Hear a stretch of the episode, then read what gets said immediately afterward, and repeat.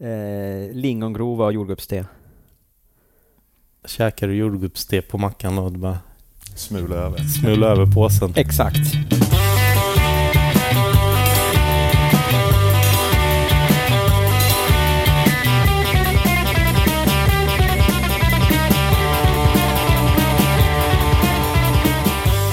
Så, men då sätter vi igång. Välkommen tillbaka Mattias till Sverige. Gracias. Ja, Tack hur, så var- mycket. hur var det? Du var på landsflykt i åtta, nio månader? Sju månader. Sju månader? Ja. Ja, vad sa du? Sju? Sju? Sju månader. Sju. Ja, precis. Du skulle säga det på spanska nu. Sju. Siete. Ja, Eh, ja, det var det. Det kändes som eh, en månad. ja, Ja, Stundtals så kändes det att man var borta länge, men, men nu känns det som att man aldrig varit borta. ja. Det går så fort. Men du hade djup ångest, såg jag sen på Facebook när du kom tillbaka. Du ville ju inte vara tillbaka i Sverige. Nej, jag hade faktiskt ganska... eh, Ja, det är ett hån mot de som har ångest på riktigt att säga att jag hade ångest, men, men lite grann ändå var det eh, så här just bara umgänget med familjen dygnet runt till att börja jobba och kasta iväg barnet på skola och sånt. Det var lite vemodigt måste jag säga. Mm, jag förstår. Ja. Ja, du har haft det superhärligt och det är också lite anledningen till var- varför vi inte har spelat in podden så mycket, eller hur?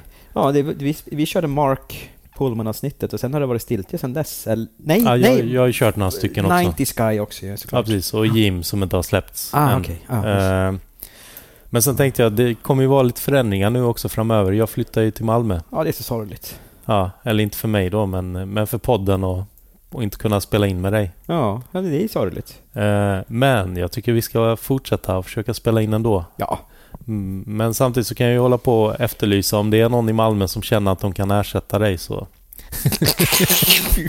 fan. Jag drar nu. Om det finns någon norrlänning i Malmö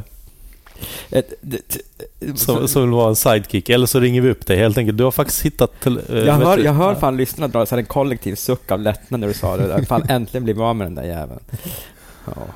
Själv, Men- självhatet. Men du har ju hittat telef- eller jag, mikrofonadaptern jag köpte till dig. Ja, tydligen. Jag, jag, jag, tog ju, jag tog ju bara ut den ur lådan i morse. Där var den. Jag har Ja. ingen aning. Satt faktiskt. fast på sladden. Jag fattar inte hur det lyckas. Men det är den där micken som jag hade med mig till Spanien. Ja, men den var inte där när vi skulle spela in sist. Ja, jag vet inte. Jag vet faktiskt inte. Det är jättekonstigt. Ja, ni hör. Och händer, händer det att du slarvar bort den igen, swisha gärna på 0735 10 28 10 så vi kan ersätta alla bortslarvade prylar från Mattias. Och idag så var jag faktiskt i Cello Company och köpte två nya kablar som jag slarvade bort till mitt försvar. Det var ju ändå bra av Ja, mig. ja, Om jag får ge lite självberöm. ja, jag, jag kan swisha dig sen. Nej, det ska inte swisha mig. Det är jag som har slarvat bort dem. Men jag Ja. vill bara just poängtera att jag är en, en god människa som gör rätt för mig. Mm. Ja. Och eh, vi, vi pratade lite om ångest innan. Jag tänkte vi skulle ringa upp eh, Madeleine. På tal om ångest. För att det var någon som gav henne ångest när vi spelade in med Mark Pullman, tänkte jag.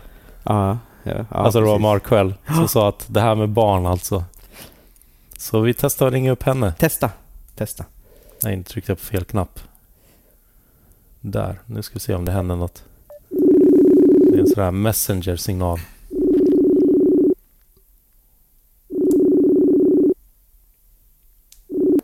Hallå Dennis! Hallå! Hallå! Nu håller vi på att spela in.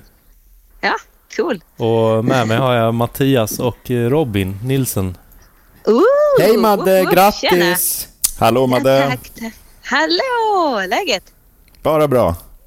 Ja, fint. Och han eh, spanjacken då? Ja, tack. Det är, det är bara fint. Tack ska du ha. Tackar som frågar. Du kommer ihåg svenska? Si, un poco. Si, un poco. Un poco. Vi, vi, vi pratade precis om att han hade lite ångest över att han kom hem till Sverige. Oh. Och så sa vi när vi ändå är inne på det här lite med ångest. Eh, när vi spelar Kommer ni in... tänka på mig? Ja, Ja. precis. med, med det när, Mar- när vi spelade in med Mark och han hade sagt att det här kommer att vara det värsta som har hänt. För vi måste ju också säga grattis, du har ju fått ett barn. Ja. Ja, tack, tack. Eh, Hon är faktiskt nästan på dagen tre månader nu, fast tiden rullar iväg. Ser ut att vara synnerligen välskapt och vacker. Ja, tack. Ja. Hon har fått sin pappas ögon Jaha. Exakt en kopia. Så att, eh, Men hon är jättefin. Hon är söt. Hon, hon eh, sitter på min mage just nu i en sjal faktiskt och sover. Jättefin tjej. Ja, men vad fint, vad fint. Vad, vad heter hon? Men eh, jag kan säga att eh, jag har tänkt på det där som Mark sa till mig. För då när han sa tänkte jag shit, jag har inte hört någon som har varit så, ja vad ska jag säga? jag ska inte säga negativ för det är ju, det är ju dagens sanning liksom. Men jag blev lite svettig när han sa det. Ja, alltså det är ju bara, det är bara tufft alltid. Förutom det finns någon liten solglimt när hon ler liksom. Då är liksom allting accepterat igen. Men eh, saken är ju den att jag, Milou som hon heter, mitt barn, Milou, hon, ja, eh, det. Milou ja. Eh, och det var inte taget från hunden, Tintins hund. Det skulle, blev så. jag precis Det är, fråga en, det är en annan historia. Är det, för, är det första Men, gången du sa det där eller har du sagt det flera gånger? Eh, jag tänkte jag säger det innan ni säger det för att annars är det en classic. Typ. Bara, åh, är det Tintins hund? Jag bara, nej det är Milou eh, the Kid. Det är Kapten Haddocks hund. ja, just det. Men eh, grejen är att hon har haft kolik. Eh, så hon har, eh, det har varit jättetufft. Eh, Mm. Så jag har spenderat hela denna sommaren inomhus. Jag har kunnat gå ut kanske 10 minuter om jag ens har kommit ut. Så jag har suttit inne i den här otroliga hettan vilket också var väldigt tufft. Så hon har skrikit och hon är en bestämd liten dam med hög pipa så att det har varit, eh, det har varit jättetufft faktiskt. Och sen eh, än idag har hon inte lärt sig att ligga själv så jag har burit på henne varje dag, hela dagarna i tre månader. Hon vägrar att ligga i vagn eller någonting. Så den här fina vagnen som jag spenderade då månader och bara researcha. Tänkte oh, gå långa promenader i naturen och åka till skateparken och ja men du vet, kan Mm. yoga under tiden. Alltså jag har använt vagnen tre gånger kanske i en halvtimme. Så att eh, det var tufft men nu är den tiden förbi med koliket så nu, har Mm. hon, eh, nu skriker hon inte lika mycket längre. Så Men- nu men- är det bara Men hade, Get. hade han rätt då, Mark? Ja, det får jag ju säga med, med, med tanke på hennes kolik. Men hade hon inte haft kolik? För att jag har också hört det här att, eh, ja, att de sover tre till fyra timmar varje gång de sover. Mm. Den här lilla tjejen hon sover kanske en halvtimme per gång. Oj. Så jag har ju ingen tid liksom att eh, göra annat. Utan det är, eh, och sen ska hon äta varannan timme så att Mm. det kan ju själv räkna ut liksom. Ja, Det är bara eh, liksom liten paus, sen är det mata, ja. byta blöja och eh, roa lite. Det låter Och lite som Mattias här med kisspauserna när vi spelar in. Mata, roa lite, kisspaus. Han, Ja, han, har redan, han har redan fått sin öl och pizza här. Ja.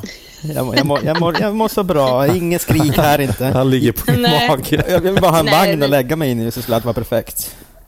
Ja, Mm. nej, men det, det är olika. Det är Mm. så olika hur barn, det, har- det har jag lärt mig. Men någonstans så var jag ändå tacksam att Mark sa så för att då var jag så här, ändå lite beredd på att det kunde bli jävligt tufft. Mm. Men hade hon inte haft kolik och jag hade kunnat lägga henne i en vagn då bara jag så här, shit vilken jäkla lyx. Mm. Och då tänkte de som har så här, tre, fyra timmar varje gång de sover. Mm. kan man göra hur mycket som helst ju. Ja. Mm. Så att, Alltså- eh, nej, han hade, han hade rätt i, i, i mitt fall fast eh, jag får nog till hennes försvar för säga att det var ju på grund av att hon hade haft sån jäkla problem med sin mage liksom. Ja, men det, allting Madde handlar om uppfostran. Jag är, ju- Jack är ju sex, så jag har ju varit med om det där. Alltså det är, kolik, det är ditt fel som förälder. Jag skrek för mycket på förlossningen. Ha- ha- Han du, se, han du se någon OS då? Han var ju kommentator där också, Mark. Eh, ja, nej, alltså han var ju på nätterna och det kan man ju tänka eftersom jag är uppe varannan timme då. Men jag eh, försöker ju att ta, ta igen lite sömn då så att jag Mm. får ju typ någon timme här och där liksom. Så det blev inte att jag kollade faktiskt på natten. Eh, Men däremot så såg vi ju hela fotbolls-EM var det? Ja, just det. Ja. Eh, för det var precis när hon var nyfödd. Mm. Så att, det- och eftersom jag inte kunde gå ut eller visa där för att hon skrek så mycket så då var det liksom fotboll tre gånger om dagen. Aldrig kollat så mycket fotboll i mitt liv. Ja. Eh, Så att, eh, men eh, livet gungar. Nu Mm. är det mycket bättre och jag är fortfarande sjukt tacksam att jag har fått möjligheten att få liksom få, Får vara med i få den ha här henne. podden. Liksom. Nej, jag få, ja, så shit vilken ära att vara med i denna podden alltså. Men eh, jag pratade precis med Mattias. Jag kommer ju fly från Stockholm nu. Just Eh, det, nästa det ska vecka bli malmöit. Ja, Mm. herregud. Så jag ska bättra på dialekten tills nästa inspelningar. Men Ja. vi, vi försöker väl göra sån här att vi har med er i podden på något sätt. Ja, men det kommer, Ja. det kommer ju funka på distans Ja. i dagens moderna samhälle. Och jag kommer så komma att- och åka upp också. Ja, och jag kommer åka ner. Ja, sen så kommer jag förmodligen ner någon gång. Ja, det vill jag Ja. jättegärna åka ner till Malmö någon gång. Ja. nu mer än någonsin liksom. Ja, men ni, Men, eh, ni är välkomna, ska jag säga som men inte är eh, därifrån. vad roligt. Jag ser fram emot att lyssna på eh, programmet med dig Mm. Blom. Härligt. Jag Mm. Ha, ha, hoppas att ni eh, mår ha- bra. ha, har du någon Alltså- fråga du skulle vilja ställa till Robin? Hur är knät? Ja, det kommer vi nog prata om. Ja, han får inte berätta nu. Du får lyssna sen. ja, exakt. Mm. Nej, men det är väl typ det jag har varit lite undrande hur det har gått. Mm. Men eh, och vi stötte ju faktiskt på varandra i slutet Mm. när jag var hur stor som helst på gymmet. Det var Japp. lite lustigt faktiskt. Vi Det var ett par helger där ja. Eller jag kollade nog mest in när ni körde sådana här stenhårda lyft ur det brorsan. Mm. Eh, Jag, eh, jag jag försökte så gott jag kunde att göra någonting. Mm. Men så, på så sätt så har jag ju följt det lite också. Men jag ser jättemycket fram emot det. Lyssna Mm. på, um, på det här eh, programmet. Så får ni, eh, nu ska, jag är faktiskt eh, hos några vänner. Vi kom precis innanför dörren så att jag Ja. ska in och vi ska ha lunch ihop här nu. Ja. Ja, vi tänkte inte ha med dig hela tre, fyra timmar framöver heller. Även om det hade, varit kul. Kan du Ja, jag få äta här utanför? Men grymt, grymt. Skönt Ja, att är kul höra. att ni ringde och jättehärligt att höra er. Ja, kul att höra din väna stämma, Madde. Ja, och skönt Ja, att, detsamma. Jag tycker ändå det är skönt att du är tillbaka lite. Ja, vad kul att någon tycker att det är skönt att jag är tillbaka i alla fall. Och Tack. så såg jag klippet på dig när du skejtade eller visade något trick i, i klassrummet. Alltså hur coolt är inte det då? Ja, de skulle börja testa och jag, var, jag kunde inte banga och det var jättehalt och jag bara, jag kommer, antingen kommer jag slå ihjäl mig eller så blir det succé. vad, men- vad, vad var det för trick? Stillastående f- 360 fingerflip. Freestyle fingerflip. Ja. Ja. Alltså i klassrummet. De måste ju varit hur stokade som helst på dig. eller? Ja, de eh, tappade hakan faktiskt. De, Vi- de trodde Ja. inte att jag skulle göra det. Vi måste lägga upp det här på Skateboardpodden. Ja, det kan man göra. Ja. Ja, det vi lägger måste upp ni det. göra. Ja. För det var fränt. Ja. Ska jag Ja. se om, jag, om, jag, om vi bor kvar i Stockholm när hon börjar skolan så, och du är fortfarande lärare så ska vi nog försöka få in henne där. Jag lär ju vara kvar på den där skolan. Det känns som att det inte... jag jag orkar inte flytta på alla mina kaffekoppar. Det är mest det, är det som gör att jag är kvar. ja, nej, det är klart. Då, då ska hon ju dit. Mm. Hon är Ja. välkommen. Eller Ja. så får hon privat spanska lektioner. Det funkar också. Fylla i det där som inte jag kan längre kanske. Ja, nej, du kan ju själv spanska. Det där lö- löser ju du. Fan. Men... men Un poco, un poco. Sí, claro. All right, men eh, ha en fortsatt trevlig inspelning. Ja. Tack! Så hörs vi av och kul, tack för att ni ringde. Ja. Fråga hur det gick för oss. Vi mår super nu i alla fall. Underbart. Shit, hon börjar vakna. Ja. Ja, hon får inte vara med i podden än. It's alive. It's. Hon får inte vara med i podden än. Hon är för ung. Nej, Ja, nästa jag gång kanske. bara. Ja, nästa gång. säger du. Mm. Ja. Okej, ha det fint. Ha det det fint. Madde. Ha det. Hej. Vi hörs. Hej. Hej. Så, ja, men det var Madde. Skitkul att höra hennes röst igen. Alltid. Ja. Men eh, jag tänker vi går över till gästen som redan har sagt några ord här. Ja. Robin Nilsen Boone har jag Yes. Och även, Yes. även Baboon. hört. Ja. Baboon. Ja, det var väl där det började. Ja. Ska, ska vi ta det med namnet direkt? Eh, ja, det var väl gamla frysen. Eh, jag hade, min röv stack väl ut lite när jag skatade. Och eh, jag tror att det var Sebbe Nyberg som myntade Baboon. Ja. Som sen blev väl lite för långt och blev väl successivt Boon. Mm. Eh, sen var inte det något som jag eller någon annan använde på väldigt... Det var egentligen när jag började fota. Robin Mm. Nilsson är inte så catchy liksom. Mm. Så jag tänkte att eh, jag, jag använder det. Boom Photography. Mm. Mm. Eh, och på den vägen är det. Ja. Ja, vi, ska, vi ska gå in på frysen och allting, men eh, vi kör ju ganska mycket tidslinje här, Mm. som Mattias vet. Jo, Djupsuck. den hårda vägen. Ja. Men eh, om vi börjar med åldern, när är du född? 1980. 1980, ja. Fyra Mm. år. Varför ska jag alltid jämföra med min ålder? Men det gör man. Det gör jag sånt också. Vi har lammkött här i, Ja. i studien. Fyra år yngre än mig alltså, som är 76 Just det. var, var växte du upp någonstans? Eh, från början, så fram till att jag var sju, sex år gammal, så bodde vi faktiskt i ett kråkslott i Djursholm. Mm. Eh, som var väl någon form av konstkollektiv. Sådär, med lite, vi hade lite konstnärer, ateljéer. Det var en, vi hade till och med en person som hade något som kallades då. Det här var in, precis innan MTV liksom hade kommit. Som hette MTV. Mhm. Eh, där man kunde, han, han spelade in egna musikvideos mot en eller då bluescreen som det var då. Mm. Eh, med heta 80-talsartister som Transdance och så vidare. Och sen så eh, kunde man prenumerera på VHS med de här musikvideorna han gjorde. Ja, han var ganska en- företagsam då. Alltså som en 411 för skateboardåkare. ja, fast med musikvideos med popmusik. Det är som Mr Music som fanns, fast med bild. Ja, så kanske det var ja. Ja. ja. Mm. Coolt. Så att, eh, där, där bodde vi väl fram till 86, tror jag. Mm. Eller om det var Men, 87. men är inte det ganska lyxigt område? Men Jo, eh, det här var ett gammalt typ lägenhetshus som... Jag, jag, alltså jag kan inte historien exakt, men jag tror det var kompisar till morsan och farsan som hittade det här huset och Mm. de delade på det. De köpte Mm. det tillsammans och det var liksom ett nedslitet hus. Mm. Låg lite upp på en lite mot en bakgata. Det var lite, har ni sett, det har ni säkert gjort, eh, Edward Scissorhands. mm. Lite så var det. Slottet Mm. längst upp, det var färgglada villor och så liksom blev det bara mörkt och så var det liksom kråkslottet där uppe där vi Mm. bodde. Mm. Så då tog de varsin våning där. Eh, Så vi hade ett par som bodde på övervåningen, vi bodde på mellanvåningen och så hade vi Anders då som hade det här musikvideoköret på nedervåningen. Mm. Eh, Och det är klart, det var lite, inte helt lätt alltid på dagis. Det var liksom pooler och resor till USA och gud vet vad. Så det var ju liksom, det var ju normen då för mig. Jag ville ju också ha pool. Mm. Eh, Men man förstod ju på senare år liksom vad... Man hade ju andra saker som var... Ha, har du någonsin bra. haft pool då? Nej. Dess? Eller jag har ju grävt ner saker och försökt få, fixa poolen när man var liten liksom Ja. sådär med pressändningar och grejer. Ja. Men nej, det blev aldrig någon pool. Men det var. Djur- Djursholm. Djursholm. Ja, jag sitter och tar Mm. Och sen, då flyttade vi 87 till Färingsö. Mm. Ut på landet, riktigt land, mitt bland åkrar och får och grusvägar. Mm. Och där bodde jag egentligen ända tills jag flyttade hemifrån. Mm. Eh, lite såna här resor fram och tillbaka. Men det var ute på och det var under 90-talet. Det var ganska...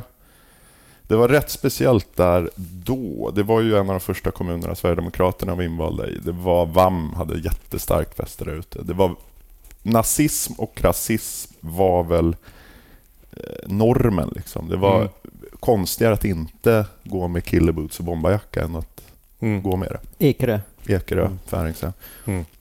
Och jag som skejtade och lyssnade Mm. på hiphop. Men eh, så hade de i Fryshuset också, det kan vi komma in till Ja. sen. Men, Ja, där, det, eh, vad ska man säga, där ute var det var ju väldigt isolerat. Där. Vi hade en bro ut på öarna, liksom, vilket gjorde att fast det tar en fem- 40-50 minuter med bussen till stan mm. så var det som ett annat land där ute. Mm. Mm. Um, ja, det, var, det, var, det var speciellt att, att växa upp där, både Mm. positivt och vissa negativa saker också såklart. Mm. Men eh, vad gjorde du innan du började åka skateboard? Där, vad... Eh, det var väl egentligen hockey, var väl, jag började spela när jag gick i tvåan. Mm. Eh, och det var väl det allt för mig. Eh, Det var hockey innan du började åka skateboard eller? Första brädan var, jag har alltid gillat prylar.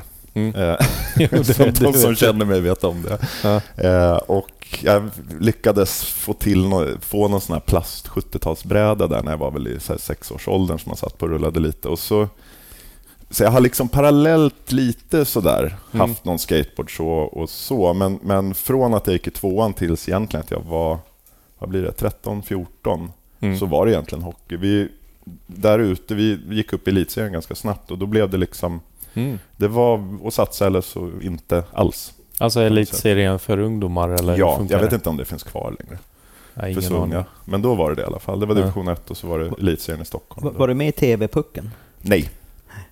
Vad är det som kalanka kuppen i skidor eller? Nej, Nej, det är en ganska- TV-pucken är seriös. Den är väldigt seriös. Ja, Det är, och den, det är väl, hur gamla är de då? Jag kommer inte ihåg. Alltså, är det 15, 16? Ja, jag tror det. Ja. jag tror det. Det är ju som Foppa, alla de, de flesta Ah, okej. som Ja. går vidare har spelat TV-pucken. Ja. Då spelar man väl län tror jag mot varandra.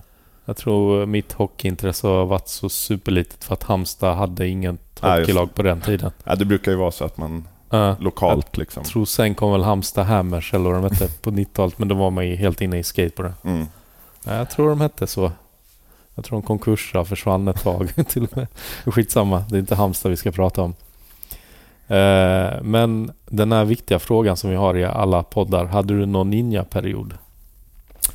Ja, fast ja, den var ganska tidig och kort. Men det hade jag absolut. Men min lillebror däremot, Mm. en liten avstickare, han hade ninja-period, eller kung fu-period. Den var, Mm. den var lång. Men finns det inte någonting med eh, Peter Lord, Vila i frid och en pilbåge? Eller var det bröl? Eller var det Nej, det var, vi, vi hade en liten eh, efterfest hemma hos honom. Mm. Just, just ja. ja. Där, jag kommer inte ihåg riktigt hur det liksom mynnade ut, men vi stod... Hans lägenhet då var på Söder där. Den var ju ett väldigt mytomspunnen lägenhet. Samaritgränd Mariatorget. Japp. Ja. Mycket Var det någon där. Ja, Peter Lord hängde med skaterna, han skatade själv. Han var barndomskompis med eh, Tobbe Holm, Mm. så att det var liksom lite där via det. Mm. Men det var någon sen natt vi hade kommit hem och jag kommer inte ihåg riktigt varför pilbågen bågen åkte upp. Men lägenheten var så när man kom in så kom man till en, det var en lång korridor från kök in till vardagsrum ungefär. Mm. Och inne i vardagsrummet så ställde vi upp ölburkar på vardagsrumsbordet och hans, om det var tresträngad pilbåge inifrån köket. Och de här burkarna var givetvis uppställda framför fönstret. Eh, ett rent under att inga fönster gick. Men alltså, det, var ju, det var ju ett ninjavapen, alltså, du kunde ju döda en elefant med den där pilbågen. Ja, det var riktiga pil. Ja, det var ja. inte några plastpilar vi sköt med. Det var, var liksom- uddar eller ja, såna spetsar liksom, och grejer med aluminium Mm. och så. så att, ja, jag tror de flesta, eh, vad ska man säga, där den träffade var liksom runt omkring fönstren. Så det var, det var liksom, jag hade lika gärna kunnat stucka igenom fönstret in i lägenheten eller någonting på andra sidan. Det är så hemskt när man tänker på det idag. Men Mm. det var, ja, så, mm, Mm. det, var en, eh, det var en kul kväll. Mm. Det var en intensiv ninjaperiod den kvällen. Ja, det kan man lugnt säga. Mm. Mm. Vad, vad drömde du om eh, att bli när du var liten? Hade du någon sån här, ja, jag ska bli brandman, klassiker? Alltså jag är ju eh, jag är osentimental och eh, periodare och kan bli manisk. Mm. Vilket gör att jag har haft väldigt många saker jag har velat bli. Eh, Jag har fortfarande saker jag vill bli. Liksom. Mm. Så att man, Jag tänkte när du var liten. Men när jag var liten, ja, alltså, när jag spelade hockey var det en NHL som Mm. ville till. När det var skateboard var det ju på något sätt att liksom kunna, vad ska man säga, inte att bli proffs, men att kunna fortsätta skata utan att behöva liksom Mm. sluta med det och ta vanligt jobb och leva ett tråkigt liv på något sätt. Mm. Liksom. Så du var aldrig inne på att du skulle ha ett vanligt jobb och bli liksom någon... Mm, Nej, alltså jag är ju jag är uppvuxen i ett konstnärshem med liksom en mamma som är konstnär och en pappa som är dockmakare och dockspelare. Så Mm. det är ju liksom... Det, nej, jag, jag har liksom inte, det har inte funnits riktigt på kartan. Så här, nu kan jag dock känna att det är jätteskönt att ha. Nu har jag ett fast jobb med fast Mm. lön. Och det är för, jag har ju frilansat hela livet. Det är jätteskönt. Mm. Få ta lån och man är liksom värdig i samhället helt plötsligt. Mm. Men eh, liksom när jag väx- växte upp och så, det har ju alltid, mina föräldrar har alltid varit väldigt stödjande vad jag än har velat göra så att säga. Mm. Eh, Men det har ju liksom varit, de har inte haft vanliga kneg, vilket har gjort att för mig har det, liksom när jag var liten var det något som så här, andra föräldrar hade, vanliga Mm. jobb. Det var liksom, men samtidigt så var det ju så att alla vuxna runt omkring mig när jag var liten var ju, kom ju från samma värld, musiker, skådespelare och sånt där. Så det var liksom, det var när man började skolan och började liksom se att klasskompisarna hade liksom ett helt annat liv. Man började förstå, oj okej, Mm. det här är inte det normala, utan det, det är det där som är liksom normen i samhället på något sätt. Mm. Vad- vad- Men är din pappa känd dockmakare? Eh, I den världen är han väl det. Känner han Staffan Westerberg? Eh, Ja, alltså de har väl haft sina eh, träffar och möten, höll jag på att säga. Så, de, deras vägar har korsat. Så där. Det är väl ingen han umgås med. Nej. In, inte i bastuklubben hoppas jag. Nej, eh, men han, han, han, ja, det, han är ju gammal nu. Alltså det är fan, men han är ju aktiv fortfarande. Han åker ner varje sommar till både Italien och Frankrike och håller workshops. Eh, även här i Stockholm och sådär. Men, Mm. och vi har ju turnerat mycket tillsammans. Vi turnerade ju under flera år löpande. Eh, Mm. Det var det enda jag jobbade med då. Ska, vi, ska vi prata om dockteatern lite mer? Jag tycker Mm. det är så Ja, det är klart vi ska. coolt. Ja. Absolut. Eh, var ska man börja? Vad, vad är det för något först och främst? Alltså, Ja, dock, det första frågan jag alltid får är, är det marionetter eller är det handdockor? Och ibland spelar vi marionetter. Det är ju dockor som hänger i trådar då, som man mm, sköter, man står ovanför och spelar med. som man kan se på gatan ibland utan Ja, att det är någon... Men det ni håller på med är en vad, säger man, en kuliss eller vad heter det? Ja, vi har ju en scen och vi har ju en föreställning med liksom en handling så att säga och, och, och manus. Så att det är ju inte det här som man ser på gatan kanske, en docka som dansar lite och kan göra ett trick eller något sånt där, man liksom Mm. lyfter på huvudet eller någonting. Utan våra dockor har ju ofta sådana funktioner, men vi har ju inkorporerat det i någon form av handling. Att är det ett skelett som tar av sig huvudet så finns det en anledning till det, liksom Mm. i en scen kanske eller så. Ehm, så det, dels är det ju marionetter och de är ju liksom ganska... eh, det, det är kul att spela med, men det, det är ganska speciellt. Men det som min pappa har som, som gör väl honom unik, det är väl att han har jobbat med något som heter bunraku-dockor, som är japanska dockor. Okej. Ehm, speciell teknik, eh, ofta funktion där också, kan förvandlas, rörliga ögon, munnar, ögonbryn. Eh, Mm. liksom, Hur, hur stora är de? Eh, riktiga bunraku-dockor tror jag är liksom så tre, fyra pers som sköter. Det är en på varje hand och sånt där. Och det, i, I Japan så är det, det är ju lite som opera. Liksom. Det, det, det kan vara liksom 8, 10, 12 timmars föreställningar. Folk sover lite i föreställningarna. och Så där. Men det är liksom som opera. Man kan eh, historien när man går dit. Man vet handlingen. Ja. Så att man kan gå ut och ta en paus mitt i och så där och så komma tillbaka lite som opera. Liksom att det är, Mm. Den stora helhetsbilden kan man så att säga. Så kan man Mm. dyka in lite. Så att det, det min pappa gjort, han har ju tagit den tekniken, där vi är ju rätt lika, han kan ju också snöa in på saker, blir rätt manisk och liksom ska kunna allt om någonting. Ja. Eh, så han har ju liksom applicerat det här med lite mer europeisk, eh, vad ska man säga, estetik kanske. Mm. Lite mer att tänk lite Disney 50-tals Mm. Hållet liksom. Men, men är det att du har handen? Då har du handen inne i, du stoppar upp den i, i röven på dockan och där har du en pinne Ja. med olika spakar så du kan sköta ögon, mun och sådär. Och så. Det, är- det är mer avancerat än skurt på TV3 om man säger så. Ja, det, det, det är väldigt avancerat och det tar tid. Jag har repat in några föreställningar. Och det är liksom, men det är, det är inte helt olikt skateboard, det är, det är muskelminne. Liksom. Mm. man, det, till slut så står man ju där och när du eh, säger repliker för dockan liksom, så rör dockan på munnen.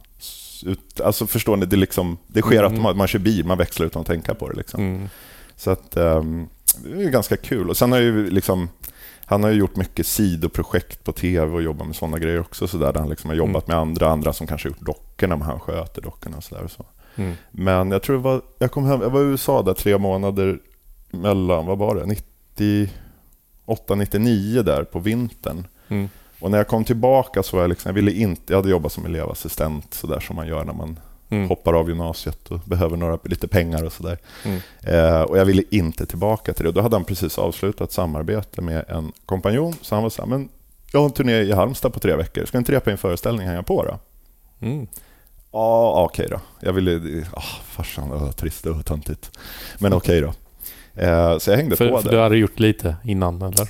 Aldrig. Aldrig? Alltså jag hade ju varit i hans verkstad och härjat och förstört verktyg för honom och sånt där. Liksom, byggt vapen och allt vad det var. Men, Fast ha en pappa som frågar om man ska hänga med på en dockteaterturné, det låter ju ändå fan som en dröm. Ja, men inte Ja. när du är ton... Eller inte ton... Eller var du tonåring? ja, då? så jag var väl typ 18-19 sådär. Man ville göra sin grej liksom, Ja. på något sätt. Mm.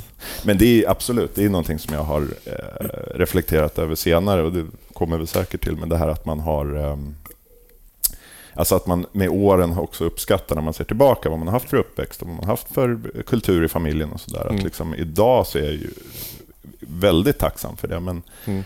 som sagt, när man liksom går i här, fyran och vill vara som alla andra och så Mm. har man en pappa som tuffar iväg med någon gammal ombyggd flyttbuss till Spanien på turné i två månader. Liksom. Det är så här, åh vad töntigt. Bland civilingenjörer och sånt där, Ja, det är liksom, man vill, jag vill bara ha en pool.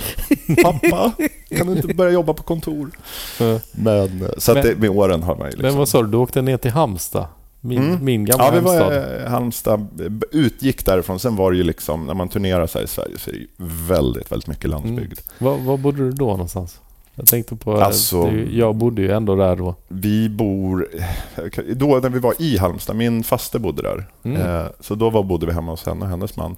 Mm. Men sen är det ju, man reser runt. Så det, alltså, jag har bott på de mest udda vandrarhemmen mitt ute i skogen i Norrland. Och, alltså Mm. hemma hos producenter som har... Liksom, de har inte haft budget för att hyra, så ni får låna ett Mm. rum här. Och ibland sover vi i bil och sånt där också. Så Mm. man, man är verkligen så här... Man hamnar i väldigt, vad ska man säga, Kristineberg. Vet du vart det är? Uppe i Norrland, väldigt långt upp där mot Arvidsjaur. Kristineberg? Ja, en sån gammal bruksort tror jag det. Oh, nej, nej, jag, tror, Nej. jag tänkte bara på tunnelbanestationen. Ja, jag med. Det är liksom som en liten bruksol som är helt tom, Ah, där vi nej, bodde i en buss bredvid eh, en gympasal. Och det här var alltså fredag den 13 känsla, så det bara skrek om det. här, gym- Gympasalen var från 60-talet, liksom, Mm. orörd. Eh, och bakom huset, eller bakom skolan då, så är det ett jättestort komplex med hus som då har varit när de har haft skogsbruk där, som de inte har längre. Jag tror det var Mm. skogsbruk. Eh, där liksom alla fönster var krossade och sånt där. Och så, Mm. så man liksom bara väntar på sin skugga. Liksom. Så när man skulle ner och duscha där på kvällen, och det här var i februari uppe längst upp liksom mot Arvidsjaur, det var inte mycket ljus någonstans mitt på Mm. dagen ens. Alltså det var, då var man lite så här, "Ugh, fan. Ja. Och man visste liksom, det är inga människor som bor i den här byn längre. Närmsta var liksom 500 meter bort var en sån här tankstation med inga som jobbade. Mm. Sen var det liksom tomt. Sen var bodde folk liksom utanför. Men, vad, vad, vänta, vad gjorde ni där om det var tomt? Vi, ja, folk gick ju i den här skolan, men de bodde ju ut. Det här var, den, Ah, själva ja, ja. kärnan var liksom nästan obebodd, för där hade bo, folk bott som jobbade liksom på de här bruken och i skogen och så här. Mm. Så det var liksom inga kvar i, i centralort, om man Nej, kan kalla det jag, för jag det. Förstår, jag förstår. Ja. Så det var, det, det var verkligen sån här, det är en sån här väldigt starka bilder från... Och jag vaknade på morgonen, då hade oljepannan gått sönder dessutom, så det var, jag tror jag hade 12-13 grader så vart, uh, i bilen. Så att varenda list i taket var liksom frostad. Mm. Då ville man hem. Då hade vi varit ute liksom i så här två veckor typ på turné Mm. också, så man var rätt trött på att bo i den här bussen. Men, men det är du som pratar också då när du har dockan? Mm. Eller hur Eh, den, den föreställningen vi spelar nu, i och med att det det är liksom farsan är gammal, jag, spel, jag jobbar med massa annat. Så Mm. det, det vi har nu det är en marionettföreställning som vi spelar, som vi liksom spelar, jag tror jag spelar nästan 2000 föreställningar någonting. Mm. Den är väldigt den musikbaserad kan man säga. Mm. Syrsan och myran, ni kan säkert googla fram, det finns en gammal Disney-film, Syrsan och myran. Ja, just Det är det. en gammal folksaga. Liksom. Ja. Den som sparar han har och den som lever fritt är liksom... Ja, ja, det är ju han syrsan som sitter och spelar fiol Ja. utanför och håller på att frysa ihjäl när vintern kommer. Ja. exakt. Mm. Och den är- Isopos eller något sånt Ja, men precis. Ja. Och den är ju ganska, vad jag har förstått, så originalet är ju inte alls som Disney där de får hjälp och de liksom tar hand om honom. stendör. Han, eh, det är liksom, jag tror det är två akter. Det är en akt där myrorna samlar och, och eh, syrsan spelar fiol. Och akt två så bara dör syrsan. Ja, Så såklart. går det om man är kulturarbetare. Du får inte betala, du liksom, då måste du tjäna pengar på din kultur. Ja. Så att, men, men så vi har ju gått på den här lite mer snälla. Eh, Den ska ju vara från tre år och uppåt. Liksom. Men den, det, det häftiga är att den funkar ju. Vi spelar den för högstadieelever och gymnasieelever och de tycker den är lika bra som de Mm. femåringarna. Liksom. Mm. Fan, kan inte komma och spela den på min skola? Absolut, bara hojta. Vad kostar det? Det kan vi ta sen. Ja, precis. Du, eh, good, very good price. Very good price. A- Avenue Q antar jag att du har sett? Ja, har jag det? Vad är det för något? Det är också så här dock, jag och Victoria var för en herrans massa år sedan på någonstans på Östermalm tror jag, på någon teater. Och de- den är ursprungligen amerikansk, men jag tror att de hade, jo den var svensk, de hade gjort Okej. en svensk version. Jätterolig så här, internet is for porn och så här, så här vuxen, eh, Ah, okej. Ja. vuxen eh, dockteater så att säga. Det var jätte, jättebra. Farsan är- han försöker alltid dra med mig på allting som sker i stan och jag är ju alltid sådär, ah, men jag har inte riktigt tid. Det alla." kändes som att det var right up Han your har alley, säkert sett den. ja. Säkert sett Ja. den. Men, men då när du... Jag tänker på när du var i Halmstad. Jag hade ju Mm. hand om skatehallen just... Mm. eh, Vad sa du? 98 eller? Ja, det här var nog... Alltså jag var i USA 98-99. Mm. Så det här tror jag var på hösten 2000. Kan ha varit 2001, men jag tror 2000. Ah, okej. då var jag nog i USA Ja. själv. Och vi var, det, det är ju sådär när man, man spelar på morgonen, förmiddagen. Sen packar man, käkar lunch, sen Ja. åker man till nästa ställe. Så det var inte att checkar du in. drog och skatade? Nej, och du skatade nej, nej. kanske inte ens då? Vi kan, vi Nej, kan det komma var in på det knät sen. var ju Ja, rätt sletet redan då. vi ska komma in på det. Mm. Men jag tänkte, ska vi... Eller har vi fler eh, Har dockteater? vi fler frågor i Dockteaterpodden? Nej, vänta. det finns faktiskt en dockteaterpodd, så jag. Alltså det gör det? Ja, jag, Okej. jag googlar faktiskt. Ja. Får branscha ut där och liksom. Ja. Collaba Nej, lite. för jag kom till någon sida med massa folk som höll på med dockteater och så Ja. stod det så här Dockteaterpodden. Okej. Jag ska tipsa farsan då. Ja, Ja. Då får vi gå vidare sen att vi inkräktar på deras turf. Ja, just det. Precis. Vi får hålla oss i skinnet där. Vi kan swisha pengarna till oss ändå. Från dockteater. Ja, precis. De har så jävla mycket pengar i den där branschen alltså. Oh ja. Ja. Där finns det pengar. Alltså. Det är så? Nej, Nej det, det, det, man blir inte rik på dockteater brukar jag säga. Nej, det var inte en. Lam- Lamborghini du parkerade här utanför. Nej, tyvärr. Det, det, det, men däremot, jag menar, tittar man på om man liksom ska jämföra, vad heter han, Jeff Dunham, eller vad heter han, den här buktalare som var så otroligt populär för ett par år Just just det. Taliban-skelettet Ja, allt vad det the, Dead. Terrorist. Ja, just det. Precis. Han är ju mångmiljonär, liksom. det är ju inga konstigheter. Så det alltså man kan ju få en hit, jag menar typ Mupparna och sånt där också. Så det finns ju eh, liksom avarter också. Nu, nu är ju farsan är ju, på det sättet är han ju lite som en skater. Han är inte intresserad av att tjäna pengar och att det ska vara kommersiellt, utan han har en idé, en vision man vill göra och det ska vara som han vill. Mm. Precis som när man skater, det handlar ju inte alltid om... Jag menar, jag som fotograf, jag vet inte hur många gånger jag har sagt att det, det ser skitbra ut. Vi har en perfekt bild. Ah, men det känns inte rätt. Och man behöver göra om det. Och jag förstår Mm. den känslan. Eh, och den, så han, han jobbar ju åt ett annat håll, så han har väl aldrig liksom... Mm. Pension är väl inget som... Mm. De köpte hus där ute på Färingsö och sålde för ett par år sedan. Så att de, fick, de gjorde en liten vinst på det i alla fall. Så det är väl hans lilla pensionsbesparing. Men, men eh, du har aldrig... Jag tänkte på Skateboardgalan kördes ju några år. Det var aldrig Mm. någon tanke på att göra någon eh, dockteater, Skategalan? Nej, alltså... Nej, jag har ingen minne av att, att Mark frågade någon gång så. Däremot så har vi ju, jag och pappa har ju faktiskt pratat om att göra en docka som ska kunna göra flippar. Mm. Alltså tre flipp, vanlig flipp. Från, alltså liksom, Mm. och, och vi har suttit och ritat ganska mycket på liksom ett system med trådar, då, en marionettdocka med trådar då, för Mm. att kunna rotera utan att det blir trassel och sånt där. Så, men det, Mm. vi får väl se, det kanske kommer på Just ålderns höst. jag hade ju en sån Ryan, Ryan Sheckler-docka. Jaså? Det är helt glömt bort. Man kunde styra honom på huvudet tror jag däremot. Ah. Och så kunde man hålla på och göra 360-flipp allt möjligt. Okej. Men jag kommer inte... Ja, det här var tror jag 10-15 år sedan den kom ut. Det fanns Danny Way tror jag. Ryan Sheckler hade jag. Kanske får kolla på ha som förlaga där om man ska göra någon Ja. sån docka i framtiden. Så att det var ju där när det var populärt med fingerboard så skulle det komma en sån med... Ja, Finger guy. ja, jävlar. Så att det, den dockan tror jag gav till mitt ex, vad heter det, hennes dotter. Och så nästa gång jag hälsade på så hade, hade Ryan Sheckler inga kläder på sig. Skateboarden var fortfarande kvar i alla fall. Det är inte helt ovanligt, i alla fall på, när vi växte upp, att skateboardåkare blev nakna ibland på tävlingar. Det har hänt. Det har hänt. Mer än en gång. Mm.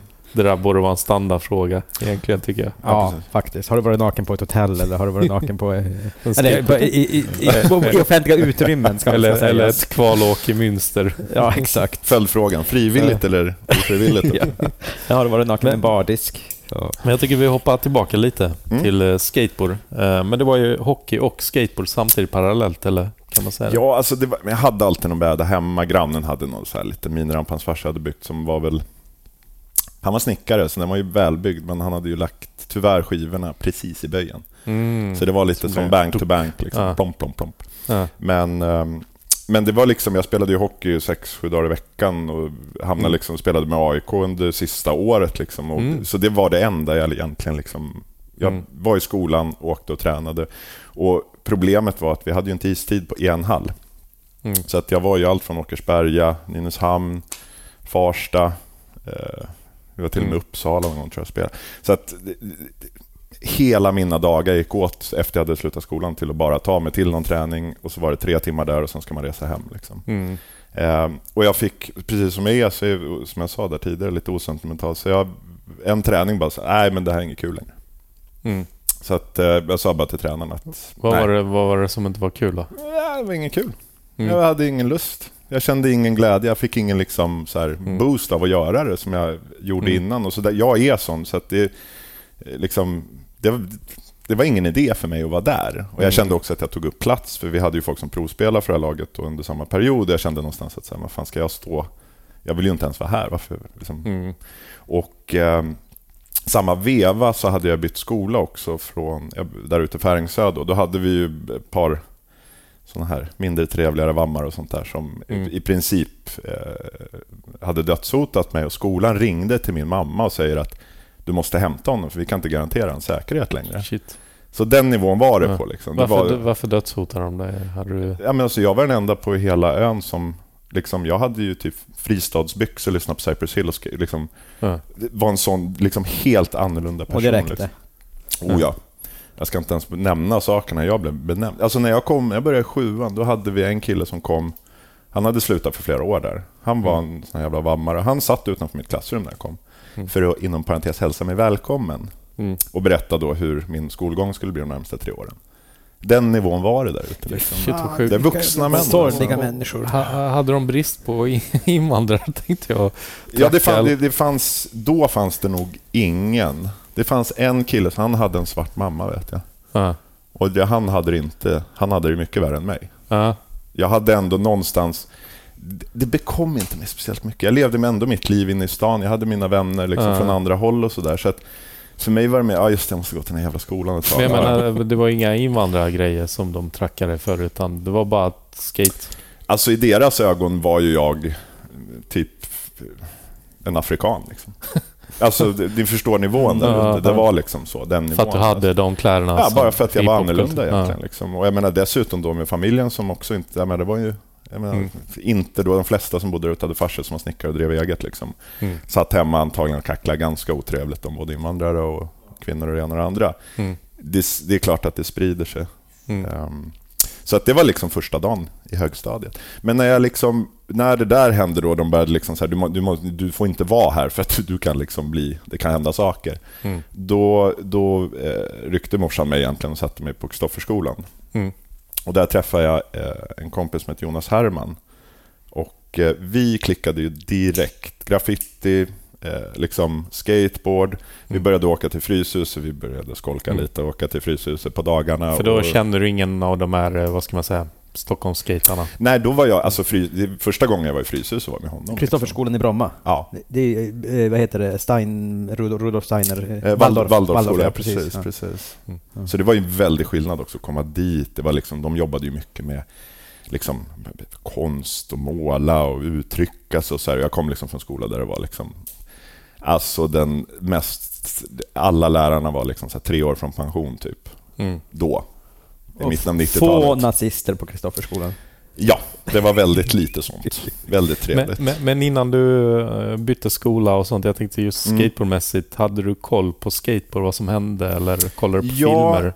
Eh, så här var det precis då. Det här var ju, jag slutade ju där i, ska vi se, det var nog... Jag hade liksom börjat lite, grannen hade miniramp. Jag hade köpt en komplett vid det här laget. Jag hade inte Mm. slutat spela hockey än. Mm. Men jag hade köpt en komplett och hade börjat skata Det var, igen. din, var det liksom. din första riktiga proffsbräda? Ja, för det är Ja. klart att det innan var det plastbrädor och så kallade B-brädor från BOV och sånt där. Liksom mer Ja. bara kul att ha.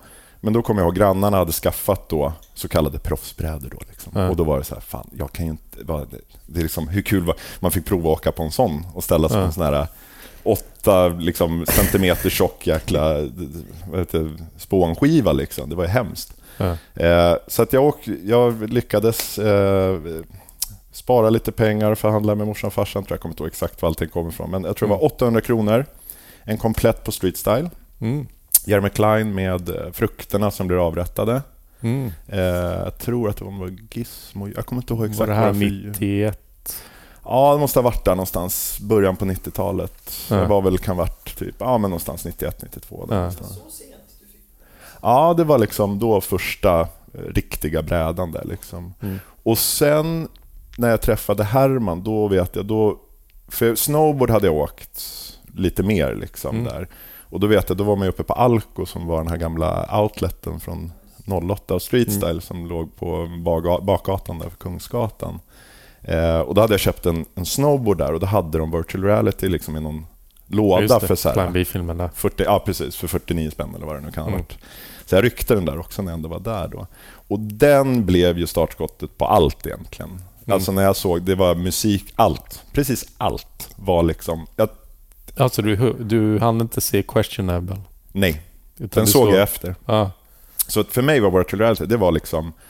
Den var skateboard för mig under lång tid. Liksom. Det var min referens till skateboard när det gällde Mm. musik, när det gällde trick, när det gällde liksom åkare, vilka var Mm. bäst och så vidare. Liksom. Vilket år är virtual reality? Dennis? 93. 93. 93 där. Och, och det som jag, jag snackade med Jan Magnusson, jag var ju DJ nu i Varberg och vi Ja. pratar mycket om musik, liksom vad, vad uppskattar kidsen. Men sen sa jag det att, fan när man kollar på Plan B-filmerna, det var ju inte musik som alltid var aktuell, utan det var ju Mm. Kiss, det var ju, vad heter han, Jim Croce från 60-talet. Mm. Det var väl Beatles här för mig i den. Oh ja. Questionable hade ju ett grymt soundtrack. Ja, precis. För samtidigt så var det ju också att man upptäckte ju väldigt eh, fräsch hiphop. Man Mm. upptäckte ju också skatepunk. Eh, ja, Mm. vad man Och nu även ska- gammal musik som sagt. Som man liksom Ja, det, var- den, Ja. den var, det var häftigt, det kommer jag ihåg. Ja. Jag kan fortfarande liksom när jag ser den, inte för att titta på den så ofta, men det, det händer att man, så här, det dyker upp något klipp på nätet så där som man, ja, men då måste man kolla lite. Ja. Jag kan liksom få, få den där känslan, även om det bara är en liten stund så där. Man liksom Ja. känner det i kroppen till och med. En entusiasm att man, man vill bara ut och, och skata och liksom komma på, ut, alltså liksom Ja. den här friheten liksom som, Ja. som var då. Och den, ja, Och det var ju så mycket som kom på en gång också. Det var ju både musik, klädstil, alltså mm, sättet att vara på. Det var ett helt paket för en förvirrad tonåring. precis. Ja, det var, det, det var en häftig tid alltså. Ja. Kursen började vara 91 eller? Nej, 92. 92? Ja, det var bara... Förutom Pang, att det var, det var ju saker som var filmade 91 Ja, men ja. som Ja, var med i det. 92. Ja. Men, men, men jag tänker på det. Må, många har ju varit väldigt förvirrade när de var tonåringar. Men jag tror vi alla som sitter här har ju känt att vi har ju, fick ju ett helt paket gratis. Så här ska du uppföra dig, så här ska du klä dig, det här ska du Mm. lyssna på. Tyckte jag var Absolut. otroligt skönt att ha. Det, det, det håller jag med. Alltså, sk- skateboardvärlden har ju, den har ju uppfostrat mig liksom, På jättemånga sätt. Och det, det är ju sånt där som man kanske först nu börjar inse. Det här liksom att det är väldigt svårt att göra saker jag inte kan stå för. Mm. Alltså när man skapar någonting eller det var väl mycket det som gjorde också när det gäller foto, liksom, att man började känna när man jobbade kommersiellt, liksom, att man började tröttna på det för att man, fan, det här är inte jag. Liksom. Mm. Och då vill jag inte göra det. Alltså någonstans den här, liksom, det måste vara på riktigt på något sätt. Den, liksom, den känslan, den hänger kvar fortfarande. Och liksom, precis som du säger också det här, hur man uppför sig på gott och ont. Men liksom, det, Mm. det har präglat mig väldigt, väldigt mycket. Alltså skateboardvärlden på många, både positivt och vissa negativa Mm. saker också såklart. Hur, hur var det? eh, Var du på någon grej som hände där när du köpte din första riktiga proffsbräda på streetstyle? Alltså det hände väl lite demos och sånt? Nej. Du var aldrig ingenting. Nej, alltså, du vet, vi bodde ute, du vet, vi skejtade alltså fortfarande då på grusväg. Det var packat grus. liksom. Ja, ja. Och på vintern så var det tre meter snö till skolan. ja visst. Men då gjorde vi snowboard. Fick, fick en örfil av en nazist, gick hem. Den, livets vardagsskola, säger Och så, och så tänkte du, okej, jag har nazister här. Det är lite jobbigt. Jag Det här är fint alltså. Jag gillar det här området. Äntligen kom sommaren så vi bara skejta på grusvägen. Ja. Ja men det var ju det, för de grusade ju om vägen.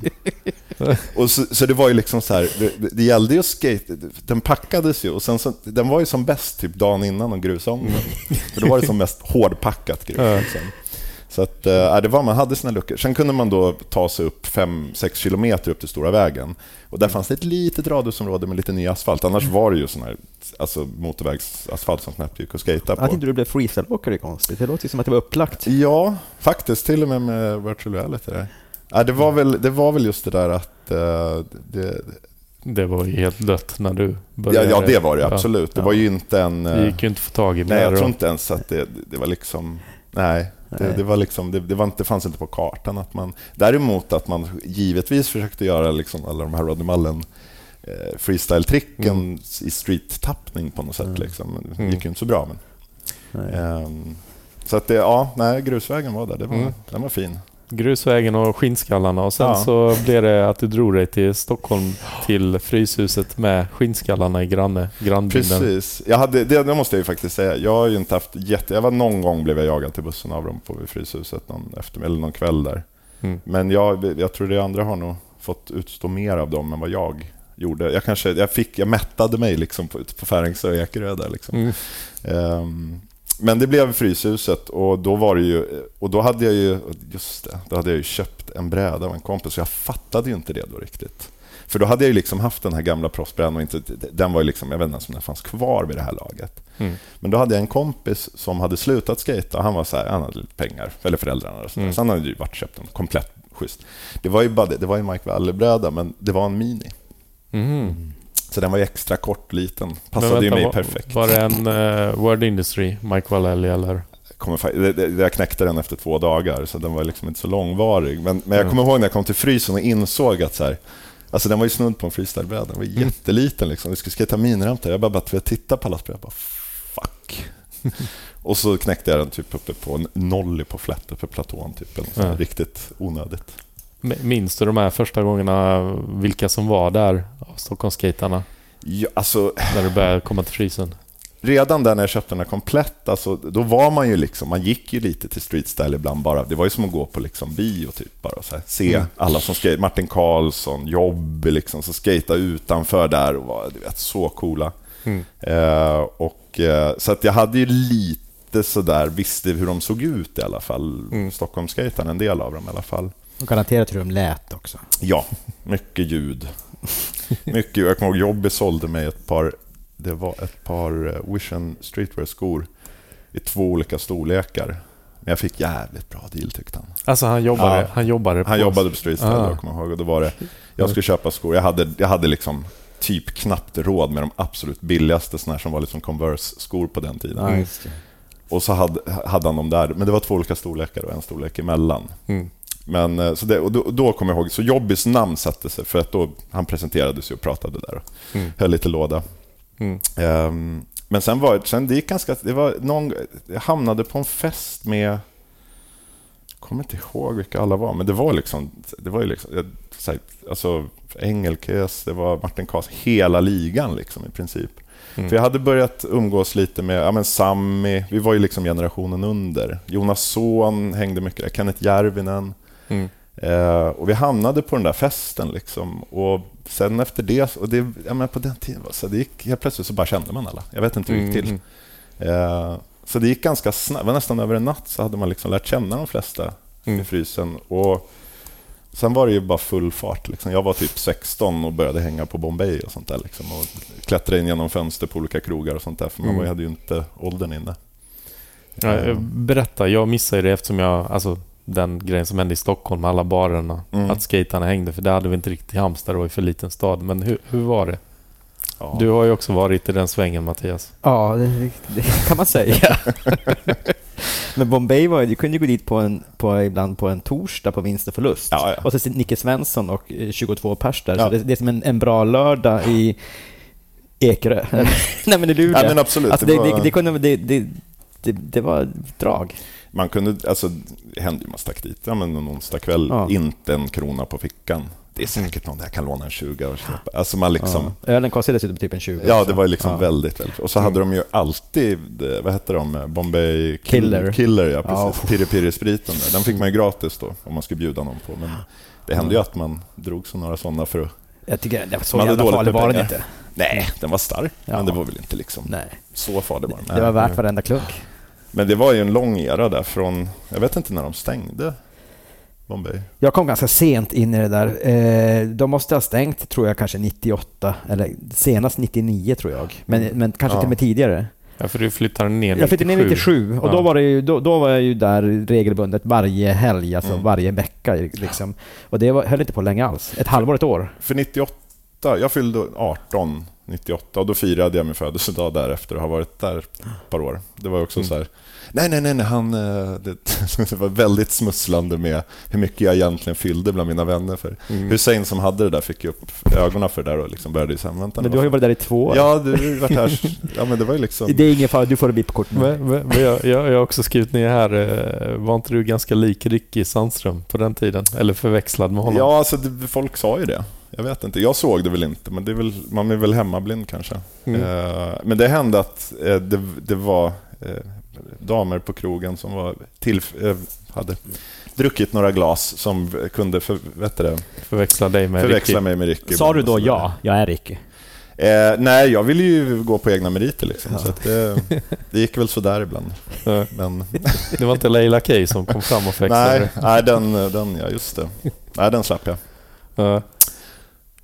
Ja, Bombay, nej, men Bombay var en, det var, men det var fruktansvärt kul också. Man, Ja. man lärde känna mycket människor. Det, alltså, egentligen var ju Bombay var ju sekundärt, det var ju utanför det var kul. Det var ju liksom de här efterfesterna, det kunde ju vara liksom efterfester sex på morgonen, typ på gatan ner till 7-Eleven. Liksom. Ja. Folk satt i hörn och det var liksom... Man gick, jag kommer ihåg när fin, det var någon tävling i frysen, vi hade ett gäng finnar som var här. Och de bara, de plundrade eh, 7-Eleven. De bara sprang ner och allt lösgodis tog de de här lådorna. Ah. Och bara gick ut på och bara tutti frutti och bara sula godis precis överallt. Alltså, det var, alltså, ja, Mm. Den där Bombay, eller vad säger jag, det där 7-Eleven som låg nedanför där. Alltså. Ja, Tungt att jobba där. Alltså. Oj, fan. Grev Turegatan. ja. Ja. Men, men ehm, det var ju liksom om en kväll en helgkväll inte slutade med massa polisbilar utanför så var det ju ovanligt. Ja, det Det- var ju det var knappt, då hade det knappt varit en... Nej, En kväll, nej. Det var ju det var så här, man säger bara, nu är slut, nu är polisbilarna, Ja. det är kanske dags att börja tänka på efterfest. Ja, men precis. Efterfest! Ja. Ja, Jesus. Ja, men det var, och det var ju samma era där. Pil, om vi ska knyta tillbaka till pilbågen hemma hos Peter. Det var ju Just liksom en, Ja. en klassisk Bombay efter fest. Liksom. Ja. ja.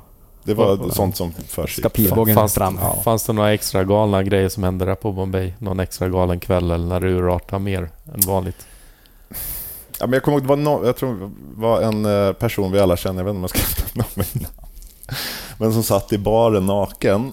Mm. Och jag tror att det var på någon midsommar eller vad det var. För jag för mig att bartendern var också packad. Liksom. Men inte så att han var liksom slirig, men han hade ju kommit från en fest. Och så till slut sa han, sa han till honom, fan du får ta på dig en tröja. Mm. Mm. Tog på sig tröjan, satt kvar med bara underkropp. Ja. Alltså det var mycket sånt som skedde där, liksom någon slags nästan slapstick-humor liksom, på fyllan. Fredrik Djurberg hade ju som tradition, mer än en gång så klädde han sig i bara överkropp och köpte två flaskor champagne. Ja. Någon sorts bubbel, stod på bordet och dansade, så här, brat-dansade liksom. Det, det många gånger. Och det var ju något som var rätt unikt. Det var ju, liksom, det var ju mitt på Östermalm, så vi hade ju liksom det var ju ganska mycket Östermalms kids som kom dit också, skulle hänga med skate. Framförallt tjejer, och det var ofta det som när blev det lite... blev eh, bråk känt, ja. ja, ja men det blev känt också. att, det, när det blev coolt. Ja, precis. Ja, i början var vi väl för sl- sliskiga, men när skateboard blev lite coolt, då Mm. började det liksom... Var det lite med att fansport också? Ja, det var väl den eran. Liksom. Alltså, det kunde ju vara så här, vid ett bord satt Daddy Boastin och Nang Chobang och sen så sitter Martin Karlsson Andreas Engelkes, sen sitter så här Östermalms Mm. brudar. Alltså den Det blandningen. var en otrolig mix. Alltså. Ja, det var en otrolig mix. Det Otrolig var, mix. Ja, Mm. men det hände ju också då att det blev ju slagsmål ibland utanför. Det hände. var en del. Och det var väl oftast eh, damer och eh, deras pojkvänner som var involverade. Mm. Där det hade varit kanske någon som hade träffat en, en ny kille. Mm. Ja, det var, det var lite sådana. Men, det, men som sagt, utanför där, det var ju det som var kul. Liksom. Alla de här Mm. trappuppgångarna man satt i liksom och eh, Mm. hade gata efterfester liksom, hela Ja. sommaren Mm. tills det var ljus. Stack upp till med Humlan, fortsatte Mm. skejta, plötsligt var klockan 11 på förmiddagen. Ja, vi kanske ska köpa några folköl och gå och dra och bada kanske. Alltså det var ju Ja. liksom... Energin som Ja, fanns. alltså fy fan, man skulle aldrig klara det då. Inte en enda gång. Inte ens 20 minuter. Men, men det låter ju som det här som ni upplevde med Bombay inte existerar idag på samma sätt. Jag trodde kanske. du skulle få heller, det skulle brytas upp mycket tidigare. Ja, jag tror det också. Jag det, tror att the long arm of the law skulle komma och säga att nej men ni kan inte sitta här för fan. Mm. Mm. Ja, och jag tror också att idag så är... eh, Liksom, Hussein som hade det där, han hade ju ingen intresse av klientel, att det skulle vara en viss här, liksom, stämpel på... St- han ville bara tjäna pengar. Liksom. Så det Mm. var ju bara, ja, skejtare, ja, ni köper massa öl, ja, bra, kom, kom, kom. kom. Mm. Alltså, jag tror idag så öppnar man en, liksom ett sånt ställe så har man en idé om att det ska vara ja, men liksom en viss typ av musik, en viss Ja. typ av klientel och så vidare. En viss Mm. ålder kanske. Det var ju också det. Det var ju ganska bred, relativt Ja. brett åldersspann Ja. för att vara ett sånt ställe. Mm. Så att, ja, jag, jag tror det är svårt. Sen, på, det tycker jag det är väl positivt också. Det är, alltså, alkohol, alkoholkulturen kring skateboard på den tiden var ju knappast så, så liksom bra. Mm. Den var inte OS-kompatibel. Nej. Nej, jag, jag, jag, jag kom, Ingen hade kunnat ställa den Nej. för Blodtesterna där som var, nej, det här planet dit liksom. För det märkte man ju mycket på fansport. Jag menar, vi i Halmstad, vi festar väl kanske mer normalt hemmafester och lite Mm. sådär någon, någon gång ut på krogen liksom. Men, eller varje helg i och för sig. Men, men det var ju väldigt mycket snack om flytande glädje, alltså Mm. öl i fansporter och sådär. Shit vad, vad mycket mer det verkar drickas i Stockholm på något sätt. Mm. Och att det var så viktigare, alltså nästan att det tog över. Hälften var ju liksom festerna Det var i ju det till slut. Jag menar, drog du på en skate-tävling så var det väl knappast för att tävla. Det var väl oftast för att bara dricka bärs och hänga Mm. med polare som bodde i andra städer man liksom fick någonstans att ses. Det Ja. finns ju det där Martin Karlsson-citatet att det, det, det var lite med tryck till fansport, men fan, förstår ni inte att en ölflaska är ju som en skateboard utan hjul? Just det. Ja, Men, men hur, hur, var det, hur var det att hänga på Fryshuset då? Det skatades ju rätt mycket ändå på den ja tiden. fan, det, alltså, det, då, om man ska gå tillbaka till då, där jag liksom började hänga där liksom varje dag direkt efter skolan tills att man liksom var de stängde egentligen på Mm. kvällen. Det var ju skateboard, absolut. Det var, Mm. jag menar, vad var jag där? Liksom runt 15, kanske 16 och sånt där. Mm. Det var ju liksom, man gick och köpte, fulköpte några öl, såna här dansköl, de hade någon kiosk där, vet. Och det var ju alltid någon som var 18 som kunde köpa Mm. tills man själv fyllde 18 och sådär. Mm. Ehm, så att det var, det var ändå, men det var ändå skateboard som var, alltså skata och filma och göra trick och liksom, alltså det var ju det som, som var drivkraften i allting man gjorde på den tiden. Liksom. Mm. Träffade du några gamla bekanta då när Fryshuset stängde när du gick hem eh, från undervåningen med nazisterna? Ja, just det, nazisterna där. Ja, nej, nej de, det- det, ska man väl också komma ihåg, att de där jävla nazisterna ute på Ekerö, de var så jävla fega. Så de hade ju aldrig vågat åka in till stan och hänga med andra nazister, för då Mhm. vet man väl inte vad som händer. Alltså. Mm. de, det, det, var ju liksom, det fanns ju ett skäl till att de vux, vuxna män åker till högstadieskolor och hotar barn. Liksom. Ja. Alltså, det är ju Mm. inte några direkta intellektuella och eh, intressanta Mm. människor eller tuffa människor för fem öre. Det är ju bara rena fegisar. Liksom. Jag tänkte lite på det som jag fick höra när första gången jag var i Fryshuset när de öppnade. Och så såg man skinheadsen där. Tror jag var det första jag såg faktiskt när jag kom dit. Mm. På baksidan eller vad det var. Eh, så fick vi också höra när vi sen... Ja just det, för det var första gången jag såg Ali Bolala skata också. Och jag fick höra sen någon månad efter eller någonting att ja, men Ali och Omar fick alltid smyga runt. Och komma någon annan väg in. För att de hade det lite svettigare. kan ju ha med att de också stod och kastade ner typ ölflaskorna från skateparken rakt ner där De, de, även om det hade varit så här, en frikyrkoförsamling så hade Ja. de velat spöa Ali och Omar. Alltså, den tiden, Ali och Omar, alltså de, man hade kunnat göra en, alltså en, serie, alltså en tecknad filmserie Mm. om dem. Alltså. Det, varje gång det skulle stängas Mm. så vägrade de ju gå och det var värtrampen och de här stackarna som jobbade, de sprang efter. Så åkte de bara över till andra sidan och så in i miniramsrummet Ja. och de älskade det. Ja. Och de här stackarna som jobbar där började liksom nästan gråta till slut. Mm. Och, så att, ja, Var det, det var någon, ett par tjejer, Fredrik... Var han involverad då? Frysen-Fredde ja. Ja. Just det. Jo, han kom väl där i slutet av gamla frysen innan de flyttade då, tror jag. Mm. Ehm, men han jagade ju aldrig efter, det var inte hans jobb. Nej. Utan det var just de här- stackarna som satt och jobbade till sen. De stängde väl tio på den tiden, tror jag. Var det inte 11 till och med? Till och med kanske på helgerna eller något sånt där. Ja. Men det var, det, det var ju liksom de som satt kvar sist, det var ju, det var ju de som hade liksom Mm. sämst position, eller vad man ska säga. Liksom. Alltså, Mm. det, var, det var stackarna. Ja. För de visste vad som hände på, på kvällningen. Ja. Det var liksom, det smögs in öl och jag menar, alltså, det, det röktes ju cigg där. Vilket idag kan man ju tänka, det är helt sinnessjukt. Bara ett stort, stort trärum där man liksom satt och rökte cigg och fimpade i parketten. Liksom. Ja. Så det, det, igen, det hade ju inte gått idag. Liksom. Nej, nej, Som nej. tur är. Ja. Ehm, Men det, ja. Så de hade att göra, de stackarna som jobbar där faktiskt. Ja, jag kommer ihåg toaletterna såg så otroligt sunkiga ut, kommer jag ihåg. fan. Och så tänkte jag shit, nu är man verkligen i storstan Ja. Stockholm. Jag, jag hade inte varit i Stockholm innan jag åkte upp första gången 94. Jag var i Fryshuset. Så allt, allting var ju så här bara Shit, är det så här? Det är så här det är. det här- liksom. det är så här Stockholm är. Lavendeldoftande toaletter i Halmstad. Ja men för jag var ju bara, det var det tre gånger, första tre gångerna jag var i Stockholm, det var ju bara inne i Fryshuset. Det var ju inte liksom resten av Stockholm. Det var bara Mm. att se det och kanske någon fest. Jag minns faktiskt inte om jag var på Bombay. Det kanske jag var, nu när jag tänker efter. Det måste ha varit någon gång. Ja. Alla har varit på Bombay någon Fanns gång. det någon källare också där eller? Nej. Fast man gick ju in på en undervåning och sen var det en mellanvåning som var jättelågt tak. Det var som en sån här halvbalkong Ja, ner till någon det. liten Ja. restaurangdel på undervåningen. Och sen var det en spiraltrappa upp till själva, liksom, de hade utsikt för saluhallen där och sånt på Ja, just. sidan.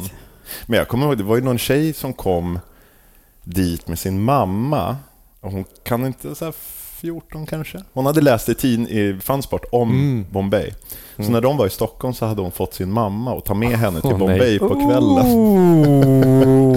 Det var ganska, jag tror det var ganska tid på kvällen. Det, det, liksom, jag har inga minnen av att det var något annat än att folk var väldigt trevliga och liksom hälsa och sådär. Så. Men det liksom, precis som du säger, det var, jag tror att, vad är det man säger, ryktet... Eh, Mm. Ja. Föregick liksom verkligheten på något Bombay. Mm. Alltså, det, det, imponerande. Ja, Och att verkligen. morsan också tar dit, alltså, Ja, så jäkla grymt. om det är någon som känner igen det här, hör av er. Ja, eller hur? Det är kul att höra. Hur gammal? Men jag kan tänka mig att röda mattan rullas bra? ut, för då är ju skateboardåkare föredömen när det är sådana situationer. Ja, ja. Då Ja. Vet, det, nej, men det, Någon hade kom- kunnat kanske stå liksom och, och bajsa i ett hörn och så bara hej kommer de fram och är Ja, precis. jättetrevliga. handduken framför lite. Exakt. Var lite cash. Ja. Jo, men de var, det var, det var... Mitt minne i alla fall var Mm. att eh, det var tidigt och det var väldigt trevligt och folk var väldigt trevliga och pratade och Mm. sådär. Men just att det liksom, vi tittade, kom och tittade på varandra och sa fan, åkte hit till Stockholm för att komma och titta på bomb. Alltså det var så ofattbart. Ja, Liksom. men det blir ju en helt annan grej när du bor i en annan stad Ja. och så bara läser om Läser om det, det i och, så, tidningen. och, och så fattar Ja. man kanske inte ironin eller skämtet eller vad det handlar om Precis. egentligen. Ja, det var häftigt. Det är nästan, jag skulle säga, många grejer som jag inte förstod förrän jag började spela in den här podden och fråga de här frågorna. Hur Ja, saker och det. ting har hängt ihop. Liksom. Vad, vad var tanken? Varför var det så mycket fokus på stockholmarna? Mm. Jag tror Pelle Jansson berättade det mycket att det handlar aldrig om att göra en skateboardtidning för alla. Nej. Utan det handlar om liksom mer som en serietidning. Nästan. Mm. Det ska handla om det här gänget och det ska Mm. bli kul. Så att det blir ju Mm. på något sätt... Vad, vad Ja, det är klart man? man får det utan kontext i, i, tidningsform. Liksom. Alltså det var ju kul men man fattade kanske inte alla aspekter av det. Varför, varför får inte jag synas? Varför Nej, publicerar inte Martin Karlsson min freestyle-tävling, reportage som jag skickade in? Och det där var man ju så blind för när man bodde uppe i Stockholm också. Så det, Fick du det sagt? Igen. Ja. Jävla Martin Karlsson. Hör du det Martin? Ja. Ta och publicera, oj, publicera lite här. Ja.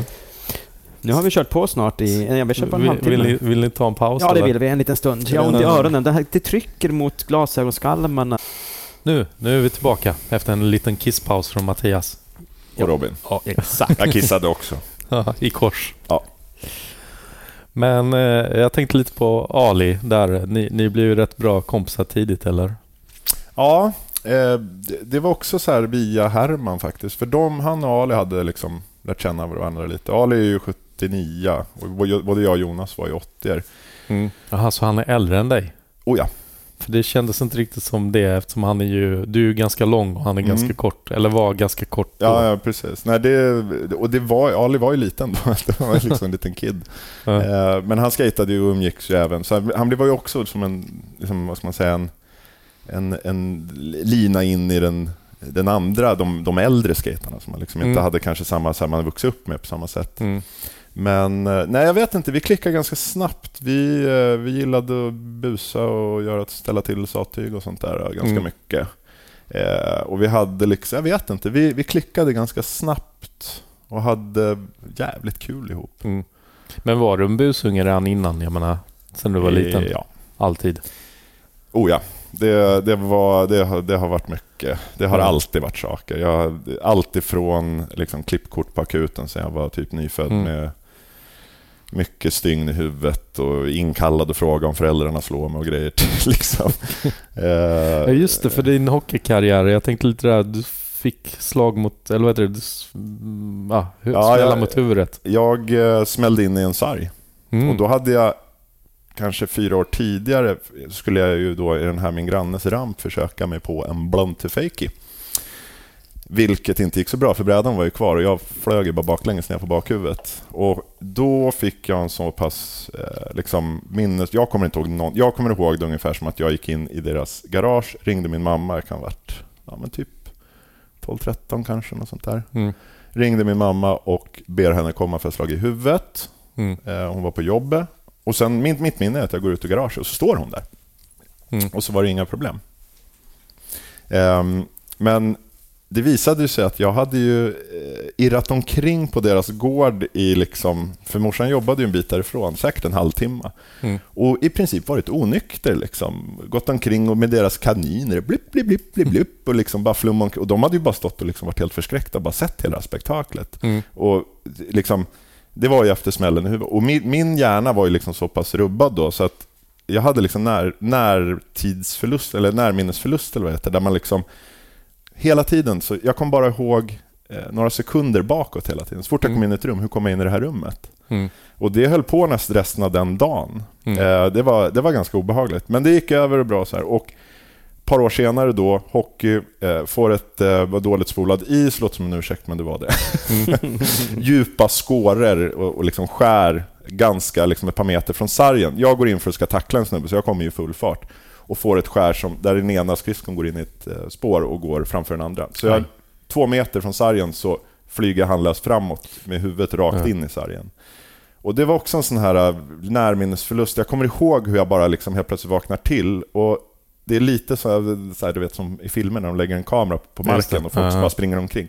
Så var det i fem minuter. Jag kunde liksom inte göra det, jag bara såg hur folk sprang omkring där och liksom Ja. drog ut bårar och allt vad det var. Sprang omkring på isen. Ja, de skulle ju försöka få... Ja, få jag men bara de, tänkte det låter halt. Ja, sprang och sprang.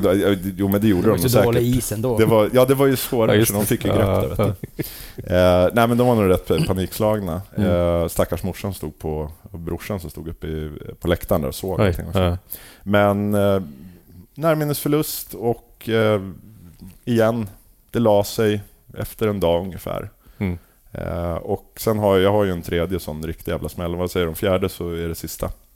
Så att det är väl bara att, som sagt, vara lite försiktig. Det har Mm. gått bra här nu. Det här var ju, ingenting har ju skett de senaste 20 åren typ. Så Mm. knock on wood. Ja, precis. Och motorcykel kör du hit också. Ja, men, Ja. men de har ju hjälm. Så då ska man ju klara ja. sig. Ja. Så, mm. Nej, så det, ja, det- det var smällare i hockey, absolut. Och jag var stor, så jag fick ta mycket stryk. Min roll var ju att stå framför mål och liksom Mm. Så jag hade ju liksom, vaderna var ju fulla med blåmärken hela tiden för liksom Mm. målvakten står och slår och man omkring knuffad och hamnar i slagsmål och sånt där. Mm. Så att det var Det- mycket det- det- förslitningsskador. Det låter ju lite som, jag tänkte när vi var inne på du, du och Ali. Det grejen är, jag lyssnar ju på After Skates Mm. poddavsnitt som, det är lite svårt att hitta det men det går att googla fram. Mm. Där du, du pratar om att du och Ali oftast var, om ni hamnade i bråk så var Ali, han kom ganska lindrigt undan medan Oh du ja. fick ta alla smällarna. Så var det i hockeylaget också. Jag hade en kille Ja. faktiskt som var väldigt liten som ofta var framme med tjuv, tjuvnyp och sen stack han och så stod jag kvar. Mm. Så, att, och så var det ju med Ali också. Det, Ali, det, gick han fram och gjorde tjuvnyp nej, men vi var, alltså, både jag och Ali var ju liksom, vi gillade ju att ställa till det, men Mm. eh, ibland så kunde han ju liksom få en dubbel för han ställde till det för någon annan och sen klev han åt sidan så han ställde till det för mig också och Mm. drog in mig liksom sådär. Med- glimten i ögat, inte alltid så att det var så roliga Mm. resultat av det men ehm, jo då, det, var, det, det kunde ske ganska ofta att Ge, man ge, ge oss exempel, vad kunde det vara för hus? Och, och var någonstans? Var det i skateparken eller var det liksom på Bombay eller? Alltså det var ofta, oftast var det ju att var man ju onykter och det var kanske, du vet, sno någon rolig sprit på krogen bakom då, utmana varandra och kunna liksom komma, gå bakom och plocka en flaska och gå fram Mm. utan att någon märkte till exempel. Mm. Men det, alltså ibland var ju destruktiva saker också, sönder saker och fan gud vet vad. Alltså det var ju liksom, det var ju knappast, det är ju knappast sådana här historier man är så stolt över idag. Nej, Liksom. förstår. det, det kan man ju lugnt säga, man liksom ty- tycker ju synd om de som fick betala för saker som gick sönder. Liksom. Var det du som eh, mikrade Alis skor i en stuga i Nej. Varberg? Eller vad det var? Nej, det tror var det var Engelkes. Det, ja, jag, kommer, jag var inte med då. Däremot så... Eh, en av mina första tävlingar, Evil Cup, Just det. då hade, jag, då hade vi haft efterfest hos... Eh, ska vi se, Petter Eriksson, eller vet han Ja, från Skellefteå. Eriksson. Precis. Som vi ska träffa ikväll förhoppningsvis. Åh, Ska vi det? då får Wow, vad kul. mycket. Det är enligt Ingemar i alla fall. Jag Ja. hoppas verkligen det. Spännande. Det var länge sedan jag träffade honom. Ja, det- För då hade vi efterfest där. Eh, och jag tror att det var en av de första gångerna jag liksom umgicks med alla sådär lite så. Mm. Eh, och på morgonen efter när vi ska dra då till tävlingen, då har ju Ricky eh, fyllt mina skor med chipsdipp. Under natten eller morgonen. Som jag upptäcker liksom typ när jag börjar trycka ner fötterna i de där. Åh, så jag hade ju inga skor liksom. Eh, på den här tävlingen. Men eh, jag, alltså, jag kommer fan inte ihåg hur jag löste det där. Alltså. Jag, hade ju, jag har ju stora fötter liksom, så det är inte bara att låna ett par skor. Där. Men, men det gick bra. Jag, jag faktiskt kom, jag tror jag kom, om jag kom två eller tre i kvalet. Sen, sen lyckades jag eh, stuka foten på väg till Bombay på natten, Mm. så den blev som en fotboll. Oj. Men, eh, så jag, men jag, jag tog mitt åk utan en... Det här var ju under liksom East Coast-eran. Mm. Det var ju liksom nästan lite coolt att inte olla utan bara att göra wallrides och wallis och sånt. Så jag, Mm. jag tog ett helt åk utan en enda ollie. Det, det, det gick, jag kom Mm. ändå rätt förvånansvärt bra tror jag. Jag, jag tänker, när jag tänker på dig så tänker jag Pirate och Fakey. Det finns någon bild Ja, som jag... Det var väl, Ja. det var ju liksom, det var ju liksom väldigt trendigt trick också Mm. under den tiden. Ricky var ju liksom the master. Han gjorde det ju på värtramper och överallt. Ja. Liksom sådär. Men det var ju ett trick som... ah, Jag vet inte. Jag tyckte, för mig var det liksom ett trick, jag tyckte det var lite fusk. För Blant då, om vi kommer tillbaka till mitt försök Mm. på Blant när jag drog i huvudet. Mm. Jag har ju aldrig, alltså jag har ju gjort det, men jag har ju aldrig varit bekväm med det tricket. Jag har alltid velat kunna det. Skatespelet Blant hela tiden. Mm. Pivot to fake, det är ju, kan man ju rulla på hjulen. Det är lite fusk. Ja, Liksom, sådär. Så för mig var det liksom ett Eh, förenklad Blant. Liksom. Ja, l- lustigt för jag också, jag eh, vad heter det, fick spricka i axeln första gången jag testade blant. Jag, Men, skulle, eh, jag skulle hellre testa McTwist än Blunt. Alltså. Ja, precis. Det är liksom... Alltså det är bara så här, hoppas på det bästa. Ja, det är så jävla läskigt. För jag tänkte så här, fan vad läskigt att landa på alla fyra hjul. Jag landar rock, alltså vad Ja. heter det, och så kör ner fake i. Precis. Problemet var att jag lyckades landa på alla fyra. Men jag hade ju väntat mig att jag skulle... Så att jag bara... Uh, och så axeln så bara... Jag tror det många eh, axlar, nyckelben och huvuden och sånt där som har gått på just Blant. Alltså. Men fan, Mm. uppfann det där jävelskapet egentligen? Mm. Ta reda på det här tycker jag. Eh, Det står i tricktipsboken. Ja, just det. Vad fan Nej, var inte det? fan, fanns väl Olle Blunt i Tricktipsboken? Nej men blant. Om det var så Kalle Blomberg med det rycka Noseblunt väl? Ja men det stod väl som fan, vad fan var det? Jag har glömt bort det. Om det var så här Steve Caballero eller Steve Size eller jag kommer inte ihåg. Ska du ringa Martin Willners? ja, nu ringer jag Martin. Live, live research. Han lär ju inte komma ihåg det. Ja, nej, jag, jag googlar. Fortsätt. Ja. Men eh, hur, hur tänkte du med skateboard? För att eh, du la ju ner hockeykarriären för där hade du ändå Mm. drömmar om att bli Ja, NHL-proffs. precis. Det var ju... men, men skateboard, hade du någon sån här dröm om att bli lite sponsrad? Och, Alltså, ja, det är väl klart att så här, det, Men det var liksom sekundärt, för jag kom ifrån en värld där hela min tillvaro hade varit så styrd med tider. Du Mm. blev körd överallt. Det var liksom, du skulle ha samma träningsoverall som alla andra i laget. Du ska inte sticka ut. Du ska liksom vara en lagspelare och du, du får Mm. liksom... Alltså, andra som sa till en vad och när man skulle göra saker hela, hela tiden. Och Mm. Det, så fungerar det ju. Man ska ju spela på hög nivå i ett lag, så det, det måste Mm. man ju också kunna acceptera det. Men jag, jag tröttnade på det. Mm. Och för mig blev ju liksom skateboard, det var ju, liksom, det var ju andra sidan av spektrat. Helt plötsligt Mm. så var det liksom...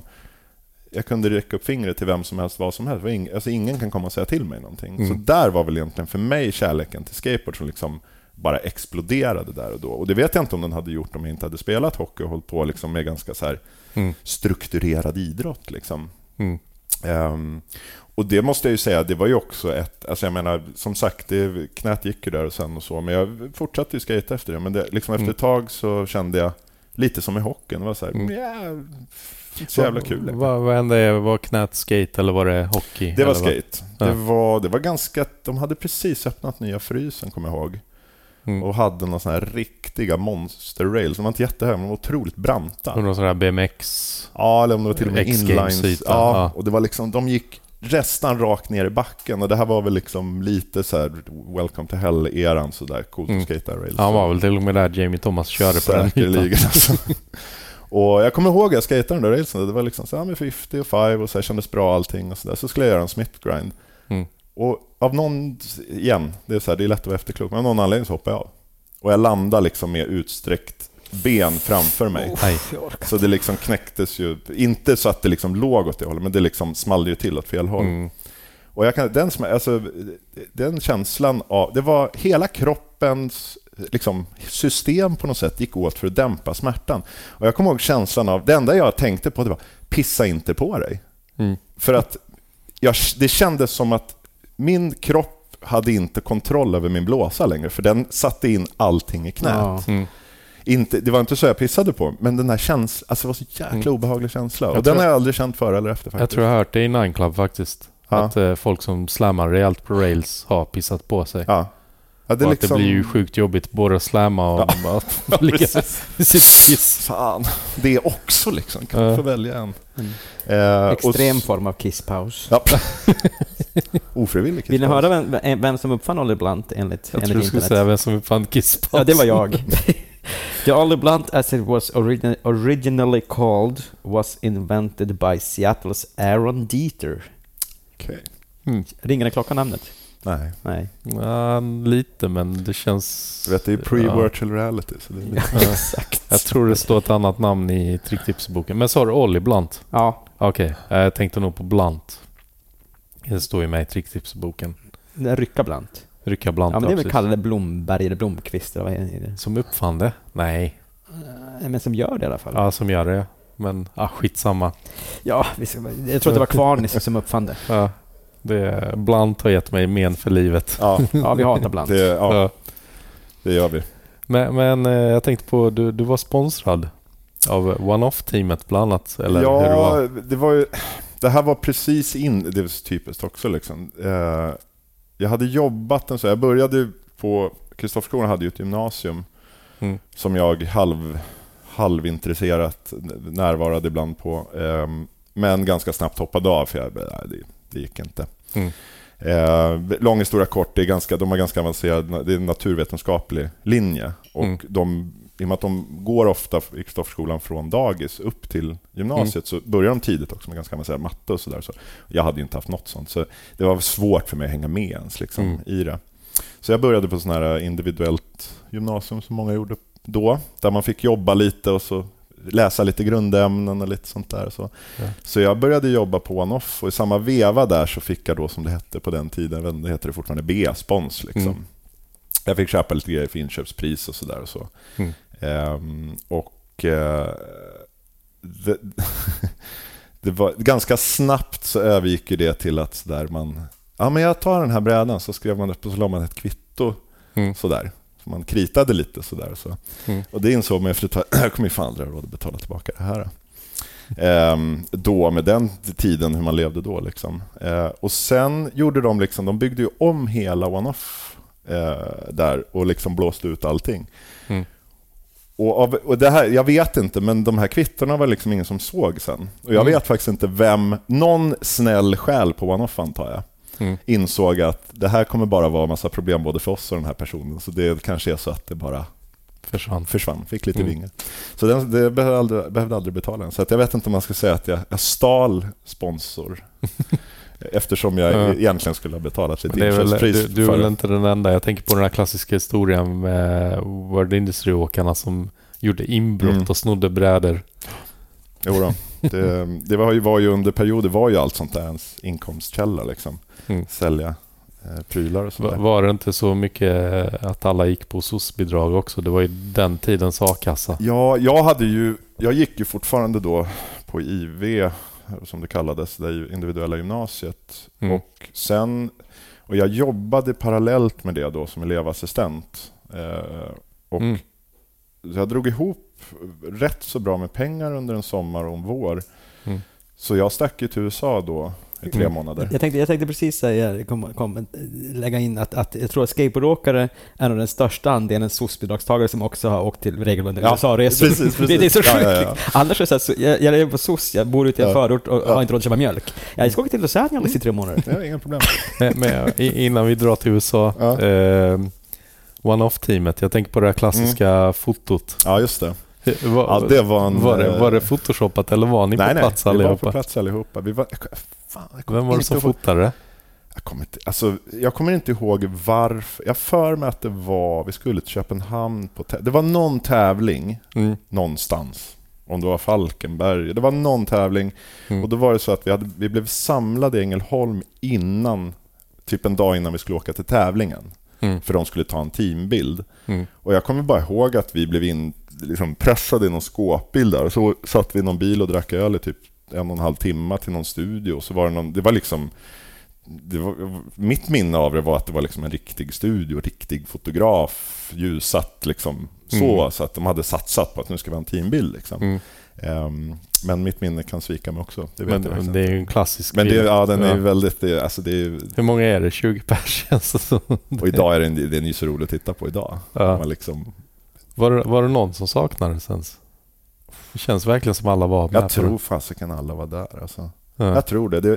Jag menar, det var ju så, både jag och Sebbe, vi var ju inte liksom då helsponsrade, men Mm. vi var ju också där. Så det var liksom, jag tror de hade dragit ihop, de ville göra en, liksom ett statement här. Mm. Nu ska vi visa hur stort vårt team vi ja, har. precis. liksom. Och Ante var ju också där fast han inte var liksom rider, han var ju team. Ja, han var ju team Men, manager, ja. precis. Men man fick ju den uppfattningen att han också var en åkare liksom. Ja. Att det var bara shit vad många åkare. På den tiden var det ju lite sådär också. Det var ju så, här, det var ju så flytande allting kändes det Mm. som. Det var liksom så här, idag är det så mycket mer strukturerat. Jaha, du är team manager, du, sitter, du jobbar och du har dator och du, sitter- du, du skater inte så mycket kanske, du hinner Mm. inte. Så här.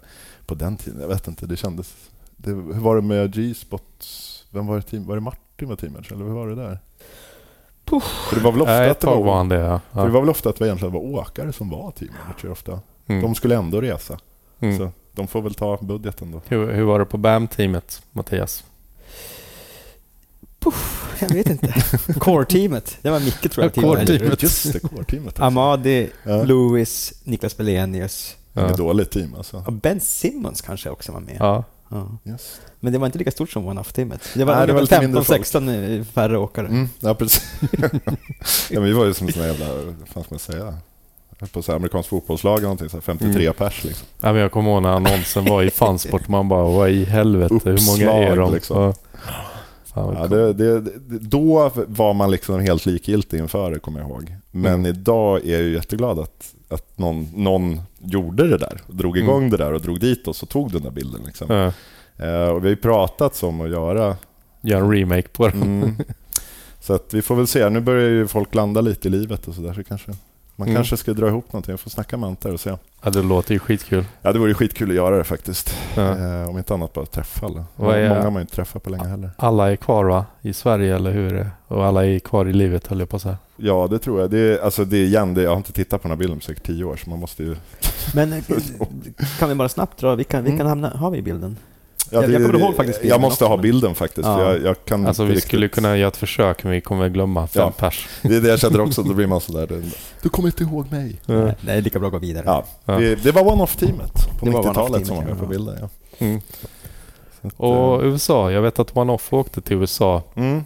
Men det var inte därför du åkte. Hur, hur? Nej, de åkte ju dit för att filma, vad hette den? Var det Domino? Domino. ja. Just det. Eh, Mm. Så de hade ju varit där. Det var ju det- liksom, det var enkelt för mig att åka dit, för de hade ju varit där då. De hade boendet klart.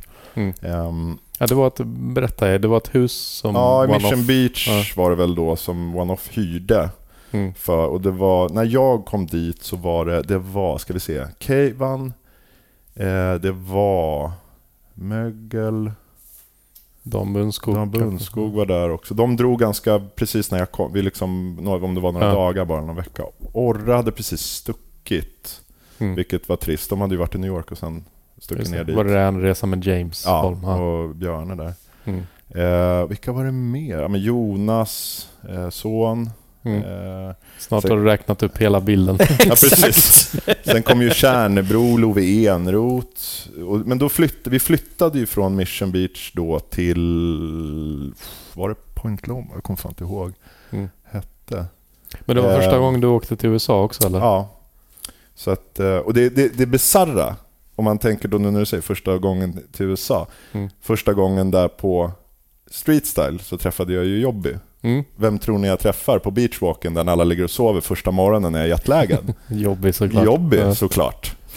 Eh, otippat. Eh, så han var faktiskt där också en period. Men han, jag tror hans farsa bodde om det var i San Diego eller hur det var. Så han Mm. var där liksom och hälsade på. Så han, kom, han var där, reste runt lite i USA också under samma veva.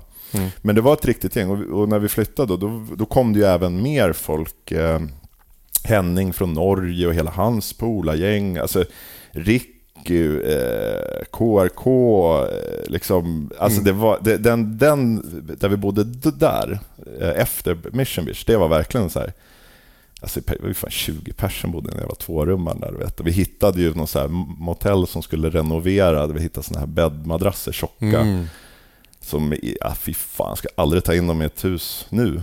Du Mm. vet, det var ju blodfläckar och fan gud vet vad på dem där. Men det, vi, det var billigt. Så Mm. vi bar ju hem, vi fyllde typ hela jävla lägenheten med sådana där. Pelle var där också. Ja. Pelle Alltså, och jag flög hem tillsammans faktiskt. Pelle? Pelle Fridell, ja. Ja. Ehm, och eh, det, nästan, det första vi gjorde nästan, det var att vi stack till Vegas Mm. eh, över nyår. Vi Mm. hade lyckats hyra, det var, det var flera som var tillsammans med svenska tjejer också där som var där och pluggade. Så de hade ju liksom anordnat någon form av så här något litet motell längst ner på strippen, för det var inte lätt att få tag på någonting. Mm. Det var också en intressant upplevelse att som eh, 18-åring vara i Las Vegas. Och jag hookade upp med Love ganska snabbt där, för Love såg mycket yngre ut än mig. Mm. Så när vi satt vid enarmade banditer så kom de ju och kollade lägg på honom och såg att han var 21 och frågade mig då vad jag ville ha för drink.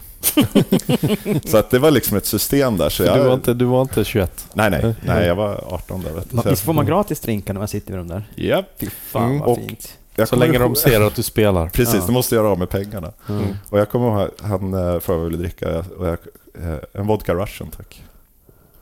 Och jag får en white russian. Jag har aldrig sett en white russian i hela mitt liv innan det. Och jag, bara, och jag började liksom skälla, vad fan är det här för någonting? Det är jävla mjölk för fan, vad fan, hör du inte vad jag säger? Du vet. Han bara, nej, nej, men smaka på den i alla fall. Och bara, jag tar en till. Det, alltså, jag blev ju kär direkt i den där jävla drinken. Alltså. Så det, det var liksom mitt första, min första exponering för White Russian faktiskt. Det var, eh, Mm. jag kommer inte ihåg vilket hotell. Men också så här, man blev utslängd där från hotell och irra runt och skavsår och allt vad det var där de där dagarna. Det var, men det var, det var rätt eh, spännande. Jag tror jag har liksom ingen behov av att åka tillbaka till Vegas efter det. Nej. Jag känner lite, jag, det är liksom, jag är glad att jag besökte och sett Ja. det, men eh, det räcker nog där. Ja, det är ett jävla konstigt ställe. Jag har varit där Ja. i tre dagar och jag känner att ja, men det, det, det räcker. Alltså, visst, jag kan tänka mig att vara där om, om man ska dit med jobbet eller Mm. någonting, men... Lite samma känsla fick jag när jag var i Dubai. Mm. En kulissstad på något sätt. Allting, allting är bara gjort för att det ska framstå på ett visst sätt.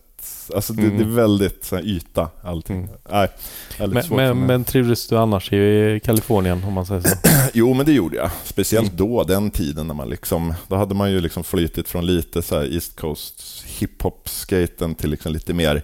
Började lyssna mer på reggae och lite sådär. Mm. Och där fanns det ju mycket trevliga butiker och kläder. Jag var ju lång, bara att hitta baggy-kläder i Sverige var ju svårt liksom. Så Mm. att, eh, det var big and tall och man var på såna här outlets och grejer. Och Vad, vad heter de? Mm, Dress for less Ross. Ross, ja. ja Marshalls. där var man. Ja. Jag, kö, jag köpte ett par Levi's jeans för sju dollar när jag Ja. var där. Ja, det, var ju, det, det var en av de stora grejerna, kommer jag ihåg, när jag kom dit. Att så, wow, fan, jag kan köpa... Jag behöver inte gå till, ja men typ köpa så här byggarbetarkläder som är baggy. Mm. Jag kan köpa kläder som är min storlek och är baggy. Liksom, Mm. på något sätt. Det var, det var faktiskt... Och sen att det var, du vet, man kunde ju köpa bärs dygnet runt på liquor stores i princip. Och det var, alltså liksom, det var Mm. mycket av det, man, de här, eh, vad ska man säga, föreställningarna man hade om USA blev ju besannade också. Mm. För att det liksom, föreställningarna man hade var ju typ det, att man kunde skata För- och jaga För jag polisen fick ju en sån o- overklighetskänsla när jag åkte dit. Jag åkte väl dit 99 första gången, men Mm. att fan det här är ju som att vara i en film. Ja. ja, men Det lite känns så i början faktiskt. Ja, overklighetskänsla i början. Det kan jag faktiskt hålla med om. Det var lite så här, man var lite vimmelkant de första två veckorna. Och jag, jag kommer ihåg att jag aldrig under de där tre månaderna kände att så här, mig bekväm att skata. Det var, Mm. det var som att jag var liksom lite Ja, men du vet, lite för tjocka sulor eller någonting. Det var något som inte stämde med skatingen. Liksom. Jag vet inte Mm. vad det var. Det, det, det liksom gick aldrig över så länge jag var där. Mm. Jättekonstigt. Men alltså. då hade du inte pajat knät? Jo. Du så det här var egentligen det första jag gjorde efter att jag hade liksom opererat mig och, Ah. och rehabbat. Så åkte jag ju, skatade lite under sommaren och hösten. Sen stack jag i slutet av december tror jag. Ja. Mitten av december tror jag. Så att det här var liksom första riktiga så här, där jag verkligen kunde skata igen liksom, Mm. med knät. Ehm, men det var inte det som var problemet. Det var liksom mer... Jag vet inte. Konstigt. Du litar inte på ditt knä kanske heller? Eller? Eh, ja, alltså det var ju alltså, det var så liksom, jag hade dragit ur led så många gånger vid det laget så det var liksom lite obrydd om faktiskt. Mm. Det var, det, jag vet inte om man ska jämföra med att man har... Det, det var lite matt på något sätt. Alltså jag, jag hade aldrig riktigt... Jag fick aldrig den energin när jag skejtade. Jättekonstigt. Det, Mm. Jag vet inte vad det var faktiskt. Men eh, jag vet, jag har hört om någon, av någon annan så där också att de också hade liksom så här, nej fan det, jag kommer jag kunde aldrig skejta riktigt. Sen vet jag inte, det kan ju vara att det är liksom annat underlag och Mm. liksom livsstilen när man var där också. Mm. Men eh, Jag får med mig, jag var ju med Girl-teamet när var det 15 år sedan när de kom Mm. hit och drog dem till lite spots. Så Mm. de bara, ah, här kan man inte skata, det är för grovt Ja. och det är... Ah. Så att det, blir, det är en det liten är annan lite känsla. skillnad. Ja, det det. skulle man sett Robins Ekerö om det var grovt. ja fy fan. Skejtade i grusväg. Dit, grusväg. dit, dit skulle man tagit Girl-teamet. Men du vet, den var så packad och smooth. Det var som packad Mm. betong. Vet du. Tills man slog i tailen och det liksom Mm. sprätte upp massa grus. Men Ja, men det jag var inte världens pop i det. Ja. Jag tror man, har- man har väl åkt över sånt ibland när det är sådär, man ska mellan två cykelvägar Mm. eller Ja. någonting. Och så är det så här, folk har bara gått. Ja, det är liksom som blankpackat. Liksom. Ja. Väldigt speciellt. Hur, hur, jag tänkte på, hur många USA-resor blev det där? Det blev bara den. Det blev bara den? Mm. Ah, så du har bara gjort en resa? Ja, för att igen såklart eh, så lyckades jag ju... Eh, vi satt och drack öl på, eh, inte på strand, på beachwalken på muren. Mm. Och så kommer det sådana här cyklande poliser Mm. och vi får böter och vi får en court order. Mm. Det är bara det att Kenny Svensson, igen, ännu en som var med här som jag glömde bort. Eh, Mm, För att man inte fick dricka öl, eh, Ja. public. Precis. Mm. Jag slapp undan att jag inte var 21 av någon Mm. konstig anledning. För det började han ju bråka om också. Men, det, men vi fick en court order i alla fall och då både Keivan och eh, Kenny som var med, de Mm. hade rest hem vid det laget. De hade hembiljett innan dess. Mm. Och det var så här sex på morgonen typ på andra sidan San Diego och jag var så här, aldrig i livet. Mm. Som sagt, det där, det där har liksom suttit lite, så jag har ju faktiskt eh, jag har gjort lite research och försökt liksom hitta... Jag vet Love hade en liknande situation fast Just han hade skatat. Och han lyckades ju få tag på... För han hade kvar boten, jag har, har ju inte kvar boten ens. Mm. Liksom. Så han kunde ju kontakta polisstationen. Och han fick ju skriva, värld, jag kommer, han skriva så världens längsta så här, så här, du vet, ursäkt till den här Släpper man inte in polisen. Eneroth i ett land så ska ingen Nej, exakt, landet. precis. Så då är det förbjudet för alla. Ja. Nej, så han fick skriva en ursäkt till den här polisen att han hade skejtat på den här skolan tror jag, och allt sånt där. Så han lyckades ju lösa det där, men då tror jag hans böter var ju på ganska mycket pengar. Det. Och det har ju gjort att jag har ju inte varit, alltså jag har inte haft egentligen något skäl så, sådär att jag, ja, visst skulle väl vara kul så, men det är liksom, jag har andra ställen jag kanske hellre skulle åka till ändå. Mm. Ehm, men då att det är, så jag har inte liksom pallat heller och så här chansa, för det är klart, jag skulle säkert Mm. kunna åka dit och bara smita in. Men samtidigt skulle det vara ganska jobbigt om de bara, vänta nu, Mm. du har en bot på 150 000 dollar här. Så nu får du ändra sitta av tid eller så får du casha det här och Ja. bara åka hem. Ja. Alltså det är så här, jag skulle inte orka med den situationen. Det är inte värt... Och jag har liksom... Jag har varit på väg att kontakta jurist för att se om det går att lösa på något som, som kan göra det åt mig. Liksom. Man tänker att det borde bli preskriberat. Man men- tycker det. Ja, du har inte mördat Jag någon. tror vid det här laget är det nog säkert det. Men liksom så här, ett par år efter var det ju liksom inte så... Mm. Eh, något jag tänkte så här, att jag skulle tillbaka dit och så. Mm. Men jag det tänker bara på, det fanns väl andra grejer som var mycket värre än att du satt vid beachwalken och drack Oh ja. öl Oh ja. som hände. Det hade ju i och för sig också med öl att göra, höll jag på att säga. Det hade det inte, det hade med gin att göra. Men... Mm. Eh, jo, vi var i Long Beach ehm, och eh, på mässan där. ASR, eller? Ja. Ja.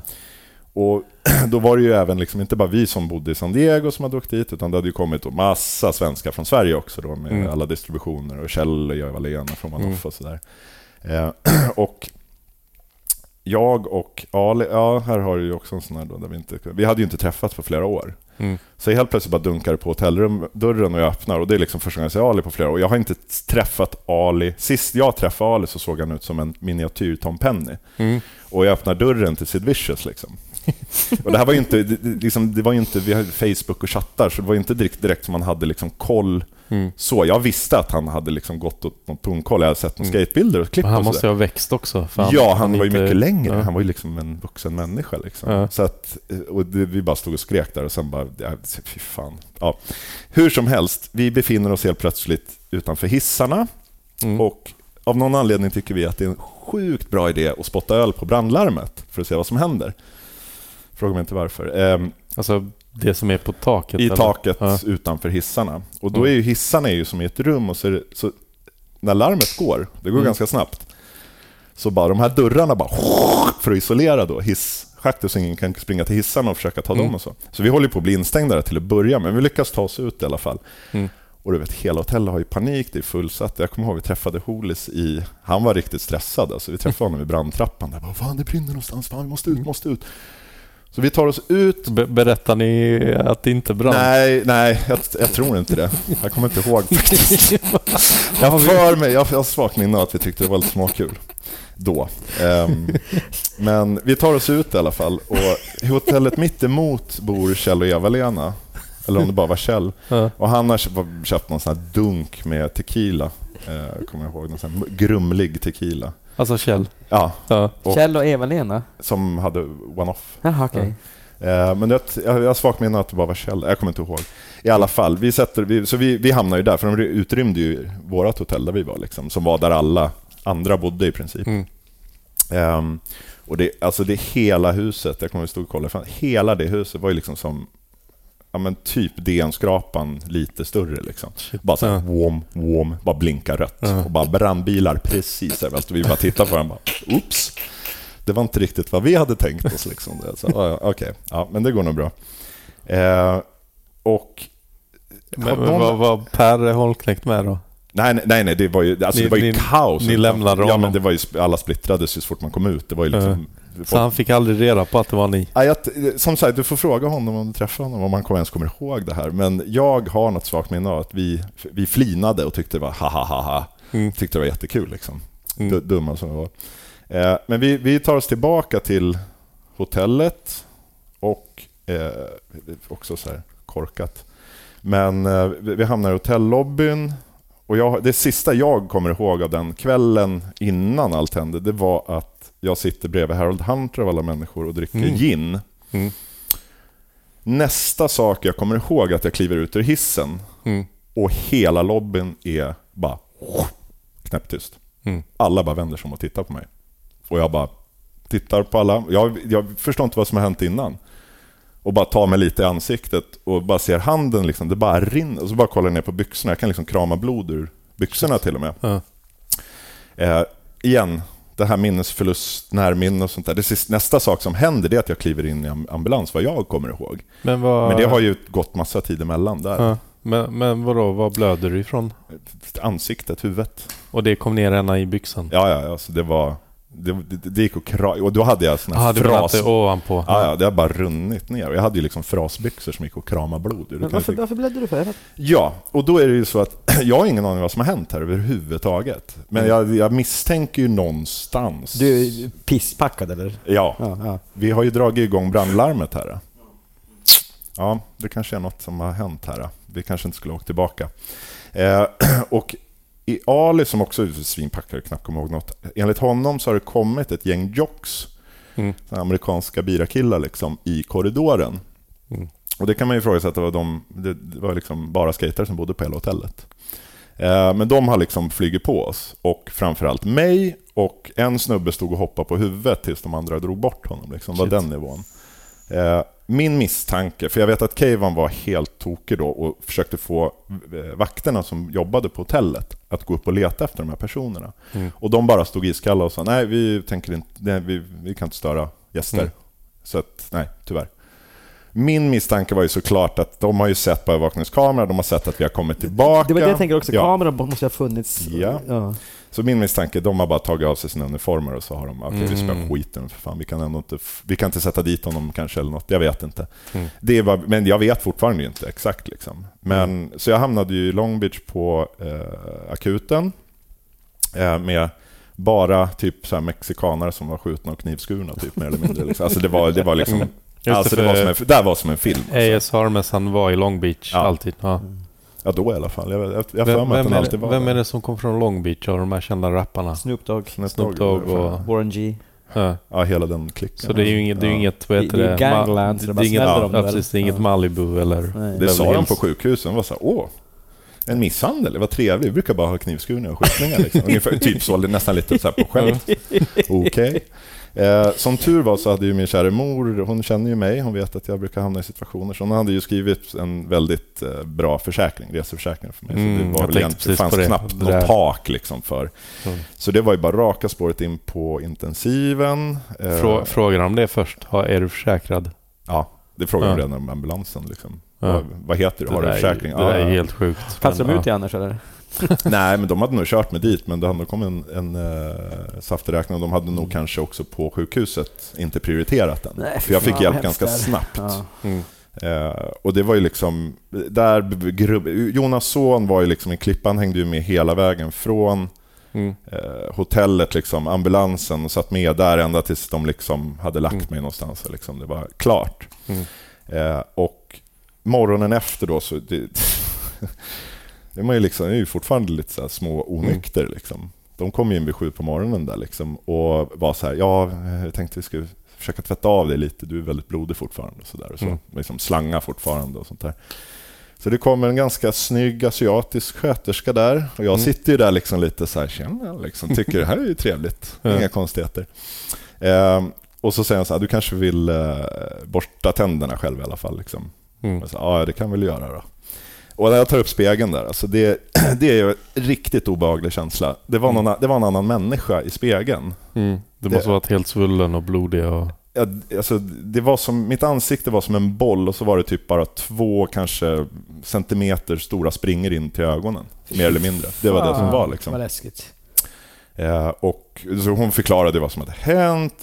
Ja, just det. Det var ju också så här, mitt i natten där när de, de tog in mig på en sån här, eh, vad heter det?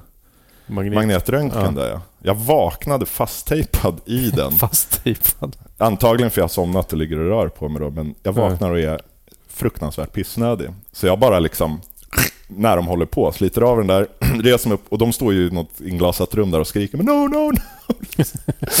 och jag bara öppnar dörren och var i toaletten och ah, pekar liksom tröttsamt på hade ner där liksom. Ja, går och pissar och så bara går jag och lägger mig och somnar igen. På. Och sen, så jag vet inte om... Alltså du går tillbaka. jag går tillbaka och lägger mig i magnetröntgen Ja. somnar. Fan inte det ett ganska tajt rör? Och fasttejpad där, så det var ju liksom... Fan. Du vet, jag, jag, jag klarar inte av sådana. Nej, nej, jag är inte så klaustrofobisk av mig faktiskt. Mm. Så det, sen var vi, antar jag att alkoholen spelade in också. Nej, Jag tänkte, både du och jag är ju ungefär, ja, du Mm. kanske till och med längre än mig. Ja, jag är 96. Ja, jag är 87 bara, men... Ja. Men det var liksom ett rör runt huvudet liksom, så att kroppen var ju ändå, Aha, ändå fri. Ja, okej. Så att Ja. jag kunde ändå eh, resa Ah, där. så det var inget sånt där hela kroppen? Nej, det- nej, det var ju de- bara de- huvudet de skulle Ah, okej. liksom, eh, Mm. röntga. Men jag antar att det byggde väl på den här hotell, eller hotellnotan, Mm. sjukhusnotan där, misstänker jag. Vad såg de i huvudet då? Vad sa De, du? de hittade Jo, ingenting. Ja, det var därför jag hamnade på intensiven. Det var för att eh, hjärnan svullnade fortfarande, den slutade inte svullna. Så de var oroliga Mm. att de skulle börja trycka mot. Ja. eh, pam, eller mot skallen. Så man börjar få liksom, de måste Ja. släppa tryck och sånt där. Och så. Mm. Eh, så jag låg två nätter på intensiven där innan Mm. de släppte mig. Och det var också en sån här grej. Jag hade en, jag hade en fjärrkontroll om TV. Det är såna saker man kommer ihåg som är helt bisarra. Men... Och de körde, eh, vad hette den? Eh, Showgirls, hette den där med Demi Moore? När hon spelade Mm. strippa. Ja. Den rullade. Min fjärrkontroll var trasig. Jag kunde inte byta, höja, sänka eller någonting. Den rullade typ i två. Och varje gång det gick förbi en sköterska så var jag så här... Kan du byta? Så de bara pekar på du, fjärrkontrollen lite snabbt och bara försvann. De hinner inte... Liksom. Bara- Så den där filmen, det är fortfarande så där när jag ser den så liksom börjar jag känna lukter från sjukhuset. Och sånt. Den liksom rullade i liksom två dagar typ. Där. Bisarrt alltså. Sen hamnade jag på långvården eh, och då var mässan slut. Och det var också så här, det var lite, det, det var inget kul alltså. För då kom, Mm. eh, vi skulle ju iväg efter det på en tour då med eh, Alex Åkerlund och det var massa som hade kommit då som vi skulle iväg och liksom resa då. Vi hade ju varit i USA en månad kanske när det hände. Mm. Ehm, Så de kom ju upp och hälsade på där på sjukhuset och, och bara så här. Ja, ja, men eh, fan lycka till. Vi ses väl i San Diego eller i Sverige sen. Mm. och sen försvann de och då var jag, jag var ju helt själv. Jag var ensam kvar i Long Mm. Beach. Alla hade ju stuckit, mässan var slut, allting. Mm. Så två nätter där liksom, då var man lite så här, vad fan alltså. Och då ringer våran granne från San Diego som är en före detta strippa och ganska väldigt speciell person. Mm. Lite halvgalen. Eh, började väl dricka när vi... Alltså en tjej eller kille? Ja, i typ, vad kan han ha varit? Vad sa du? Tjej eller kille? Tjej. Ja. Eh, 40-45 års åldern när Ja. vi flyttade in där då. Och då var hon liksom lite så här, hade blivit lite nykter och slutade jobba som strippa och så. Men Mm. som sagt flyttade in liksom 20 skejtare bredvid, så det gick ganska snabbt. Så jag tyckte hon det var rätt trevligt att dricka öl igen. Eh, hon ringde och skulle åka och hämta mig, fick hon för sig. Mm. Och jag var så här, bara, vad vad fan gör du människa? Nej, liksom. Ja, för att hon är full. Ja, och bara så här, vad fan, jag vill inte att, vi grann, jag vill inte att, varför ska du komma och hämta mig, i liksom Long Beach? Det är Mm. jättekonstigt liksom. Jag vill inte, den, vi har inte den relationen liksom. Mm. Det, det är som, vi är grannar. Folk är lite annorlunda i USA där. Ja, och hon, hon var en liksom ganska så här, eh, lite gränslös person på många Mm. sätt. Mm. Men, men det jag gjorde det var att jag hoppade in i en taxi till Huntington Beach Mm. och åkte hem till Ali på Warner Avenue och Mm. spenderade väl en tre, dagar där tror jag. Reha rehabba. Mm. Men Ali fick inte så mycket stryk eller? Nej, han har ju en tendens att komma undan lite bättre. Ja, Liten och... men det är klart när han är liten, man, det, det finns inte så mycket att spöa på. Ja, nej, jag, jag, jag, som sagt, jag har ju ingen minne av situationen. Jag kan inte säga vad som har hänt ens. Liksom. Mm. Eh, De vill alls. eliminera dig, hotet. Säkert, och precis. Och det, jag, menar, det, jag vet ju inte exakt hur det såg ut på den där filmen. Det var kanske bara syntes att jag gjorde saker. Det just det. vet jag inte. Så det, Mm. Men så är det. Man får betala för sina synder, förr eller Mm. senare. Liksom. Ibland tidigare. Eh, Men, eh, nej, men så jag åkte till, till Ali och så vi, vi hängde ute. Det var också så jag, kommer jag köpte liksom solglasögon och försökte dölja de här hela blåtirorna. Liksom. Jag kunde inte ha på mig dem. Det gick Mm. inte. Näsbenen var knäckt på två ställen också. Så jag hade, behövde inte rätta till det som tur var. Men det var knäckt uppe i roten och, och sen på tippen fan. längst ner. Ja. Eh, Så jag kunde, det, var- det liksom, inget funkade ju i ansiktet riktigt. Mm. Det måste ha jätte, jätte, jätteont. Alltså jag, jag har ingen minne av smärta överhuvudtaget i det här. Alls. Överhuvudtaget. Hjärnan, gjorde, eller liksom det här att hjärnan var svullen och så, det var ju mer en potentiell fara, men det var aldrig något som liksom gnagde eller gjorde ont på något sätt. Liksom. Mm. Visst, näsan, jag var öm. Det var, Mm. Jag kände att jag hade fått smällar i ansiktet, men det var ju liksom inte så här verk, alltså att det gjorde ont när jag sov och sånt där. Och så. Det gjorde det Mm. faktiskt inte. Men sen, Skönt. som sagt, man säger, fan hur gammal var man? Typ 18? Alltså, Man tål ju mer. man och- tål och man Ja. känner inte efter och man drack och man drog i sig både det ena och det andra. Liksom, så att man var väl ganska avtrubbad ändå, liksom, tror jag. Ja. Så att nej, det var... Jag kommer ihåg morsan sa, men nu, nu åker du väl ändå hem? Liksom. Men vad fan, nu har det ju hänt. Ja. Ja, Vadå, det kommer ju inte hända igen. Liksom. Vad fan, nu är jag ju kvar. Blixten ner två Ja, gånger på samma nej, ställe. exakt. Eh, Så att, eh, nej, fan, så jag var ju kvar där. Eh, Mm. Ända tills jag skulle åka hem där. Flög hem med Pelle faktiskt. Hur länge var det där? Ja, det var nog, inte exakt tre månader, men nästan. Det var ju standarden på den Ja, tiden. turistvisumet. Ja. Ja. precis. Så att, jag tror jag hade bokat någon resa typ så här. Det var väl en dag innan tre månader sånt där, för Ja. säkerhets skull. Om det skulle hända något. Ja. Så att, då var det bara att åka hem. Och det var också en sån här. Jag kommer ihåg när jag kom hem. Mm. Då skulle vi... Samma dag jag kom hem då, då skulle jag gå ut på... Vad hette det stället nu?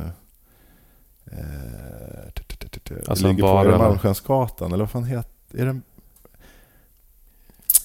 US Videos. Vet väl alla var det ligger?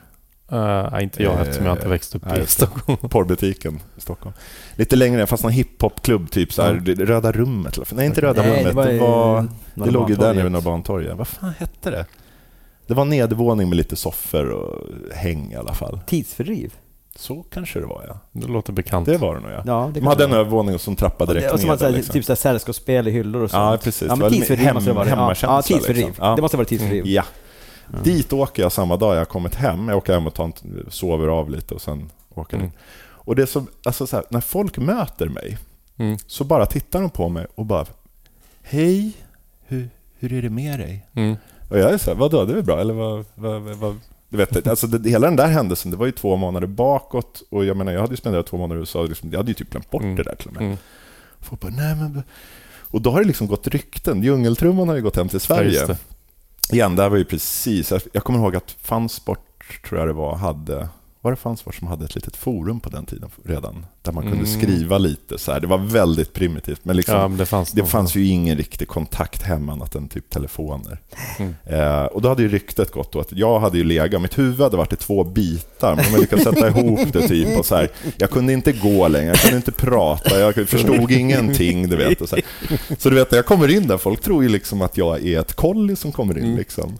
Och när jag började säga, men vad, vad, vad, menar du? Jag förstår ingenting liksom. Så Mm. det, det liksom gick ljuset upp för dem. Men det var liksom, det tog ju lite tag där innan folk fattade att så här, oj, det kanske inte var så illa som, Mm.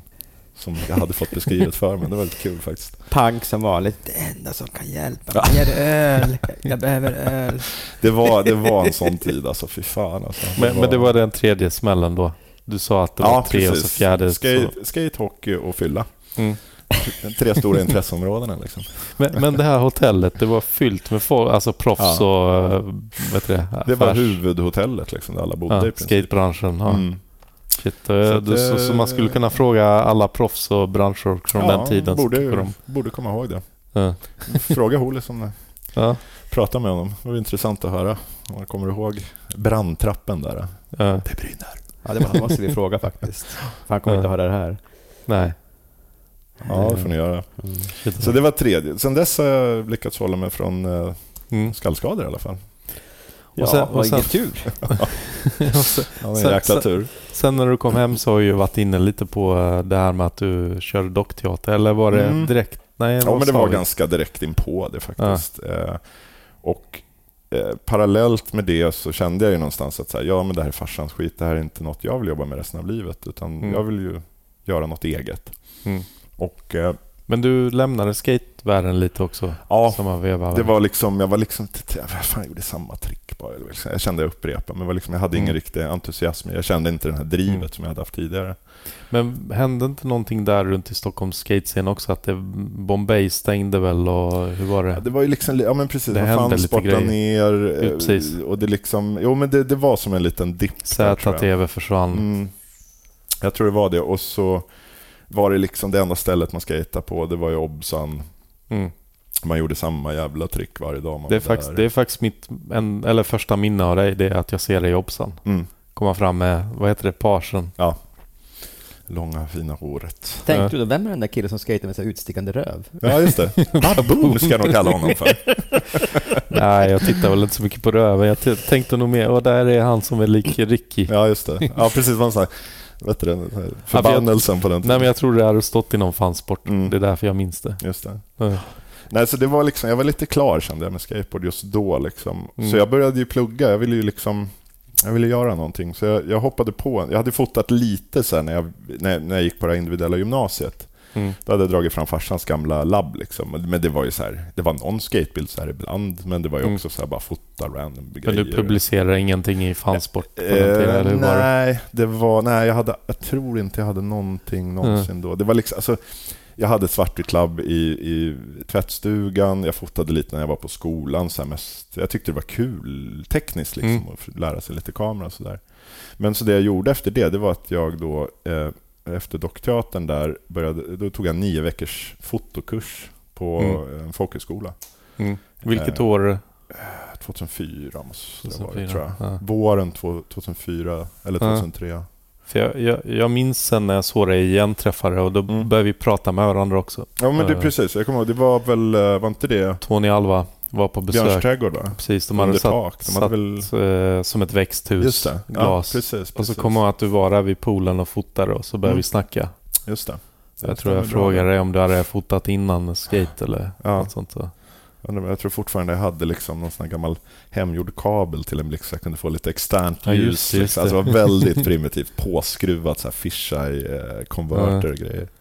Men jag gick den, och så det, efter det då så började jag, läste jag ett år eh, en konstutbildning på samma skola. Mm. konsthistoria och sen eh, även ett fördjupningsår där jag höll på med egna projekt.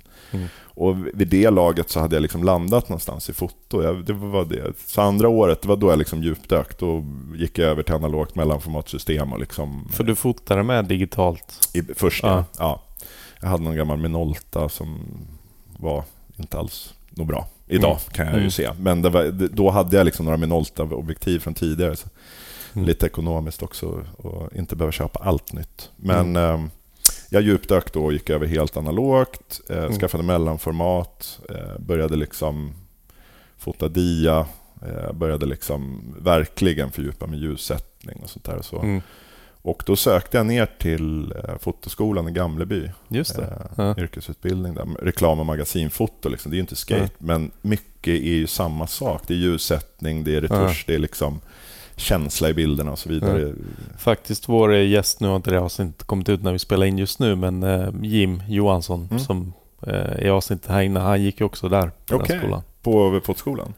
Ehm, jag vet, nej, inte foto, men ljussättning för han jobbar ju mer med film och tv-produktion. Eh, vad heter de? GTV tror jag. De har en sån, precis som skolan, huset bredvid. Det är liksom Ah, okej. tv och filmproduktion. Så Ja. det är Isak som filmade för Sweet tidigare. ah, han Han gick också, vi gick ju där Ah, okej. samtidigt visade det sig. Aha. plötsligt. Ah, ni, vi- visst, ni kände inte varandra? vi då? träffades i Malaga när jag var där och plåtade med typ alla de Sweet som teamet, bodde eller? Ja, men det Ja. var typ alla som bodde där då i alla fall. Ja. Många var ju, eller blev Sweet sen. Ja. Men då var det så här, så vi bara pratade lite, Åh, vad ska du göra i höst? Och så här, jag ska plugga. Så visade det sig att båda skulle liksom till Gamleby. Så det var ju Mm. jättekul liksom, att, att ha den Mm. kontakten där. Och där var det väl liksom, där lärde jag mig eh, foto som yrke. Liksom.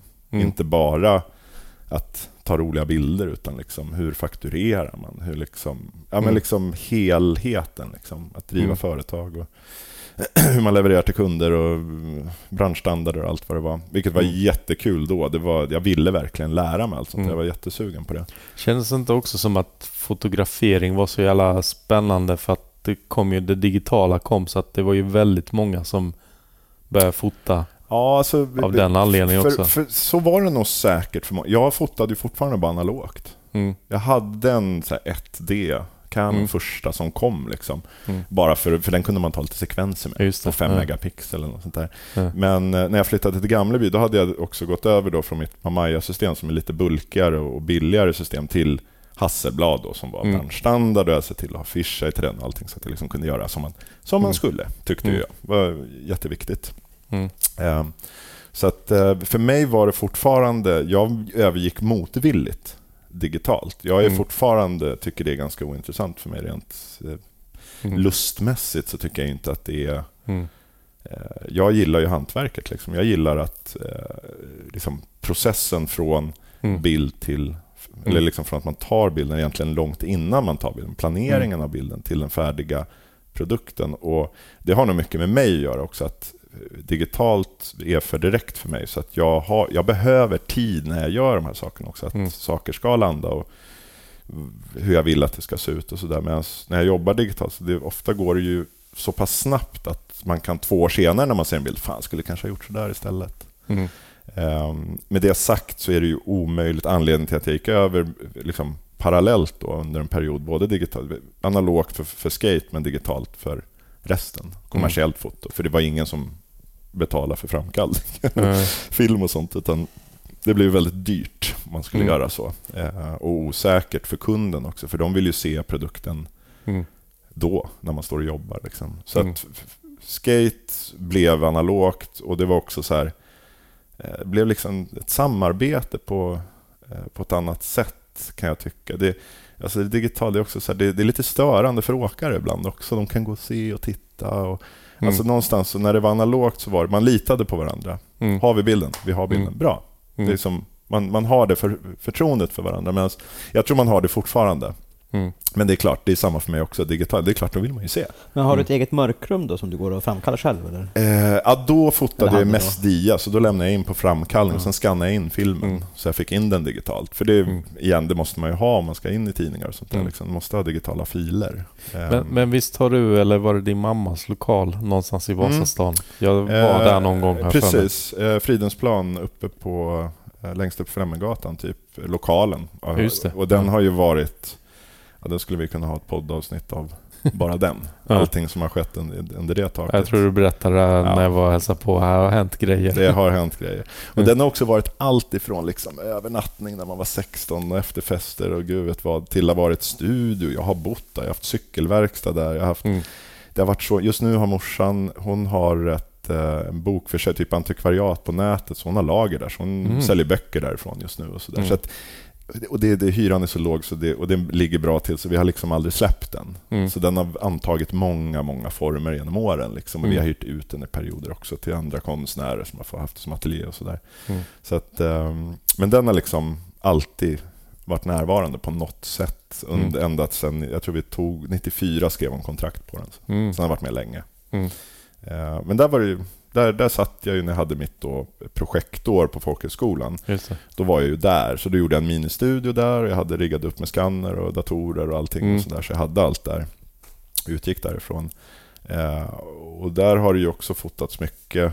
Den bilden på Johan till exempel, den porträttbilden Just som det, Florent. framsidan. Ja, eh, den är ju tagen där. Mm. Med hembyggd liksom, ringlampa och gud vet vad. Det var ju liksom så här, höll på i typ en vecka att bygga allting för att vi skulle kunna ta Mm. de där bilderna. Ja, det tror jag till och med jag minne av att jag såg när jag var där och hälsade Ja. på. Ja, den var med länge. mycket- ja, den var med länge, hemma. den ringlampan, för den tog så jävla lång tid. Det var dyr Var att bygga. var det den du tog den här nu mera klassiska bilden med Jimmy Jansson där han är helt... Nej, den är faktiskt den är inte ljussatt överhuvudtaget. Den är tagen eh, utanför ett garage i Örebro. Eh, precis innan Millencolin Open startar. Ja, just det. Du tog den där. Mm. Ja, du tog inte in honom i en studio alltså? Nej, utan den du... är tagen utomhus på Mm. en, eh, mot en sån här mm. metalljalusi. När- Jimmy är manglad. Typ. Ja. Ja, vad, är det, vad var det som hade hänt? Han hade trillat till rulltrappan? Det värsta är att jag fast- träffade ju han och Micke kvällen innan Mm.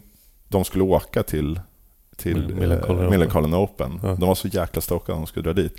Då träffade jag dem, för då var vi uppe och fotade. Jag var uppe och fotade faktiskt. Och det är också så, här, så mycket sådana grejer man gjort som man så här, så här rinner ut lite i sanden. Men Alis bror Omar Mm. och Minni, deras, när hon var gravid med deras första barn. Mm. Så vi var uppe, jag hade studio mitt emot där då, så vi tog bilder uppe i studion. När vi var klara där så gick jag ner dit och då satt de där på, vad heter det, ehm, Fridhemsplan, eh, inte, ehm, inte Dovas. Vad heter det som ligger på hörnet? Klassiska alkisaket där. Det är alltså. Ja, Det kanske har blivit, det, jag har för mig att det hette något annat förut. Ja, I alla fall, eh, där träffar dem vet du, och det är fullt drag och vi dricker öl och lite sånt där. Och så, och så ska de dra, tror jag, eller om det är jag som drar. Mm. Och då har ju de gått ner i tun- tunnelbanan där och det är då allt hänt. Han har ju ramlat tror jag, i rulltrappan och Vad är det som fastnat. hände? Han fastnade med skägget Mm. i Han fastnade med skägget längst ner vad jag förstått och så fick de liksom klippa av skiten liksom. Ja. Ja, den var, och det, alltså, man ser ju på bilden, Mm. alltså de här ser ju ränderna från- ränderna från trappstegen. Liksom. Det är så Tom och Jerry. Ja, liksom. precis. Det är så stämplat. Texten sitter kvar nästan. Liksom. Och det var ju bara så här, det var för bra. Alltså jag var ju, det är liksom, det, det, den bilden måste jag ta. Jag måste Mm. ta den på dig det är bara så. Det, även om Mm. du tycker det är jobbigt nu så det, den måste tas. Ja, han ställde upp. Ja, ja, och det, det är Jimmy, jag älskar Jimmy, han är så lätt att göra Mm. med när det gäller sådana saker. Han är aldrig, håller aldrig på med så här, "Äh, fast jag vill inte, eller "Äh, men jag är ingen snygg från den här sidan. Så han, han liksom bara kör, ta bilden du vill. Liksom. Raka Jag kan, rör. jag kan, Raka höra, rör, jag kan höra rösten. Mm. Så att den bilden blev ju liksom, eh, den, äh, den är, det är nog en av mina favoritporträtt tror jag, genom Mm. åren faktiskt. I alla fall när det gäller skate. Verkligen. N- när vi pratade om Jimmy, det fanns ju en resa till, var det Gran Canaria eller vad var det någonstans? Mm, det var det. Ja, det Våga- var våga Playa del Ingles. Så, som eh, Gyllenberg skrev om i Ja, just det. Fansport. Nej, det var, ja, Nej, eller, inte Fansport. det var, det var Fansports hemsida. Ja. Så var det Ja. Det, det kändes lite som att det var här. Det, det var som att Mm. luften gick Ja. ur ett tag och det var lite sista rycket. Ja, just det. För Jag, det skulle ju till något stort. jag, jag skrattade så att jag liksom, jag, jag, jag, vet, man inte kan andas Ja. och tårarna rinner när jag läser reportaget. Jag kommer fortfarande ihåg var jag satt när jag läste det. Ja, det är så pass. Ja. Samtidigt så satt man ju där och tänkte stackare. Ja. Alltså, med det här? Vi kan kalla honom Krille, var genomgående. Mm. Krille. Ja. Jim- Jimmy. Nu har vi redan outat Jimmy ja. ja, Ja. precis. Alltså, det, jo, men den resan Men det är var speciell alltså. Berätta. Ja, det, nej, men det var... Alltså, Jag fattar inte riktigt. Vi kan, Mange skulle... Mm. Vilket, tror- vilket år är det först? Först och främst? 2000? det var väl år 2000. Ja, det måste ha varit där Ja, ganska ja, tätt ja. inpå. Jag kommer hem från USA, hela den Ja, biten. ja. Alltså. Och jag kommer ihåg att, för jag skulle fota. Och alltså, det, Var det ens en skateresa? Var det inte bara semester? det, det var tänkt att vara en skateresa. Jag hade ju massa film med mig en kamera. Och vi hade och någon filmkamera. skateboards också. Och de hade skateboard med sig och grejer. Vi fick, jag har några bilder faktiskt som Så- jag hade med på, haft med på lite utställningar och sådana Mm. grejer som, som liksom aldrig såg dagens ljus då. Så, så det var du, Engelkes, Gyllenberg och Jimmy? Ja, och sen kom Pelle. Ja, vecka. just det. Så var det. Och han åkte ju hem Samma och sen dag. var det ju, jag kommer ihåg, för jag, kom, jag har ett minne av att vi står inne på G-spot Mm. och Martin Karlsson säger vad då ska Jimmy med? Nej, jag kommer inte åka. Och han avbokade sin resa då. Det var ganska så här. Men, Och, då- och då kommer jag ihåg att Mange sa så här, ja, jag kan ju inte säga till Jimmy att han inte får åka. Så, men, men, men som jag så det var inte originalgänget som åkte, utan det var liksom Martin drog för att han, Jimmy Mm. skulle med. Och han såg väl någonstans antagligen vad som skulle hända. Vilket ju, han hade ju rätt. Men, men som jag, jag tror vi pratade om det här efter någon Millencolin Open Ja. också. Eh, För vi skulle ju ja, vänta på tåg ett par timmar på en pizzeria. Och då berättade du hela den här historien och som jag, jag har ju gått alla år och undrat varför tog ni med Jimmy? Nej, men, Men, alltså, men, men det var liksom... Då, ja, då det var nog mer att så här, vi skulle åka. Och det, men alltså, vadå? Det var så här, vi bokade våra egna resor. Det var ju inte Mm. någon sponsor eller något sånt där. Nej men jag liksom- menar, ni hade bokat resan utan Jimmy, men han gick och bokade Vi själv. hade bokat Ja. den med Martin Karlsson som jag kommer ihåg. Det här får någon rätta mig som har säkert bättre minne av det här än mig. Men jag har för mig att vi, alla vi hade ju bokat vår resa Mm. och då skulle, ville Jimmy hänga på så han bokade en resa, piggybackade med en resa. Och då Martin bara nej. no Mm. way. Och, Och, vi eh, måste ja. då flika in att äh, också unga och dumma Jimmy är inte lika... Nej, nej, nej, nej, nej, nej. Nej. All kärlek till Jimmy. All kärlek till Jimmy. Ja, ja, ja. All ja, kärlek till Jimmy. det, här, det här var ju liksom mer... Alltså, Nu är det gamla War vi var Stories. lika Ja. stora kålsupare allihopa. Vi ställde ju till med scener allihopa på våra egna sätt. Mm. Liksom. Yes. Och det är klart att sätta alla oss i... Jag menar, det var ju Pelle och Magnus var väl de eh, som var mest nedtonade och Ja. liksom vuxna av oss. Liksom. Men det var ju liksom... Ja, men fy fan. Ja, förlåt. Ja. Ja. Mart- Martin bokade av i alla fall. Och, Martin bokade av Ja. och vi Mm. åkte. Ehm, och det, alltså det, som sagt, det, det, det är också en, en bok, hela den resan. Liksom. Den, Mm. Det har man ju till och med så funderat på hur man skulle kunna sätta ihop det på något rimligt alltså det, det är liksom Mm. Fear and Loathing, Playa del Mm. Ingles. Liksom. Det, det, det, det, det är så mycket, och det är mycket som är grumligt. Liksom. Vad Mm. hände verkligen? När hände saker? Så här. Men det finns de här guldkornen som när Jimmy har lånat pengar av Mange. Vi ska åka till Arguinegin, tror jag det hette. Ja. Bankparadis på eh, Gran Canaria. Liksom. Här gammal skatepark från 80-talet, typ utanför en kyrka. vad fan, där var jag massor i Argentin. Det såg inte jag.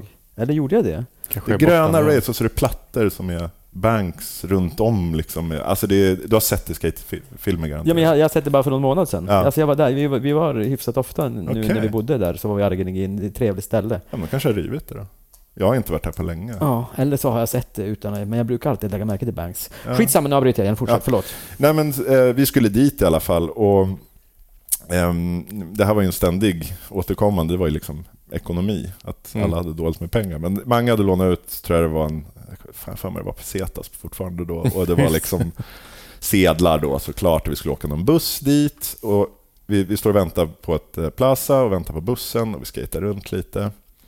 Och när vi ska gå på, då har Jimmy tappat pengarna. Mm. Direkt liksom. Vi, var, vi har varit där fem minuter liksom. Men det är Mm. sedlar, det har väl blåst ut fickan eller någonting så här. Och jag kommer ihåg att han, vi bara sådär, vi bara liksom inser, ja, men han kommer aldrig komma på, och om inte vi går på och åker nu så kommer det bli en scen liksom. Så vi, Mm. Vi börjar liksom gå på. Och jag kommer ihåg att vi ser liksom Jimmy sula skaten över plazat. Och det går, alltså det är så, så pinsamt, det går en sån här spanjorska, och det här igen, det är så, här, man, det är så länge sedan man har väl byggt upp liksom bilder av hur det såg ut. Men i min, min hjärna är det, är det liksom en sån spanjorska med röd klänning och höga pumps. Liksom. Fint hår, handväska. Spatserar liksom över det här plazat. Och Jimmys bräda bara klipper hennes fotled så hon bara liksom svävar ner. Och, vi, alltså, och då sitter vi på bussen, så vi åker. Vi ser ju inte liksom, vi, som tur är. Liksom. Gilleberg skriver i reportaget, jag kan fortfarande höra spanjorskas skrik Ja, ringa ja, ner. exakt. Ja, det var så. Men när vi kommer tillbaka så liksom vi bara, men vad fan Jimmy? Han bara, det var lugnt. Hon var svenska. Som att det gjorde att allting var okej. liksom. ja, det var mycket sådana där liksom väldigt charmiga saker, eller charmiga, men liksom ganska så här o, eh, vad ska man säga, ofarliga saker som ändå var liksom roliga. Men det hände ju grejer som var, jag vet, jag klättrade ju mellan eh, på vårt hotell där vi bodde. Ni hade två rum eller? Eh, Nej, vi hade ett rum. Ett rum? Ja. Men vi hade eh, norrmän bredvid oss som hade sjukt mycket sprit och fest. Mm. Eh, så, men vi fick inte vara där. De ville inte att vi, Mm. de, de hade väl sett och hört från genom väggarna. Liksom. Ja. Så, men det är såna här eh, balkonger som går in i fasaden. Mm. De sticker liksom inte ut. Mm. Eh, så det är liksom bara vägg emellan Mm. liksom de här vad ska man säga, alkoverna in som är... Mm. ehm, så jag inser, jag har ganska långa armar och ben. Jag Mm. kommer fan emellan där alltså. Mm. Så jag, jag klättrar ju emellan där och eh, dunsar ner på balkongen och liksom går in och hinner väl typ dricka en drink innan jag blir utslängd.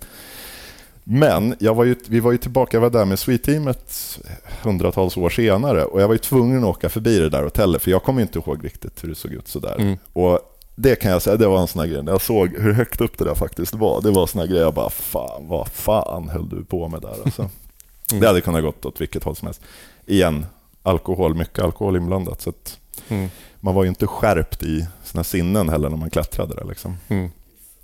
Så att, ja, äh, den, den resan är som sagt, det, det finns eh, liksom stories. Men vi var på att bli utslängda första natten. Hade vi, första morgonen hade vi en, en lapp från någon som jobbar på hotellet som i princip sa att det här är er första enda varning, nu ryker. Mm. Och då ska vi vara där i två veckor. Vad hade ni gjort då? Jag tror jag och Andreas hade stått... Dels hade vi nog slängt ut alla plastmöblerna på ner mot poolen. Det här var ju nästan högst upp, så det var ju liksom splatter där nere. Eh, och sen, eh, vi, jag och Andreas här, för jag tror att det bara var vi två, vi hade stått och sj- sjungit Ramones nakna på balkongen. Och i våran värld var det ju bara vi ute och vakna. Det liksom, det var ju bara vi, vi stod ju och sjöng, vi hade ju kul, trevligt, drack bärs liksom. Wow. Men jag tror det var några dagar senare så bjöd vi upp två tjejer som bodde på hotellet och skulle spela lite poker.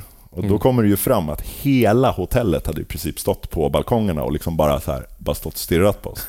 Och en del liksom med såna gamla high 8 eller såna här VS-kameror och grejer stått och filmat. Liksom och grejer. Vi hade ju inte sett någonting. Eh, Det var natt ett. Då hade vi varit där ett par timmar. Liksom. Så morgonen efter har vi en lapp där som där det i princip står då att eh, det här är första sista varningen. Ni ryker. Och vi höll oss nog ganska i skick på hotellet, tror jag. Mm. Men vi ställde till det på andra orter istället. Liksom. Ställas till, det skulle det. Jajamensan, det var ju därför Mm. vi var där. Skateboard var ju sekundärt. Liksom. Jag, menar, jag kom hem med, jag tror jag hade fem, sex rullar som jag framkallade med diafilm. Jag tror det var, liksom så här, det var bara svart på allt utom typ så här fyra, fem bildrutor. Visst, Mm. det var någon skatebild, så jag har några skatebilder där. Mm. Men det var, alltså det var, oj, oj. Och jag och Mange flydde till, eh, vad heter det, um, huvudstaden, ehm, Las Palmas. Las Palmas, för vi, det gick liksom inte efter ett tag. Vi kände det här nu, vi, vi måste ha lite lugn och ro. Så att vi drog ju dit och det som händer när vi ska eh, hem, vi hade ju två dagar, du vet, satt på stranden och Mm. läste Aftonbladet och drack en cerveza. Liksom. Och hade det göttigt, hade jätteskönt, semester. Kommer till... Barnfritt, vux- Barnfri, ja, men lite så var det typ. Och så bara kommer vi till flygplatsen när vi ska åka. Då sitter liksom Andreas längst bort i ena änden av hallen och Jimmy i andra änden. Och han har hittat någon, vad jag kommer ihåg, någon sån norsk graffitimålare som reste runt och målade graffiti. Liksom. Vem? Jimmy eller Andreas? Jimmy hade träffat honom, Ja. eller jag vet inte vem som hade träffat vem. Men Ja. Han hade i alla fall sett till att Jimmy hade fått ett sånt här litet göttigt åttapack med nubbar. Ja, vad bra. Mm, briljant där på flygplats. eh, och det ska tilläggas att det här var julafton. Mm. Eh, och Jimmy lyckas, lyckas skicka in passet med väskan. Och det här var innan EU och sånt där. Det var liksom Mm. inte fråga om något så här, hehe, här är mitt körkort. Utan det är inte för han hade något körkort. Men. Eh, han lyckas i alla fall på något jävla vis ta sig på det där flyget. Och vem. Efter åtta pack nubbar dessutom. Ja, och vem hamnar han bredvid tror du? Andreas, såklart. Som bara sitter där och nästan gråter. Helt jävla... Han har ju spenderat de två sista dagarna Ja, på... precis. För Andreas stannade kvar för han tyckte synd om honom. Sen Ja, och han- hade väl suttit, vad jag förstod, han hade suttit typ inlåst i sitt hotellrum i två nätter medan Jimmy hade levt om. Liksom. Ehm, Så han var ju liksom, han, var ju, han mådde ju inte bra efter den situationen. Och liksom Jimmy, det första han gör är att pissa på sig på flyget. Åh nej. Mm. Så att eh, det var, hur långt det tar att flyga därifrån? Ja, det är, det är en Mm, fem, sex. sex timmar. Ja, julafton. Han vaknade varje gång de sa god jul i PA-systemet. Men det var väl ungefär det. Och jag kommer ihåg när vi var på flygplatsen, det är också så här minne. Vi bara står typ som en ring allihopa. Då. Jag, Mange, eh, Jim och Andreas. Mm. Och bara liksom mer eller mindre så här, eh, ja men jag tar buss, ja, eh, ja men då tar jag en taxi. Alla bara liksom bara gick åt varsitt håll utan att säga hej då. Alltså det var, stämningen var, åh fiff. Och jag kom hem, då är ju hela min familj uppe i fjällen på julafton. Så jag kommer hem till ett tomt hus bara liksom, du vet. Och jag så här, alltså man mådde ju mentalt var man ju så förstörd alltså. För det förstod man resan. ju av Manges eh, artikel att han var tvungen att skriva av sig också. Ja, jo men det var en sån resa. Var det en så- eller två? Två veckor? En vecka? Två veckor. Två veckor. Ja. Två veckor eller tio dagar, jag tror det var två Ja, veckor. ja. Minnet är lite Ja, ja, ja, ja. svajigt Ja. där. ja. Det kan ha Men- varit allt från en månad till, Ja, till typ- typ fyra alltså. dagar. Ja. Ja. Jag har inget som helst minne av att vi någonsin åt, eller ens eh, du vet, gick ut och åt eller något. Ens åt an, att, knappt att man tog en cheeseburgare på McDonalds. Vad fan. Ja, vi, vi åt säkert. Ja. Men vi vi levde ju ändå, så vi måste ju ha fått till oss någon näring. Ja. Jag vet att vi köpte hem lite grejer och sånt där, men det var också så här, det var liksom, majoriteten var ju spritflaskor och groggvirke. Liksom. Mm. Så att, eh, det, var inte, det, var, det är en resa som... Mörkt, alltså. Den, den är, nu kan man... Jag, jag tror att jag är nog den som har kunnat skratta tidigast åt den. Jag vet Andreas, var, han, ja, han gillade inte det. Jag vet Mange tyckte inte heller att... Ja, fan, nej, jag orkar inte snacka om skiten. För fan. Mm. Men... eh, Pratade vi, visst pratade vi om det i Manges avsnitt? Eller? Eh, Manges avsnitt var som den där Gran Canaria-resan. ja, precis. Vi höll på att dricka Ja, ja, ja, okej. i avsnittet. Dennis hade en 40 liter vodka på bordet. Så, så, Ja, men då var det Gran Canaria. Ja. Återuppleva hela liksom, Vi skulle resan. haft med Jimmy som bisittare bara. Ja. Ja. ja, fan Jimmy får ni Mm. prata med. Nej, men så det, det var en resa som var av rang. Alltså, den är, eh, tror jag, en av de mest eh, händelserika på kort tid resor jag Ja. någonsin har gjort faktiskt. Det var, det var liksom en fear and loading. Det var liksom, du hann aldrig vakna innan det var hände saker på något Och, sätt. och tänk dig att du in, kanske inte får komma in i USA för att du har tagit en klunk öl på en bänk. Exakt. I Gran Canaria liksom... De, de, Det är Ja. lite annat. Och Du har har blivit vi ska ta tillbaka ja, dödsstraffet ja, nu. visst, alltså. ja, men man tänker, Det är kanske det som är problemet. Man kanske har liksom ställt till det med tillräckligt mycket på andra orter för att det liksom bara stängs till allting till slut. Mm. Så, att, eh, ja, nej, så Gran Canaria är ett eh, avrundat kapitel. Ja, för det var så konstigt också att sitta och läsa det och sen, för samtidigt hade ju fansport tryckt, media Mm. försvunnit och Ja. Det känns bara, vad, vad hände? Det, bara Ja, blev, men det var nog den sista spiken tror jag. det, det blev bara ett vakuum sen. Ja, för det var aldrig någon i- som frågade år. så här, har du några bilder då? Ja. Aldrig något. Jag, jag vet inte, jag tror inte att Mange frågade Mm. någonsin om jag fick några bilder där, utan det var liksom, det var mer så här, okej, vi måste bara, nu har vi ändå varit här, vi får väl skriva något då. Ja, vi, vi, går, vi går vidare. Vi går vidare i livet. Ja, det, var ingen, det var ingen bild till den artikeln vad jag kan minnas. Jag tror inte heller det.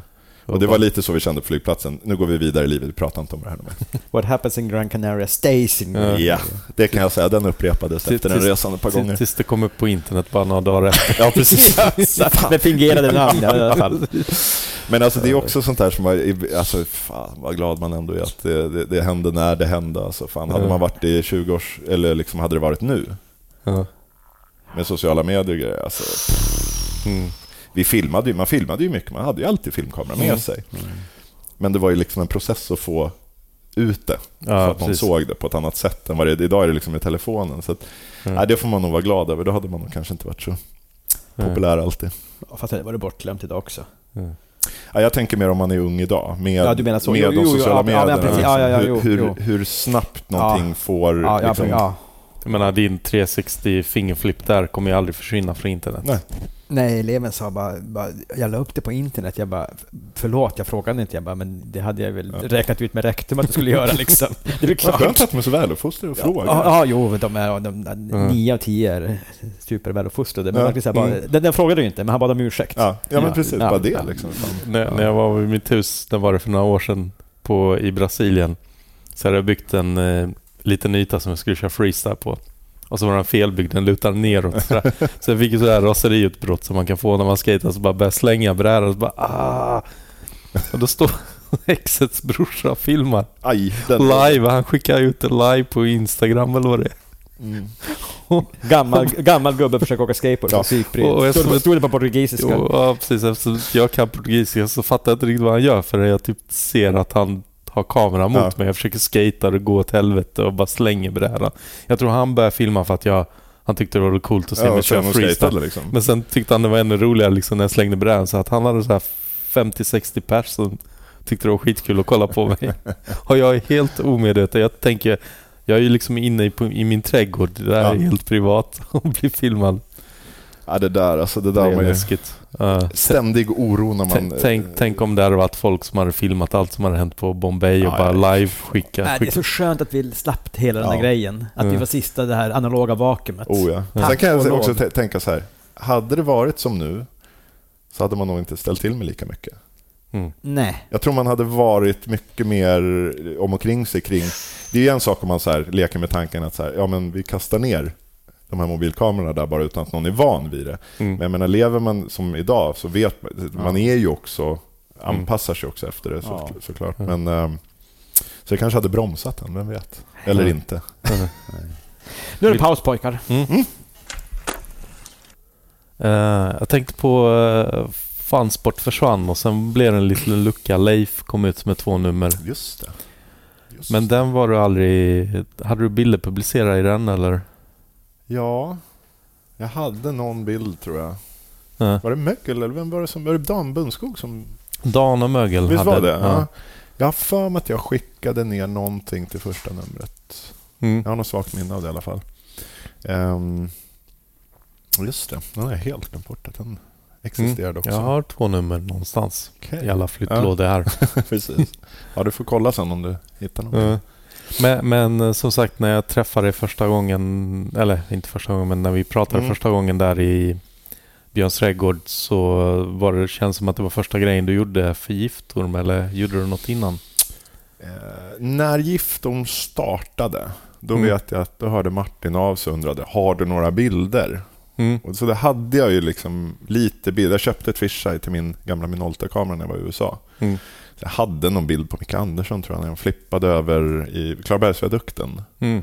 De här, eh, de är borta nu, men då var det såna här som man skulle kunna cykla eller hoppa ut för Ja, trapporna. det. Just liksom. det. Ja. Han hade en flipp över dem tror jag. Mm. Den, den bilden var med i Giftorm. Mm. Och det var ju jag superglad över. Det Mm. var ju helt... Första numret, eller? Jag tror att det var första Ja. numret. Jag tror också jag hade någon bild första Ja. numret. Ja. För han skickade liksom ut sådär, vi behöver material, liksom, var Mm. det än är. Liksom. Eh, och det var ju skithäftigt. Så att, eh, då blev man ju lite sådär, men fan, det, han kanske skulle börja titta, ta upp kameran igen. Liksom, lite sådär. Mm. Eh, och det var ju då det blev den här nio veckors kursen då. Mm. Eh, och så samma veva där så, eh, liksom, Mm. ja. Det, ja, alltså jag kommer ihåg, det var, ju inte, det var inte så att det var lätt i början, men jag kommer ihåg, för fan vad jag tjatade på Mika och Johan Mm. och få hänga på och fota. Jag kommer ihåg då så ja fast ja, men, men de visste inte riktigt vad, vad ska vi, han, kan han fota, vad, liksom, är det värt det, vad, Mm. vad, liksom, vi kanske vill filma någonting eller det var lite sådär, jag kommer ihåg liksom, jag dök upp och jag, jag hängde på ändå och sådär och så. Mm. Eh, och successivt så blev ju bilderna bättre, eller de liksom kom närmare och närmare vad, vad det var jag var ute efter. Liksom. Mm. Ehm, så att, och, och, sen började det rulla på. Jag och Nicke har ju liksom alltid haft väldigt bra kontakt. Eh, Mm. Och eh, Martin samma sak. Liksom. Och I början där när det var, då, det var Andreas var ju med också, den hoppade ju av sen efter relativt kort tid i alla fall. Mm. Ehm, så var det ju liksom, det var ju så jävla kul. Mm. Åka ner på redaktionen, sitta och snacka, brainstorma idéer. Det var ju allt vad jag hade velat göra. Liksom. Mm. Jag såg ju det där lite utifrån under Funsport. Liksom. Mm. Jag var inte gammal, men jag, hade ju inga, jag kunde inte fota. Jag kunde inte riktigt någonting sådär. Men jag, såg, jag, liksom, jag tyckte det var en jävligt rolig värld den här, liksom, att jobba med bilder och tidningar och Mm. skate och reportage. Och liksom. Mm. eh, så att, eh, det var fruktansvärt kul eh, period. Hel, alltså allt med Giftorm faktiskt. Mm. Eh, allt är roligt. Vi hade liksom, det fanns någon öppenhet för alltså, kreativt galna idéer också. Som, Mm. som, där vi kunde liksom tillsammans, jag och Martin och sen på senare år då när det bara var Nicke kvar, liksom också liksom, eh, galna idéer som vi, vi kunde liksom sätta dem i verk. Vi hade ett forum där vi faktiskt kunde göra Mm. det på något sätt. Eh, fruktansvärt. Ja, men jag tänker den här Millencolin Open-tävlingen när vi hade liksom vad ska vi göra? Mm. Vi har gjort liksom allt vi kan göra. Det är en skate-tävling varje år och sådär. Då Mm. kom vi på det här med Olli Melancholy. Och, så Vad sa du med Olli? Olli Melancholy. Nu hänger jag inte med. Olli Sad. Ja. Att vi skulle fota folks porträtt när de gör det tricket. Mm.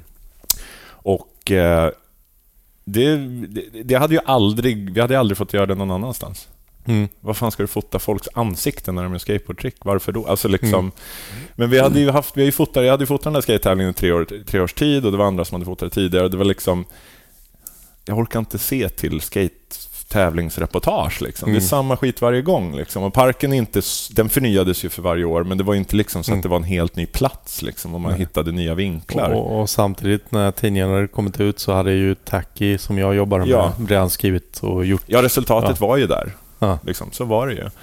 Ehm, så jag riggade ju upp liksom studioblixtar och kamera och grejer på baksidan på lastkajen på baksidan där och försökte liksom få ut så många som möjligt. Och så körde vi bara det Mm. som reportage. That's Mm. it. Eh, och jag har för mig, var det det året? Nej, det var ett annat år, ja. När Alex skulle skriva. Ja, just det. Jag har så svagt minne. Ja, och jag tipsade honom om till slut, vad fan var det jag sa?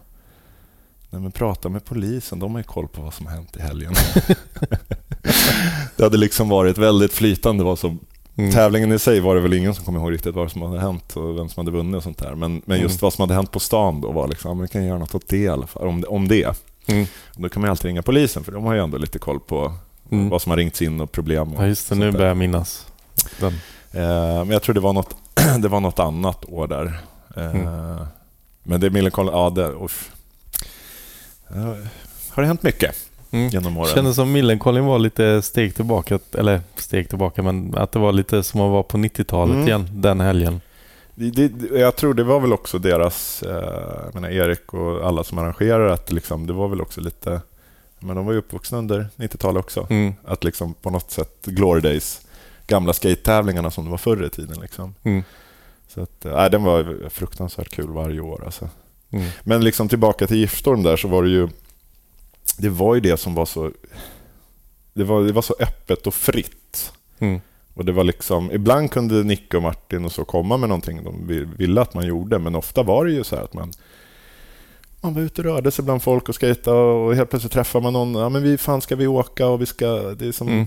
Och så plötsligt var man där och gjorde saker och sen kom man hem och helt plötsligt var det en tidning ute med en massa bilder från det där. Och så, Mm. Man hade liksom redan iväg i andra roliga, konstiga projekt och sånt där. Så Och jag eh, antar att du fick ganska många covers också.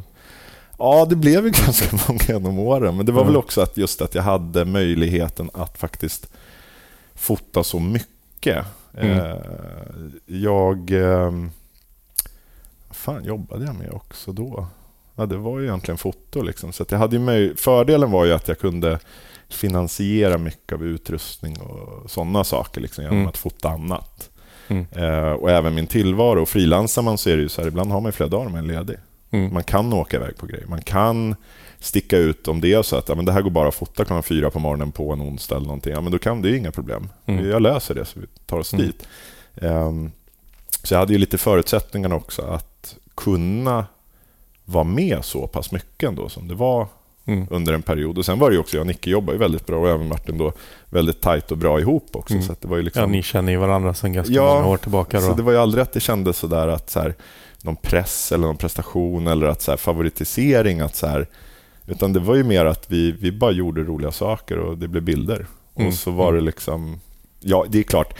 Jag hade ju liksom, ibland hade jag en tanke att det här skulle nog funka på, som en cover. Liksom. Mm. Och då valde jag kanske också att fota det, inte en liggande format utan stående. Att det skulle passa lite åt coverhållet. Mm. Liksom. Ehm, men sen har ju också det som ligger mig i fatet. Jag har aldrig varit så jävla intresserad av att fota de svåraste tricken. Liksom. Och så, det är, för, mig, det liksom, för mig att fota skate, det handlar om form. Det är som dans. Mm. Jag, jag kan hellre fota en ollie på rätt ställe än, än det största railet. Liksom. Mm. För att den där ollien är något, det är liksom en rörelse, en form som är... Det där railet kan bli en prestation, men det är inte mycket mer än så liksom, på något Mm. sätt. Ehm, så att det, och det får jag också vara glad, verkligen, att liksom man har fått publicera mycket bilder där tricken kanske inte har varit Mm. på pappret så här, tekniskt det svåraste tricket, men Mm. kombination av åkare, hur de utför tricket, plats, bild och så vidare har Mm. funkat väldigt, väldigt bra ihop. Var, var det någon kritik som kom? Nej, För eh, att ja, det var svårighetsgraden? Ja, att Nja, man, det- Om man kollar på transfer och kanske trash också. På den tiden så var Ja. det ju... Då skulle det vara feta rails och... Mm. Det har nog, nej, det var nog mer att man ibland när man fotar med nya åkare som man inte hade fotat så mycket med tidigare behövde övertyga dem om att kanske inte göra det svåraste tricket utan Mm. göra det tricket som ser bäst ut på spotten. Mm. Om du förstår vad jag tänker. Liksom. Ja. För att det, det är ju sådär också, det förstår jag också. Som man, jag har inte varit ute som åkare på andra sidan på det sättet. Men Mm. att man också kanske då, nu är jag ute med en fotograf, nu ska jag göra det svåraste jag kan göra. Mm. Och så säger fotografen, nej men gör en ollie istället. Det Mm. kommer bli mycket bättre. Mm. Mindfuck liksom. Va, va, vänta nu, Eh, vadå? Ska inte jag vara här och prestera det svåraste jag kan? Ja. Liksom. Så där har man ju fått liksom förklara och visa och prata och, och liksom Mm. Det är igen kommunikation. Liksom. Jag, menar, jag har en vision och åkaren har en vision och det gäller Mm. att man kommer ihop med det och liksom Mm. möts någonstans. Mm. Ehm, så det har nog, nej, det har, jag har aldrig känt någon kritik över att så här, man har ibland valt enklare trick att fota. Mm. Det, nej, det kan jag, det, som sagt, det är i så fall att ibland har åkare haft en idé om att hellre göra svårare Mm. än snyggare kanske. Mm. Och ibland, ibland har jag bara låtit åkaren... Ibland händer det att man har låtit åkaren förstå det själv också. Mm. har satt igång med någonting och så har man fått några bilder och visar. Och så Mm. säger man, jag tror att det här kanske kommer se bättre ut. Mm. Ja, det är klart det kommer göra det, säger de. När de väl har liksom sett en bit på vägen. Så. Mm. Och det är ju, alltså man får vara lite psykolog när man fotar skate, för att en del vill att man skriker och liksom peppar världens... Liksom, Mm. och en del vill bara sitta och hålla käften. Mm. Och det där måste man känna efter. Det går inte liksom så här, och hur vill, vill ni att jag ska bete mig här som fotograf? Liksom? Ja, Ska ja. jag skrika och vara glad eller vill ni att jag ska vara tyst? Liksom? Jag har märkt att många är sådär stressade och bara ah shit jag måste värma upp och, Mm. och eh, jag bara men det är lugnt jag ska ändå sätta upp mina fem sex blixtar här. Ja. Det kommer ta tid, det kommer ha tid och jag vill hellre att du tar, för att de känner sig obekväma att man står där och ja, liksom fotar i en obekväm ställning. Men för mig så tycker jag, jag vill hellre att de sätter tricket på femtonde försöket för då har jag hunnit Mm. se några, i alla fall med digitalt. Mm. Ja, men det, då hinner man liksom Ja. hitta vinkeln exakt. Man har en idé, men det, Mm. precis, det kokar ner. Man behöver liksom justera lite själv. Det är Mm. alltid jobbigt när folk sätter saker på första Mm. försöket.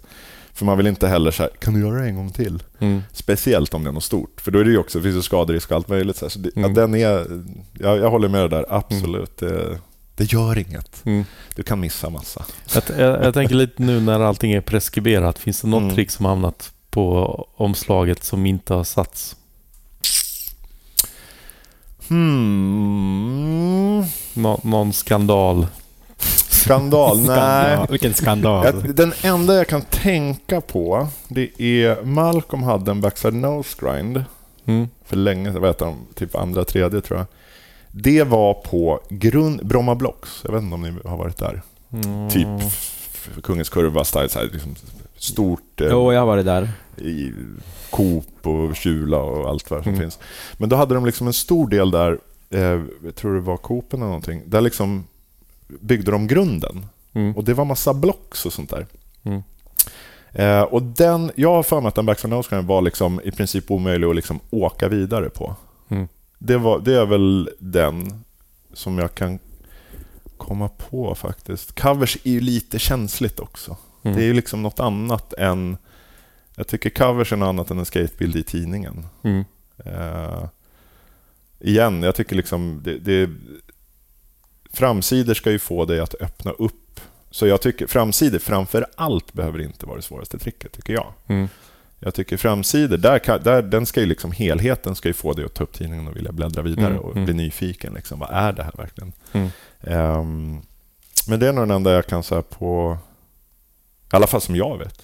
Mm. Sen det har jag, vet jag inte om det är andra som har haft, men Sen sen är det väl en självklarhet att just den bilden man har tagit kanske inte är det som så är det ju på. jätteofta. Alltså det finns ju sidor av skateboardfoto som folk inte tror jag förstår och en av dem är ju verkligen att så här, Mm. Det, kan, det kan vara, och det är inte något man så här medvetet, utan man tar den bilden där, som representerar tricket bäst. Mm.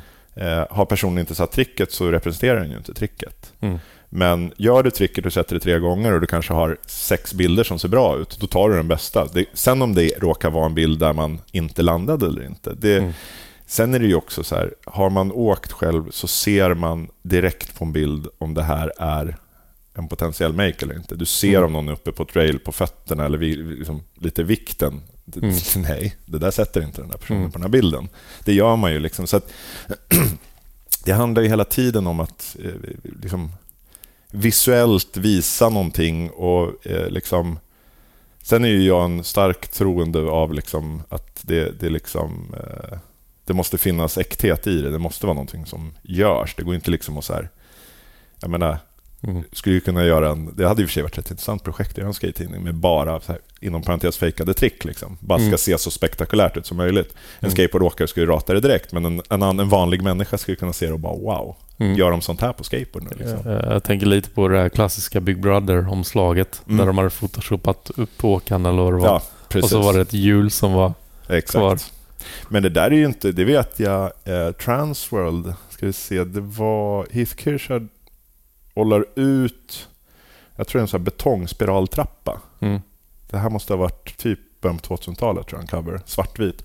Han håller ut och så är det ett träd lite snett bakom. Mm. Han håller ut. Och jag vet att det var Transworld hade någon sån här artikel just om så här photoshoppade covers eller vad det var. Och då Mm. var det bland annat den. Och då var det ju så här, då hade de tagit bort en filmare som satt i trät och filmade. Just det. Och sånt är inte ovanligt att man gör. Mm. Alltså det gör jag också ibland. Att jag tar, om jag tar en bild, jag vet att okej, men när vi jobbade med Sweet och Isak då, som filmade, vi, vi, vi satte ju ihop liksom. Mm. Allt som gjordes filmades och fotades samtidigt. Mm. Vi var ju tvungna att hitta sätt att liksom samarbeta. Det går ju inte att säga okej, men du får ta den här och jag tar nästa. Eller liksom. Mm. Så att där var det mycket att så här, var det fisheye så kunde vi ofta hitta vinklar där vi liksom och ibland lite på en fisheye-bild tycker inte jag gör så mycket. Men Mm. en telebild med mycket miljö och så här, kanske man inte vill ha en filmare som står mitt. Ja. Och det jag gjorde då var ofta att jag fotade, tog stativ. Sen kunde jag bara måla bort filmaren. ja, just liksom. det. Mm. Och det är så här, en del tycker det är så här, ja det får man absolut inte göra. Men Mm. i min värld så har det ingenting med tricket att göra överhuvudtaget. Liksom, utan det handlar om en visualis alltså, en vi Mm. visuell vision jag har, att hur jag vill att det ska se ut. Och Mm. Hade det varit under perfekta förhållanden så hade det inte varit en filmare Mm. från början där ändå. Liksom. Klassiken är ju sekvensen när man kör analogt, att man Ja. plockar en bild. Oj vad det har plockats. Oj, oj, oj. Och, Det och klassiken är att man ser en sekvens, det går någon i bakgrunden och sen försvinner, försvinner den. Ja. kommer tillbaka. Precis. Oj, oj, oj vad det har pusslats med framförallt den där analoga tiden. Alltså, det vet jag också, jag hörde, var, jag kommer inte ihåg vem som, som sa det, en amerikansk åkare som sa att han var och fotade med någon, eh, jag tror det var Blabak. Mm. Han satte varje så här rulle när de fotade sekvens, det här var ju på 90-talet. då. Bara ställde fram den så att åkaren skulle se. Dåligt, så här är en rulle som har gått åt nu. Inga bilder som jag kan använda. Så. Mm. Två rullar här. Tre rullar här. Fem rullar har det gått åt nu och du har fortfarande inte satt tricket. Mm. Fördelen är att vi behöver inte framkalla mer än en rulle om du vet att det är där allt sitter. Mm. Men Mm. det- är liksom, alla har sina approaches för att få folk att göra det. Jag har typ aldrig... Jag var inte så jag fotade analoga sekvenser. Jag har väl gjort det någon gång sådär, Mm. mest för skojs skull. Men ehm, där var ju digitala en skänk från ovan. Sen är ju jag inte så... För mig, jag tycker inte det är något kul att fota sekvenser. Nej, det det, blir- finns ingen, det fyller ingen funktion längre. Det, alltså det blir bevisföring. Mm. Det, titta här, att vi satte tricket. Mm. Och hur det är fotat är ofta sekundärt. Mm. Liksom. Och, nej, jag tycker Ja, då kan man lika eh, gärna se det på film. Jag kan tycka det är jävligt snyggt när man använder en bild men man fotar sekvensen med blixten istället så Mm. att den blir på stroboskop. Ja, men precis. Det är absolut. Och det går ju. Mattias ser ut som ett frågetecken. Flera gubbar i samma bild. Ja. Nu, nu, nu pratar ni bostniska, alltså, men du fortsätt tar- med det. Det är lugnt. Jag, jag kan... Ja. Du tar en bild, annat. du tar en bild, den är kanske slut, vet du? Fan nu kan inte jag prata. Vad fan heter det? Slutartid. Ja men vad heter den? Bländaren? Ja. Eller? Den är öppen i en sekund så att tricket hinner göras. Ja, det, då, Men det ska helst vara på kvällen och det ska vara mörkt och sen har man en blixt som man trycker på som Strompar. smattrar. jag ser det framför mig. Jag förstår exakt vad ni menar De blir faktiskt. lite genomskinliga. Ja, Så Ja. precis. precis. Det är fint. Men det går att göra. Det- Och sen är det också, det, det har jag gjort mestadels som har gjort sekvenser, det är ju att man tar ju en bild på tricket och sen Mm. som är ljussatt precis som jag vill ha den. Och sen Mm. kan jag ha en sekvens som är under. Om det är Mm. ett trick till exempel, man kanske gör en flip till en grind eller någonting sånt där, Mm. där man känner att ja, men det finns ett värde i att man kan, för, och, men det har ju också alltid varit, tycker jag, det som har varit kul, det är ju så här, de där tricken som inte ska gå att fota stillbild på. Mm. Att få en sån bild som också, där en, åk, liksom en, en skatare som ser bilden direkt, ja, jag ser precis vad det är för trick. Mm. Så- Fast det inte ska... Det är inte liksom, det är ett trick. Men jag tycker hardflip har ju börjat nu, det fotar man ju stillbilder på. Då. Men Mm. ett tag var det liksom, det var ingen som fotade stillbild på hardflip. Det var ju en sekven, ett sekvenstrick. Mm. Eh, Nu har man ju hittat en timing så att folk känner igen ungefär hur det ligger på en hardflip i Mm. liksom, fotad stillbild. Så att säga. Mm. Men jag, jag, tycker det, jag har alltid sett det som en utmaning, till exempel flippar till slides och grinds. Mm. Det tycker jag, det vill jag alltid fota en stillbild på. Mm. Jag vill få det i... Du ser flippen, du ser vad det kommer landa i. Du, Mm. du ser allting. Mm. Men det är fortfarande en stillbild. Du behöver inte åka upp, se hela rotationen, se hela landningen. Liksom. Men det är ju timing också. Och där var ju när man fått analogt en lite... Det var ju lite tuffare. Digitalt kan du se det. Okej, jag har den. Mm. Jag har den här bilden, det är lugnt. Så det jag gjorde ofta när jag fotade, eller nästan alltid när jag fotade eh, analogt, jag tittade ju aldrig i kameran. Mm. Jag hade den ju mer eller mindre på stativ med tele och fisheye är ju liksom, där riggar du upp den ungefär där du ska ha den. Liksom, och sen Mm. Men jag tittar alltid på åkaren, för då ser jag när blixten går. Mm. Och då ser jag, jag har tajmingen. Bra, vi har Mm. bilden. Jag vet att vi har bilden. Mm. Jag behöver inte vara orolig. Sen kan det ju vara lite små grejer sådär. Men det är också det där, är du digital då börjar du hänga upp dig på de där små grejerna. Mm. Är det en analog bild och du har fått en bra timing men visst, okej, fingret ser lite konstigt ut, tungan kanske sticker ut. Mm. Det är sekundärt. Liksom. Du har fått Mm. tricket. Mm. Men digitalt kan man kosta på sig att vara mycket noggrannare med sånt här. Mm. Så att, eh, ja, Jag tänker vad, lite på... Vad, vad, vad gillar du bäst? Eller har, har det kommit fram? analogt. Det är, Analogt. ja, alltså jag är ju uppvuxen analog och det är som jag, men som jag sa tidigare, det här med processen. Liksom att så här, Mm. Från att hitta en spot till att eh, komma fram till vilket trick med en åkare, liksom, framkalla. Och så under den tiden så bygger man upp en bild av hur det kommer se ut i sitt huvud. Den Mm. stämmer ju aldrig överens. Men det som händer är att du kan ju direkt gå in och säga fel, fel, fel, det där vill jag inte ska hända igen, det där vill jag inte göra om, de där fel, nej, det där var inget bra. De felen, eller vad säga, de, de sakerna du vill göra annorlunda till nästa gång kommer du göra annorlunda. Men du kommer ha hundra nya saker som du ser. Mm. Så att det är en ständigt liksom flytta fram hela tiden, så att säga. Så man- Analogt foto lite som vinylskivor, och så här som alltid går att finnas kvar, tror du? Eller? Jag tror, ja, på ett sätt. Jag tror att eh, analog, analog kommer aldrig, tror jag, det, är farligt ord att använda beroende på, vi vet Ja. inte hur världen ser ut om 50 år, men. Mm. jag tror inte att det kommer göra något återtåg rent kommersiellt, alltså yrkesmässigt. Om det inte finns ett, så här, en idé med att det ska fotas just analogt, en engångskamera något för att få den estetiken. Men till och med där idag så gör man ju mesta i efterbehandling i alla fall. Mm. Däremot så tror jag att, det vet jag jag dragit det exemplet förut, andra, just det här liksom när eh, vi fick bilen och hästen gick ifrån att vara ett arbetsredskap till att bli rekreation. Där någonstans tror jag vi kommer landa i analogt också. Att så här, det kommer finnas kvar, men det kommer vara liten skala. Vi ser redan nu, det finns inte alls så mycket film att välja på. Mm. Men det är lite så här, folk gör det för sin egen njutnings skull och inte för någon annans. Elegant jämförelse. Mm. Ja, det är inte min från början. Jag, jag, har, jag har snott den jämförelsen och applicerat den på mitt eget. Så. Riktigt plagiat. Men jag tycker det är en bra jämförelse när saker går från att vara... Eh, liksom, det har en eh, man säga, användningsområde i samhället och helt plötsligt bara ersätts det med något annat. Liksom. Posten med e-mails till exempel. Post kommer säkert finnas kvar, men det kommer kanske vara då att man, någon fyller år och man kostar på sig en handskriv. Alltså förstår du att det, liksom, det får ett Ja. annat värde. Vi är Mm. inte beroende av det, så vi kan Mm. använda det när vi, när vi ska ha det lite trevligt Mm. istället. Jag, jag, jag på... Kan du pausa Dennis bara? Eh, jag tänker lite på... Du fotar ju för Giftor, men jag för mig också att du har haft bilder publicerade i Kingpin. Mm. Och, eh, men hur... hur har, du- hade du någon tanke att det hade varit rätt coolt att bo i USA eh, och fota för Transworld eller Trasher eller någonting och ha en riktig karriär som... Och bli en sån husfotograf för någon av skate-tidningarna där. Någon gång har man väl säkert tidigt Mm. tänkt om tankarna, men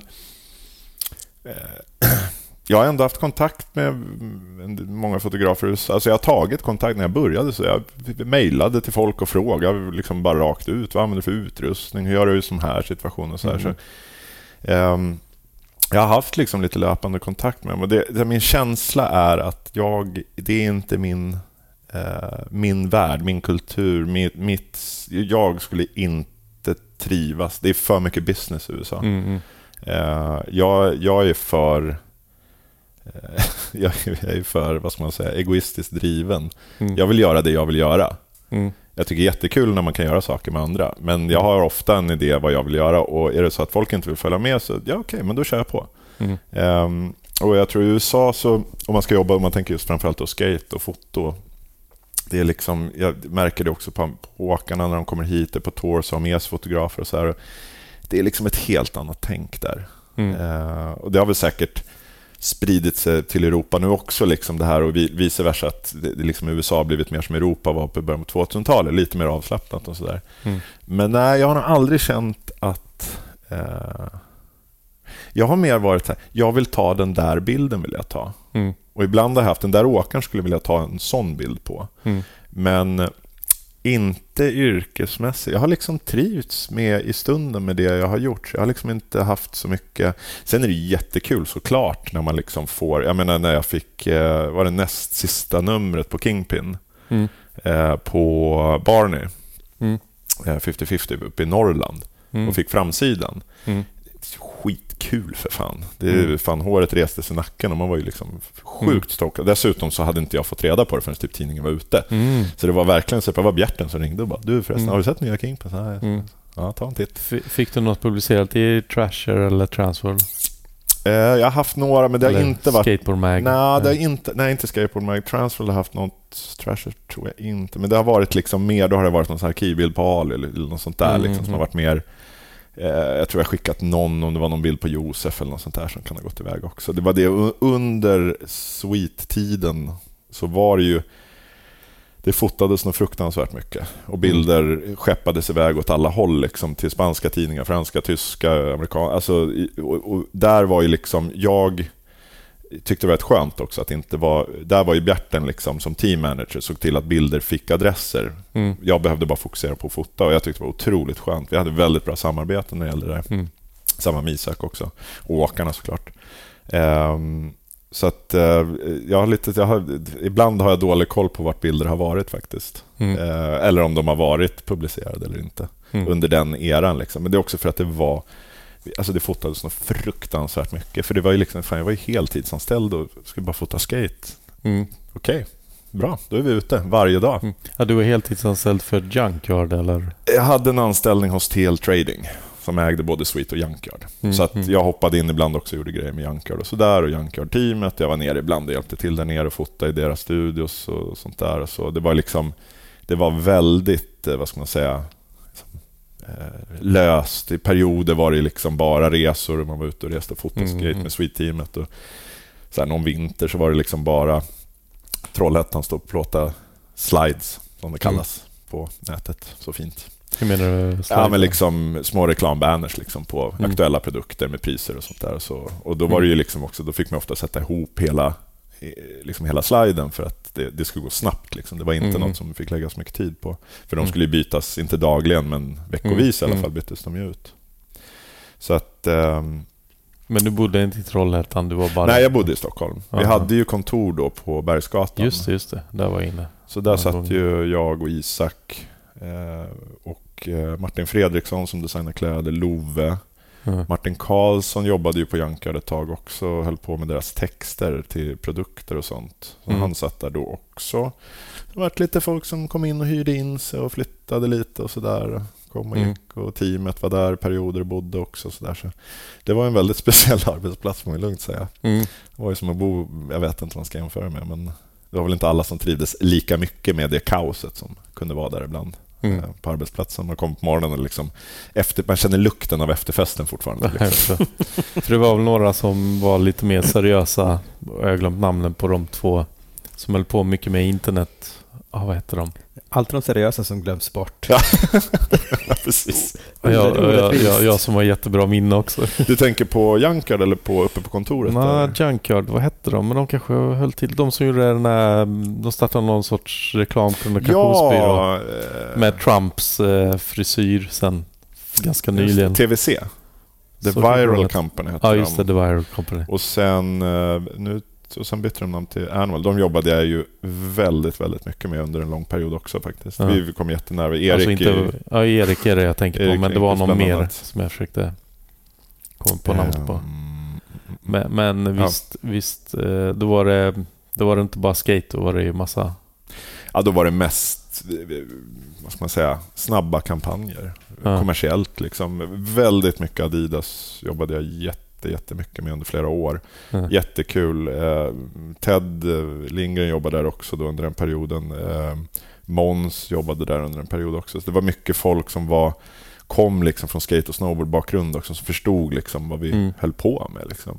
Mm. Ehm, Men även där jobbade jag väldigt mycket med deras running-del. Och det var ju Mm. liksom, det var det andra människor som Mm. hade med det och så. Men eh, just TVC där, Animal, då har vi gjort väldigt mycket ro. Och det, är också, det var samma där lite som i Giftorn. Det var sådär eh, det var liksom galna idéer som vi satte i verket på något Mm, sätt. Saker mm. som egentligen... Idag hade, vi kanske inte, hade man kanske skitit i det redan på idéstadiet. För, äh, det kommer kanske inte gå eller det är kanske inte Mm. någon som hänger på på det där. Och så. Men jag tror det har lite med ålder att göra också. Att man, men då var man 30 i alla fall. Man var liksom inte...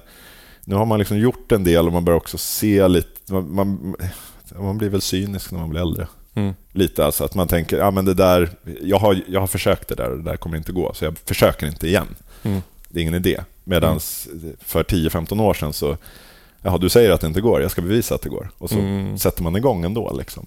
Mm. Man har pannben på ett annat sätt. Liksom. Mm. Nu man, man börjar bli mer bekväm i livet.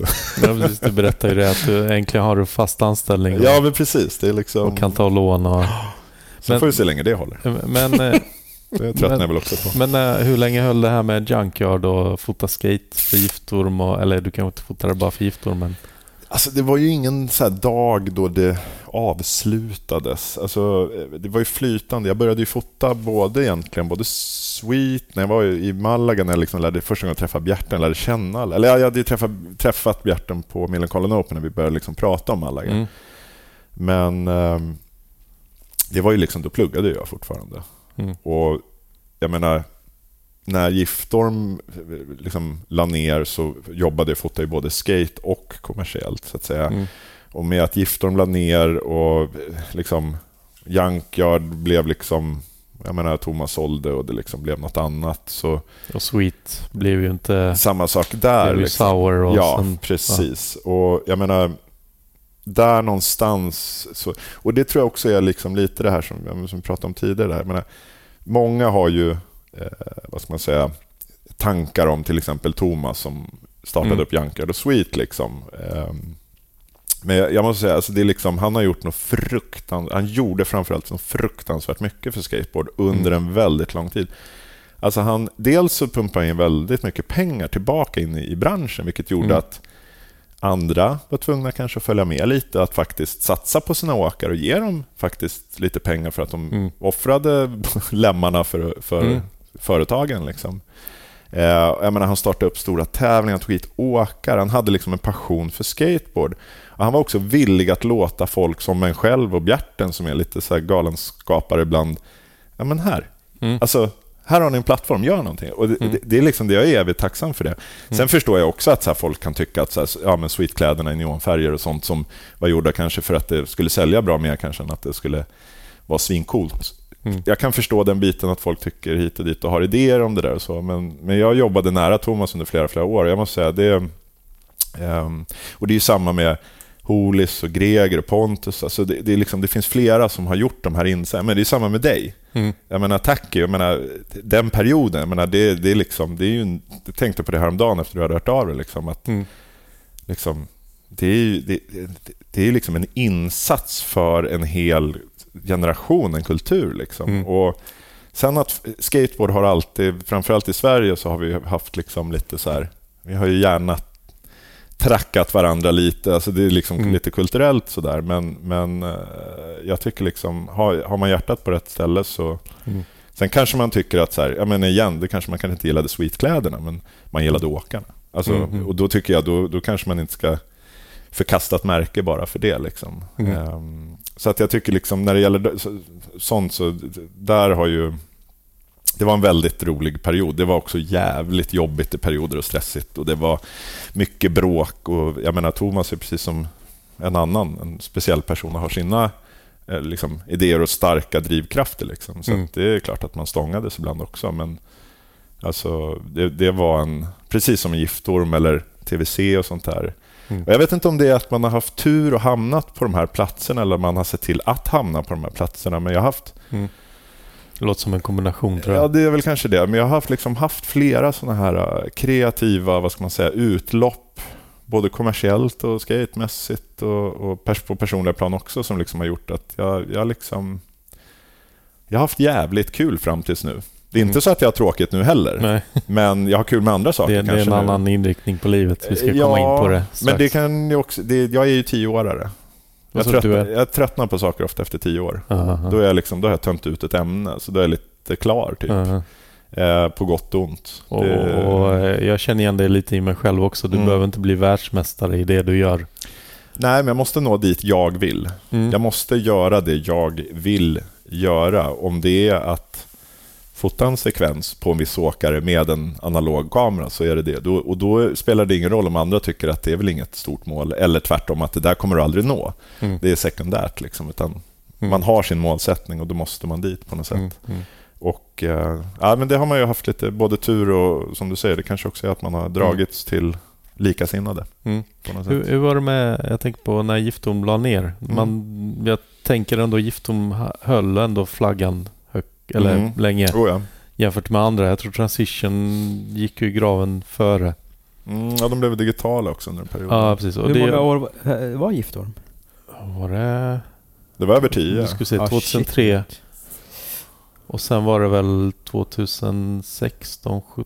Ja, när kan det ha varit? Är det fyra år sedan nu? Ja, men över tio i alla Ja fall. men säg Ja, 12, det är det. 12 13 år. var den. Ja. Ja. Kul. Men, men som jag tyckte var konstigt var att Transition bara försvann. Alltså det Mm. var inget sådär hej nu, nu lägger vi ner, nu kommer sista numret. försökte, nu- jag har dålig koll faktiskt, men gick inte de över till en...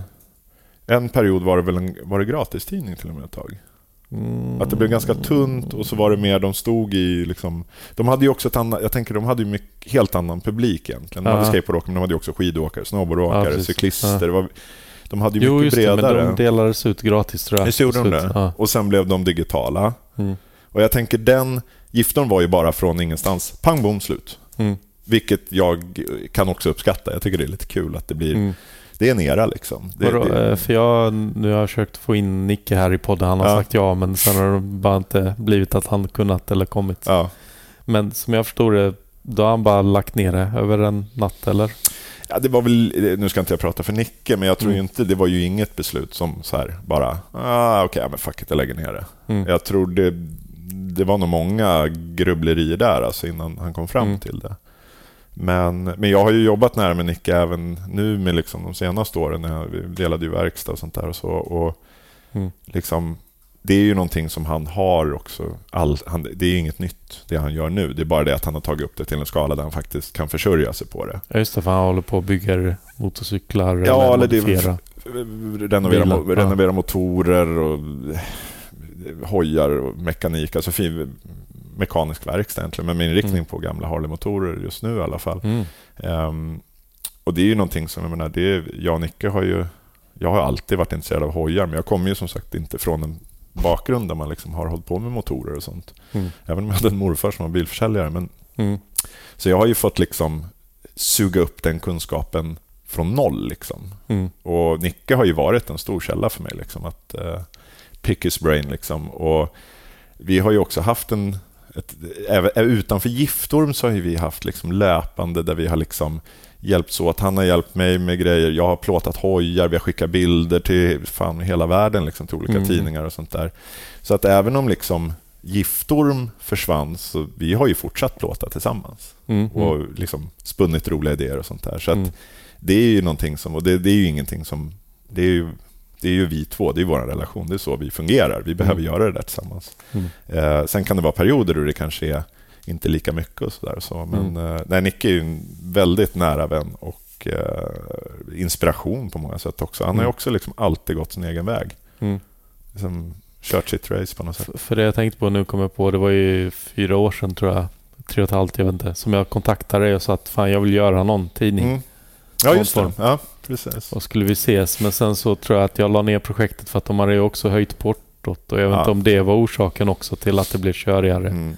Ja, det är ju svårt Det går inte att skicka alltså. ut tidningar längre. Eh, men vad skulle jag säga med det? Jo, just det, för då berättade du att du hade varit ute och fotat bilder, jag tror det var Orre. Mm. Du hade en hel intervju färdig med honom. Ja, just det. Så jag tänkte på, för dig var det kanske en överraskning eller? Ja, alltså Att det, det, det jag tänkte på... att det hände just där och då var väl inget jag var sådär jättemedveten om. Sen får man ju komma ihåg att sådär en intervju med Orre, det var ju inget som vi fotade på två veckor, utan det var ju, vi hade ju hållit på ganska länge. Liksom. Mm, Eh, så att eh, jag tror aldrig Nicke hade, när- vi pratade om och satte igång det, så var det ju aldrig Mm. fråga om att tidningen inte skulle finnas kvar. mm, Ehm, men jag har ju, jag, menar, jag och Nicke pratar ju löpande, så jag, jag har ju, jag hade väl det på känn också, att det var Mm. väl, förr eller senare kommer det väl landa i det. Ehm, men sen att det hände just där och då. Samtidigt så är det så här, ja, men då Mm. fick vi ut de bilderna digitalt istället och det fick en Mm. annan typ av spridning. Mm. Ehm, de, vem vet, den där, det, kanske hade Mm. försvunnit på ett annat sätt om det hade bara Ja. varit i tidningen. Alltså, Ja, jag förstår. Jag bara tänker på det man hade önskat, det är att, att det hade kommit ut ett sista nummer. ja, liksom en sån här stor avslutning. Liksom. Ja, Jag tänker nästan- Lite som ja. fansport, sista Ja. nummer. Jag tänker nästan tvärtom. Alltså. Jag tänker att eh, det, det, det var Giftorm också. Giftorm tog aldrig sig själv på så stort allvar. Mm. Giftorm var... Det, det, var tvung, det, humor var närvarande hela tiden på något Mm. sätt. Och jag tänker också att så här, det var inte riktigt Giftorm att ha en stor så här, avskedsfest och ett avskedsnummer Mm. och man var sentimental och tittade på gamla bilder och så. Även om jag skulle tycka det var skitkul Mm. så tänker jag någonstans också att så här, om man tänker hur Giftorm kommer minnas så tror jag att det där passar bättre bilden av Giftorm rent historiskt. Det, det blir mer mytomsbundet också när folk Mm. pratar om det i framtiden. Men varför? Och liksom, Mm. det, blir inte, det finns inte redan svar på alla frågorna på något sätt. Mm. Jag vet inte. Men jag tänker på du som ligger på mycket bilder och sånt. Har du funderat på att göra någon sorts fotobok? Jag gjorde ju en utställning ute i uh, Nynäshamns konsthall här för ett par år sedan. Vad är det? Det, ja, det är säkert fyra år sedan nu. Mm. Ehm, och det var ju lite av en så retrospektiv utställning. Där jag tror det var, ja, var nästan 500 bilder och jag hade nästan 1000 som jag började med. Jag började Ja, liksom ja. välja ut. Det var ju allt ifrån dokumentärt, porträtt, skatebilder, gammalt, nytt film, analogt, liksom digitalt och så här. Ehm, det, det, Just nu, nej. Jag kände någonstans, jag fick ett litet bokslut själv där. För det var mycket också, för det, det som hände var att jag fick sätta mig och scanna in alla bilder. Jag skannade om saker jag hade gjort tidigare. Mm. Eh, och då hittar man också saker. Just den där bilden var det ingen som... Och den kan man ju ha med nu. Alltså Mm. Man fick liksom återupptäcka lite också vad man hade gjort tidigare. Eh, så just nu är det väl inte så att jag känner någon så behov av det. Däremot, så jag, jag, någonstans kan jag också känna att så här, det är kanske någon annan som får göra det. Mm. Om det är någon som är intresserad så, och vill göra något med bilderna så... Men, men jag känner någonstans att just nu, jag just nu har inte det behovet riktigt. Mm. Eh, just nu så är jag ganska paus. Jag har liksom en liten digitalkamera med en liten glugg på som jag Mm. ibland tar några bilder med. Mest det mobil och sådär. Men Mm. eh, jag har kvar analog utrustning såklart och storformat och sånt där. Och jag har väl någon tanke om att eh, plocka upp och göra lite mer storformatsbilder och sånt i framtiden. Mm. Men just nu så är det liksom inget... Jag har för mycket annat som jag behöver och som jag vill Mm. bejaka på något sätt. Liksom. Så att, Mm. Men vem vet? Om Mm. 20 år kanske man sitter där och Mm. har- gjort någon jävla bok. om, det finns, om det ens finns böcker kvar vid den tiden. Eh, Ja, annars hoppas jag att jag är död. Ja. Ska vi inte prata om hundar nu? Hunden ja. Ja, just det. Ja. Nova. Mm. Jag, jag var ju lite så här förvirrad. Jag för mig också att det stod någon gång på Facebook. Du hade skapat ett konto med din hunds namn. Ja, Ja. Men alltså grejen är för att eh, jag skickade en, bara, Dennis bara spåna frågor. Jag bara, ja. Ja. vi ska prata om hans hund. Det, det, det, det, det jag fick. Och, och sen så, så, så, så, i, i morse så sitter jag när jag ska åka hit så här, med, med Victoria, min fru, och så jag bara second in chief eller in command på någonting hunddagis. Jag bara, fan Robin jobbar på hunddagis, det här kommer bli så jävla kul. Så jag bara, nej fan det är hans hund Det som har kontot. Jag kom på det snabbt sen. Precis, ja. det. Ja. Och det var någon gång när eh, hunden fyllde år men du skrev tack, det är inte jag som fyller år, det är Ja. hunden. Ungefär varje år. Och det, det, det, göra en lång historia kort. Eh, när jag jobbade med Sweet så skulle jag ju då bland annat kunna administrera deras Facebook-konto. Mm. Och jag var tvungen att ha ett konto. Nu kanske jag säger för mycket som blir bortplockat. Men eh, jag vill inte ha ett eget konto på Facebook. Eh, så jag gjorde ett för hunden. Mm. Så kunde jag administrera det Sweet-kontot. Mm. Mer eller mindre. Det var så det var. Det Mm. var liksom inte konstigt. Och jag kommer ihåg och tänkte, är, det här ett fejkkonto Ja. nu? Jag fattar ingenting Och då satte jag ju hennes födelsedags Mm. liksom, Ja, såklart. på kontot. Men problemet var ju att i och med att det var min hund och ibland lades det upp även andra saker, inte hundrelaterade så här voff voff inlägg liksom. Mm. Eh, så, började, så blev väl folk lite förvirrade och tänkte att det var bara jag, jag, jag. Så då får man ju här påminnelser att nu fyller Nova Nilsen år och då tror folk att det var jag. Så Mm. att det var ganska, det, det är fortfarande så här, så jag tror nu jag har tagit bort det, men det var flera år man sa just det, fan, just det, nej. och så blir det så jobbigt, pinsamt, folk säger åh grattis, vad kul. Så, nej, det var det inte jag. Men le, lever Nova och har hälsan? Vad sa du? Lever Nova? Nej, hon eh, dog för, vad blir det nu? Uff, är det tre år sedan? Uff, Mm. något sånt tror jag. Mm. Du har ingen Och- hund? Nej, inte just nu. Ehm, Du har ett hundintresse? Jag har jätteabstinens just nu över, över hund, men jag känner att jag orkar inte skaffa valp i Mm. stan. Eh, när jag skaffade Nova så bodde jag ute i Bromma, jag hade nära till park och sånt där. Var Liksom Mm. lite, jag hade en annan livssituation så att säga. Mm. Ehm, Samtidigt Men- nu under coronatider har det väl varit ganska höga priser och jobbigt att få tag i. Alltså den, det, det är sekundärt. Det är, Okej, ja. hu- Hund, det löser jag om jag, Ja, om jag vill ha ja. Det för mig har det varit mycket situationer. Liksom. Det är ju som att skaffa barn. Det är som man kan skaffa barn av egoistiska skäl. Mm. Eh, Det är det väl i princip alltid samma med hund. Men man kan ju också skaffa, men man kan ju också skaffa barn och tänka att man vill göra eh, liksom att det också ska vara bra för barnen. Mm. Om ni förstår skillnaden där. Liksom. Alltså det finns ju de som bara har jag vill ha ett barn, men de har inte tänkt så mycket på vad som komma skall. Sen har de en nanny åtta Ja, timmar om. det, Mm. precis. Ska vi ringa Madde igen och fråga? Eller hur? Nu är vi med barnfrågor. nu. Nej, men det, med hund blir det ju liksom, det är ju enklare att skaffa en hund än barn. Och det är många, alltså, min lillebror drev ju ett hunddagis under många år. Och Mm. Där var det ju jättemånga som kom med hundar som var, de bara, jag vet inte vad jag ska göra med hunden. Och Skaffa en bult här. Ja, men jag tyckte den såg cool ut. Mm. Och det är liksom det är så här, för fan 25-30 kilo studsboll liksom du har. Mm. Som är liksom, det, det, du, måste, det är liksom, du måste veta vad du gör när du har vissa hundar. Det är tuffare än andra att ha. Liksom. Det är ju bara så. Mm. Ehm, men så för mig just nu, så, så här, jag är ju inte sentimental och så, så att för mig är det så här, Nova levde, hon blev 14, levde världens bästa liv, bra. Mm.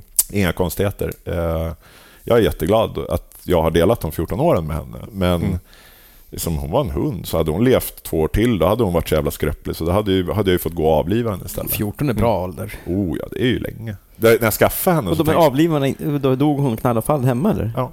Jaha, hon shit. fick eh, någon form av hjärnblödning och så Mm. akuten och så var det liksom. Ja. Det, var inte så, det var inte så mycket göra åt. Nej. Mm. Eh, vilket i sig såklart är Jag tycker det är värre med hundar som när det blir så utdraget. Och, Ja, ja. Mm. och sådär. Men fjol, jag, när jag skaffade henne så tänkte jag allt över tio år är bonusår. Mm. Så fyra bonusår, Ja. det var trevligt. Mm. Han Så- tänkte om det hade varit så med barn, vad hemskt. Fy, fyra bonusår där. De Allt blir, över tio. allt över tio bonus, ja. Det hade varit jätteskönt. Det hade Då hade blivit så, jag det hade blivit så många mer barn gjorda egentligen. Ja. Ja. Ja, frågan om det hade varit fler eller färre. Ja, jag menar om, om folk dör i snitt runt tio år. Svårt jag vet att inte hitta riktigt föräldrar. hur... hur ja. Matematiken liksom. Det blev en mindfuck-fråga nu känns det. Precis. Det är inte riktigt så mänskligheten funkar. Men så hund blir det. Eh, Mm. Men jag känner att jag behöver bo någon annanstans. Jag behöver ha lite andra förutsättningar. Och Mm. jag är inte... Jag, jag har ju någon... Så här, dels kennel skulle vara jättekul att starta. Men Mm. sen har jag ju någon så här våt dröm av att när jag blir gammal ska ha en gård dit så här hund... Hundstallet, vet ni vad det är?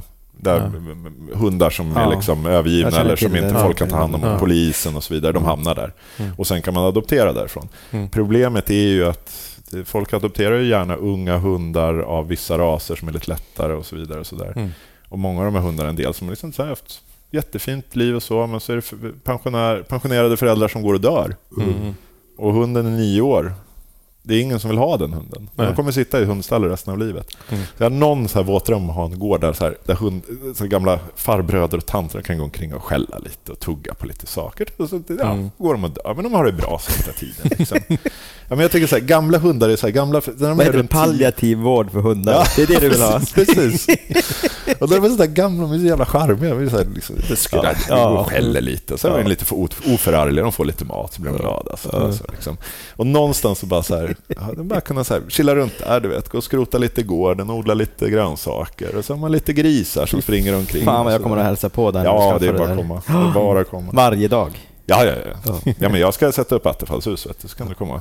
Ja. Flytta in, vet du. Inga Se om, se om jag vågar komma också. Vi Ja, pratade det. lite Ja, om det. det. Jag har ju hundskräck. Ja, jo, men det kommer jag... Ja. jag blev biten när jag var Precis. liten och faktiskt i, ja, när jag var tonåring Ja. också. ja, det gör inte Så- saken bättre. Två tillfällen. Nej, också. så det varit lite sådär. Alltså jag har inget emot... Men du kanske har eh, dålig approach mot hundar. Vad gör du? Ja, precis. Nej men, nej men grejen är att hundarna märker att jag Mm. inte vill Nej. klappa dem eller... Ja, de är ju känsliga för Och, och jag vill inte ge dem uppmärksamhet för att jag tror om jag ger dem uppmärksamhet så kommer de komma till mig. Om, Och då blir det en ond cirkel. om jag biter honom så kommer, det, kommer han att se mig. Ja, exakt. Så att Ja, men vi det, får väl ta lite hundterapi sen. Du får ja, komma ut och bo där i men, men, men jag ska också säga det att jag har faktiskt varit hundvakt. Alltså när jag lär känna en hund och Mm. så, så brukar det lugna. Det är mer om någon kommer in på kontoret Mm. och eh, har med sig en hund som inte Mm. jag känner. Då, just den första eller andra dagen kan jag tycka det är Det, jobbigt. det är ju fullt naturligt. Alltså. Ja. Ja. men det kan jag till och med göra. Alltså, även om jag, jag jobbade ju på hunddagis i flera år Mm. och kan väl ändå så känna att jag, jag, kan, jag kan läsa hundar rätt bra ändå. Så där. Mm. Men kommer in en hund som inte jag har träffat tidigare och, och, så, så är det klart att det, det, Mm. jag springer inte fram bara. Utan Mm. man läser av och, och känner av lite också hur den här Mm. hunden är. Jag menar, det kan ju, så Och jag menar, har man dessutom blivit biten, och det, Mm. det, är ju, det är ju en fullt normal. Reaktion, tänker jag. Sen, sen mitt hus i Brasilien, det är ju lite, vad ska man säga, en gammal fiskby. Så att det är ju liksom på landet. Det finns Ja. kossor som går lösa till och med. Och där är det ju hundar som jag inte riktigt förstått om de är helt hemlösa eller inte. Jag tror inte det, utan jag tror de tillhör de olika husägarna. Ja. Men de får springa runt Ja, hur de vill. Och det tog mig ett tag för att i början så var jag sådär shit, de bara skäller på mig och kommer fram och springer liksom ute, utanför huset. Jag bara wow, det här är läskigt med lösspringande hundar. Men sen har jag förstått att fan, det är ju samma hundar för jag börjar känna igen dem. Mm. Och de slutar skälla på mig efter ett tag. Så Ja, de känner igen dig. för jag tänkte shit vad bra, det här är ju egentligen hundar som jag tror tillhör de olika Mm. ja, familjerna som bor här. Och sen varje gång det skäller då vet man att det är någon okänd som Mm. kommer. Precis. Så att jag uppskattar ju faktiskt hundarna för Brasilien känns ju ändå lite mer sketchy än Ja, det är klart. Det en, lite, en, en Högdal höll jag på att säga. Jag vet inte, det är på samma lite mer nivå. där. befogat med vakthundar kanske. Men eh, vad ska jag säga? Vi eh, var inne på det där, eh, ja, var du bor. Eller Mm. jag tänkte på, det känns nästan som att du bor på gymmet när man kollar dina stories. I alla fall för Ja. några månader sedan så var det ju och jag bara shit, vem, vem är det här? Jag känner inte igen det. Jo, det, mm, jag kom väl till en punkt. Jag vet att vi var i Finland och skulle spela på en festival. Mm, spela... Dock, dockteater. Ja. Och på, jag har ju problem med ryggen, med knäna såklart. Då. Mm. Ehm, och jag får ryggskott typ på båten över. Mm, Och jag inser liksom att så här, fan, ja, okej, jag, jag, får, jag får liksom eh, svika mig själv eller så får jag svika festivalen. mm, Ändå så spelar jag inte. Då spelar vi ingen på festivalen. Det var hit helt i onödan och vi var liksom ett av affischnamnen och lite sådär. Så, att, mm. så det, det slutade ju med att jag svek mig själv. Jag spelade och jag stod i ställningar som var nog fruktansvärt eh, dåliga för ryggen. Var det en dockteaterfestival? Ja, Ja. en liten en kompis till farsan som har Mm. varit här och jobbat mycket i Sverige som bor i, utanför, eh, om det är Helsingfors eller vad det är. Ehm, Så det är ingen jättefestival sådär. Och det var därför blev det också sådär, det var liksom, jag känner dem, det är så intimt. Det känns liksom trist. Mm. Så att, eh, ja, men jag spelade klart det där när jag kom hem så var jag så jävligt dålig i ryggen. Mm. Och någonstans insåg jag liksom att så här, den här vikten som jag bär på, jag vägde nog närmare 145 kilo då. Mm. Rakt av alltså. Det är ingen snack om saken. Mm. Eh, och jag insåg någonstans att så här, du, måste, du måste göra något åt det här. För det här är... Eh, jag hade nått någon slags... Det är ju så när man går upp i vikt också. Du äter och till slut så har dina kalorier, du har landat på en vikten som ditt intag underhåller. Liksom. Mm. Och för mig var det väl runt 145 liksom, kilo. Mm. Ehm, men du måste göra något åt det här. Du kan liksom inte... menar, dina organ, du kommer liksom... Menar, lever, hjärta, fan allting. Liksom, blodtryck och sånt där. Och jag mådde inte bra. Jag, var liksom, jag hade precis slutat på Hantverksakademin. Hade haft ett slutprojekt parallellt med den här festivalen, ryggskott. Allting bara var bara så här, fan, jag, jag, fan håller jag på med liksom? Hur länge sedan var det här? Två år sedan eller? Eh, Det är... eh, I somras var det två år sedan. Ja. Eh, Jag tror juni eller något sånt där. Och för, då... för att ja, få något så här begrepp, du är, Mm. vad sa du, du är 1,90? 1,96. Vad, vad är din liksom perfekta vikt? Ja, det beror på hur mycket Alltså- mus- muskler man har. Jo, jo, men, men ungefär. Du Men väger alltså, 145 sa eh, du. Man kan säga så här, Vad skulle du väga egentligen? 90 eller? alltså, just nu ligger jag väl runt mellan 94 och 98 lite beroende på Ja. kosten, vart jag liksom... ja, nu har det varit jävla, som... jävla skillnad alltså. Ja, så jag var nere på 90, så jag gick ner i alla I fall. att jag är tre äpplen hög, så för mig är det 55 svårt att relatera till liksom. Ja, Ja. ja, precis. Det är ju det får man komma ihåg också, att den där vikten är ju också i i förhållande till längden. Så att hade du Hade jag vägt mycket- 145 kilo så hade jag varit död. Ja, precis. Det är, liksom, det är ju bara så. Dina knän hade vikt sig Ja. också. Och, och 90 kilo är rätt mycket för dig? Eller? 90 kilo också ja. Ja, det Ja. väger inte tack och lov heller. Nej. Nej. Och det är liksom, då är jag smalare än vad jag är nu. Liksom. Då, är jag tan, då känner jag mig tanig. Liksom. Ja. Så att, eh, men det jag gjorde, det, alltså, det var några saker, några aspekter. Ett, det var, du klagar alltid på att tiden går. Ja, nu har det gått en vecka till liksom, på något sätt. Fan vad tiden går. Ja, men Mm. fan, gör någonting under veckan. Jag menar, rätt när det har gått ett halvår så har du gjort något. Då har det hänt något. Mm. Eh, så jag gick ner och bara satte mig upp. Så jag, sa, det spelar ingen roll hur mycket du sitter, bara gå ner på gymmet varje dag. Sätt Mm. dig på den här jävla cykeln. Liksom. Det här var bara rent så här.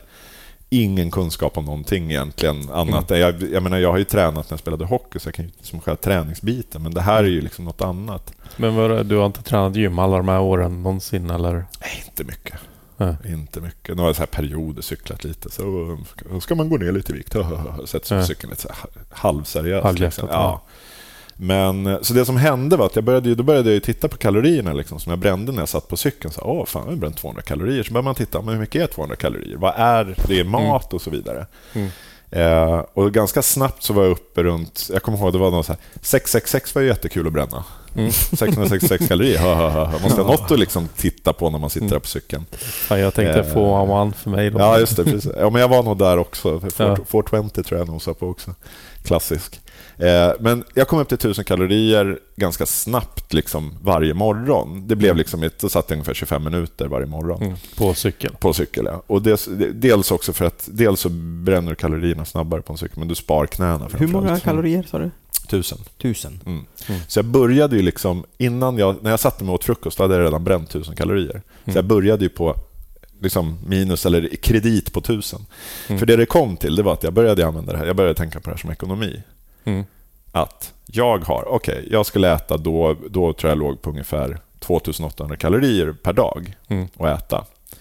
Det var, min, det var så mycket jag hade att göra av med på dagen. Då ville jag inte Mm. bränna 2800 kalorier på en hamburgare. Mm. Utan precis som i vardagsekonomin, jag vill ju Mm. sprida ut, jag måste betala hyra, el och så vidare. Har, har du någon app som du Nej, jag har bara Mm. kört. i huvudet Ja. eller? Wow. Kollat på, läst på nätet och det är igen, jag blir manisk. Mm. Jag har liksom, No jag, jag menar, jag gick ju in i det här med hull och hår. Jag valde Mm. att jobba halvtid för att kunna underhålla det här. Liksom. Men då var det ekonomin, blev ju liksom att jag började räkna då. Så att, ja, men jag tjänar 1000 kalorier, Mm. Då har jag ju 1000 kalorier kredit och så har Mm. jag de här kalorierna jag kan göra av med under dagen. Mm. Men sen kommer jag också till en punkt där man börjar titta också. Jag kan ju också låna. Jag menar, vet jag att jag ska gå ut och ta en AW med en kompis på fredagen, Mm. då kan jag låna några kalorier därifrån till nästa dag och så vidare. Så jag började liksom Mm. se varje kalori som en krona ungefär. Mm. Och desto mer jag satt och cyklade, desto mer pengar tjänade jag ju. Mm. Och desto mer kunde jag göra av med på roliga saker. Mm. Så där blev liksom något väldigt lätt sätt för mig att förhålla mig till det här med kalorier och kost och sådär. Sen är det ju också när man sitter så där mycket så blir det också, vill man ju inte bränna det på skit liksom. Mm. Vill man ju börja täcka in, ja men vänta nu så här. Ja men kosten då, det är också en aspekt. Och då börjar man inse hur mycket snabbare man går ner i vikt Mm. av att eller hur mycket lättare det är att inte äta 1000 kalorier än det är Mm. att bränna 1000 kalorier. Mm. Det är stor skillnad där. Liksom. Jag Mm. menar, du bara väljer att inte käka den där chipspåsen på fredagen så har du Mm. behöver du inte gå till cykeln. jag hade en rumskompis här ett par år och eh, han gick upp i vikt Ja. där. L- Jag tror han fick problem med ryggen också. Ja. Sådär. Så han bara, nej nu måste jag ta tag i det och träna. Så han frågade mig, vad finns det här runt i Ja. Högdalen? Jag bara, "Ja, men det, du har ju simhall och sånt. Ja, simma ska jag göra. Ja.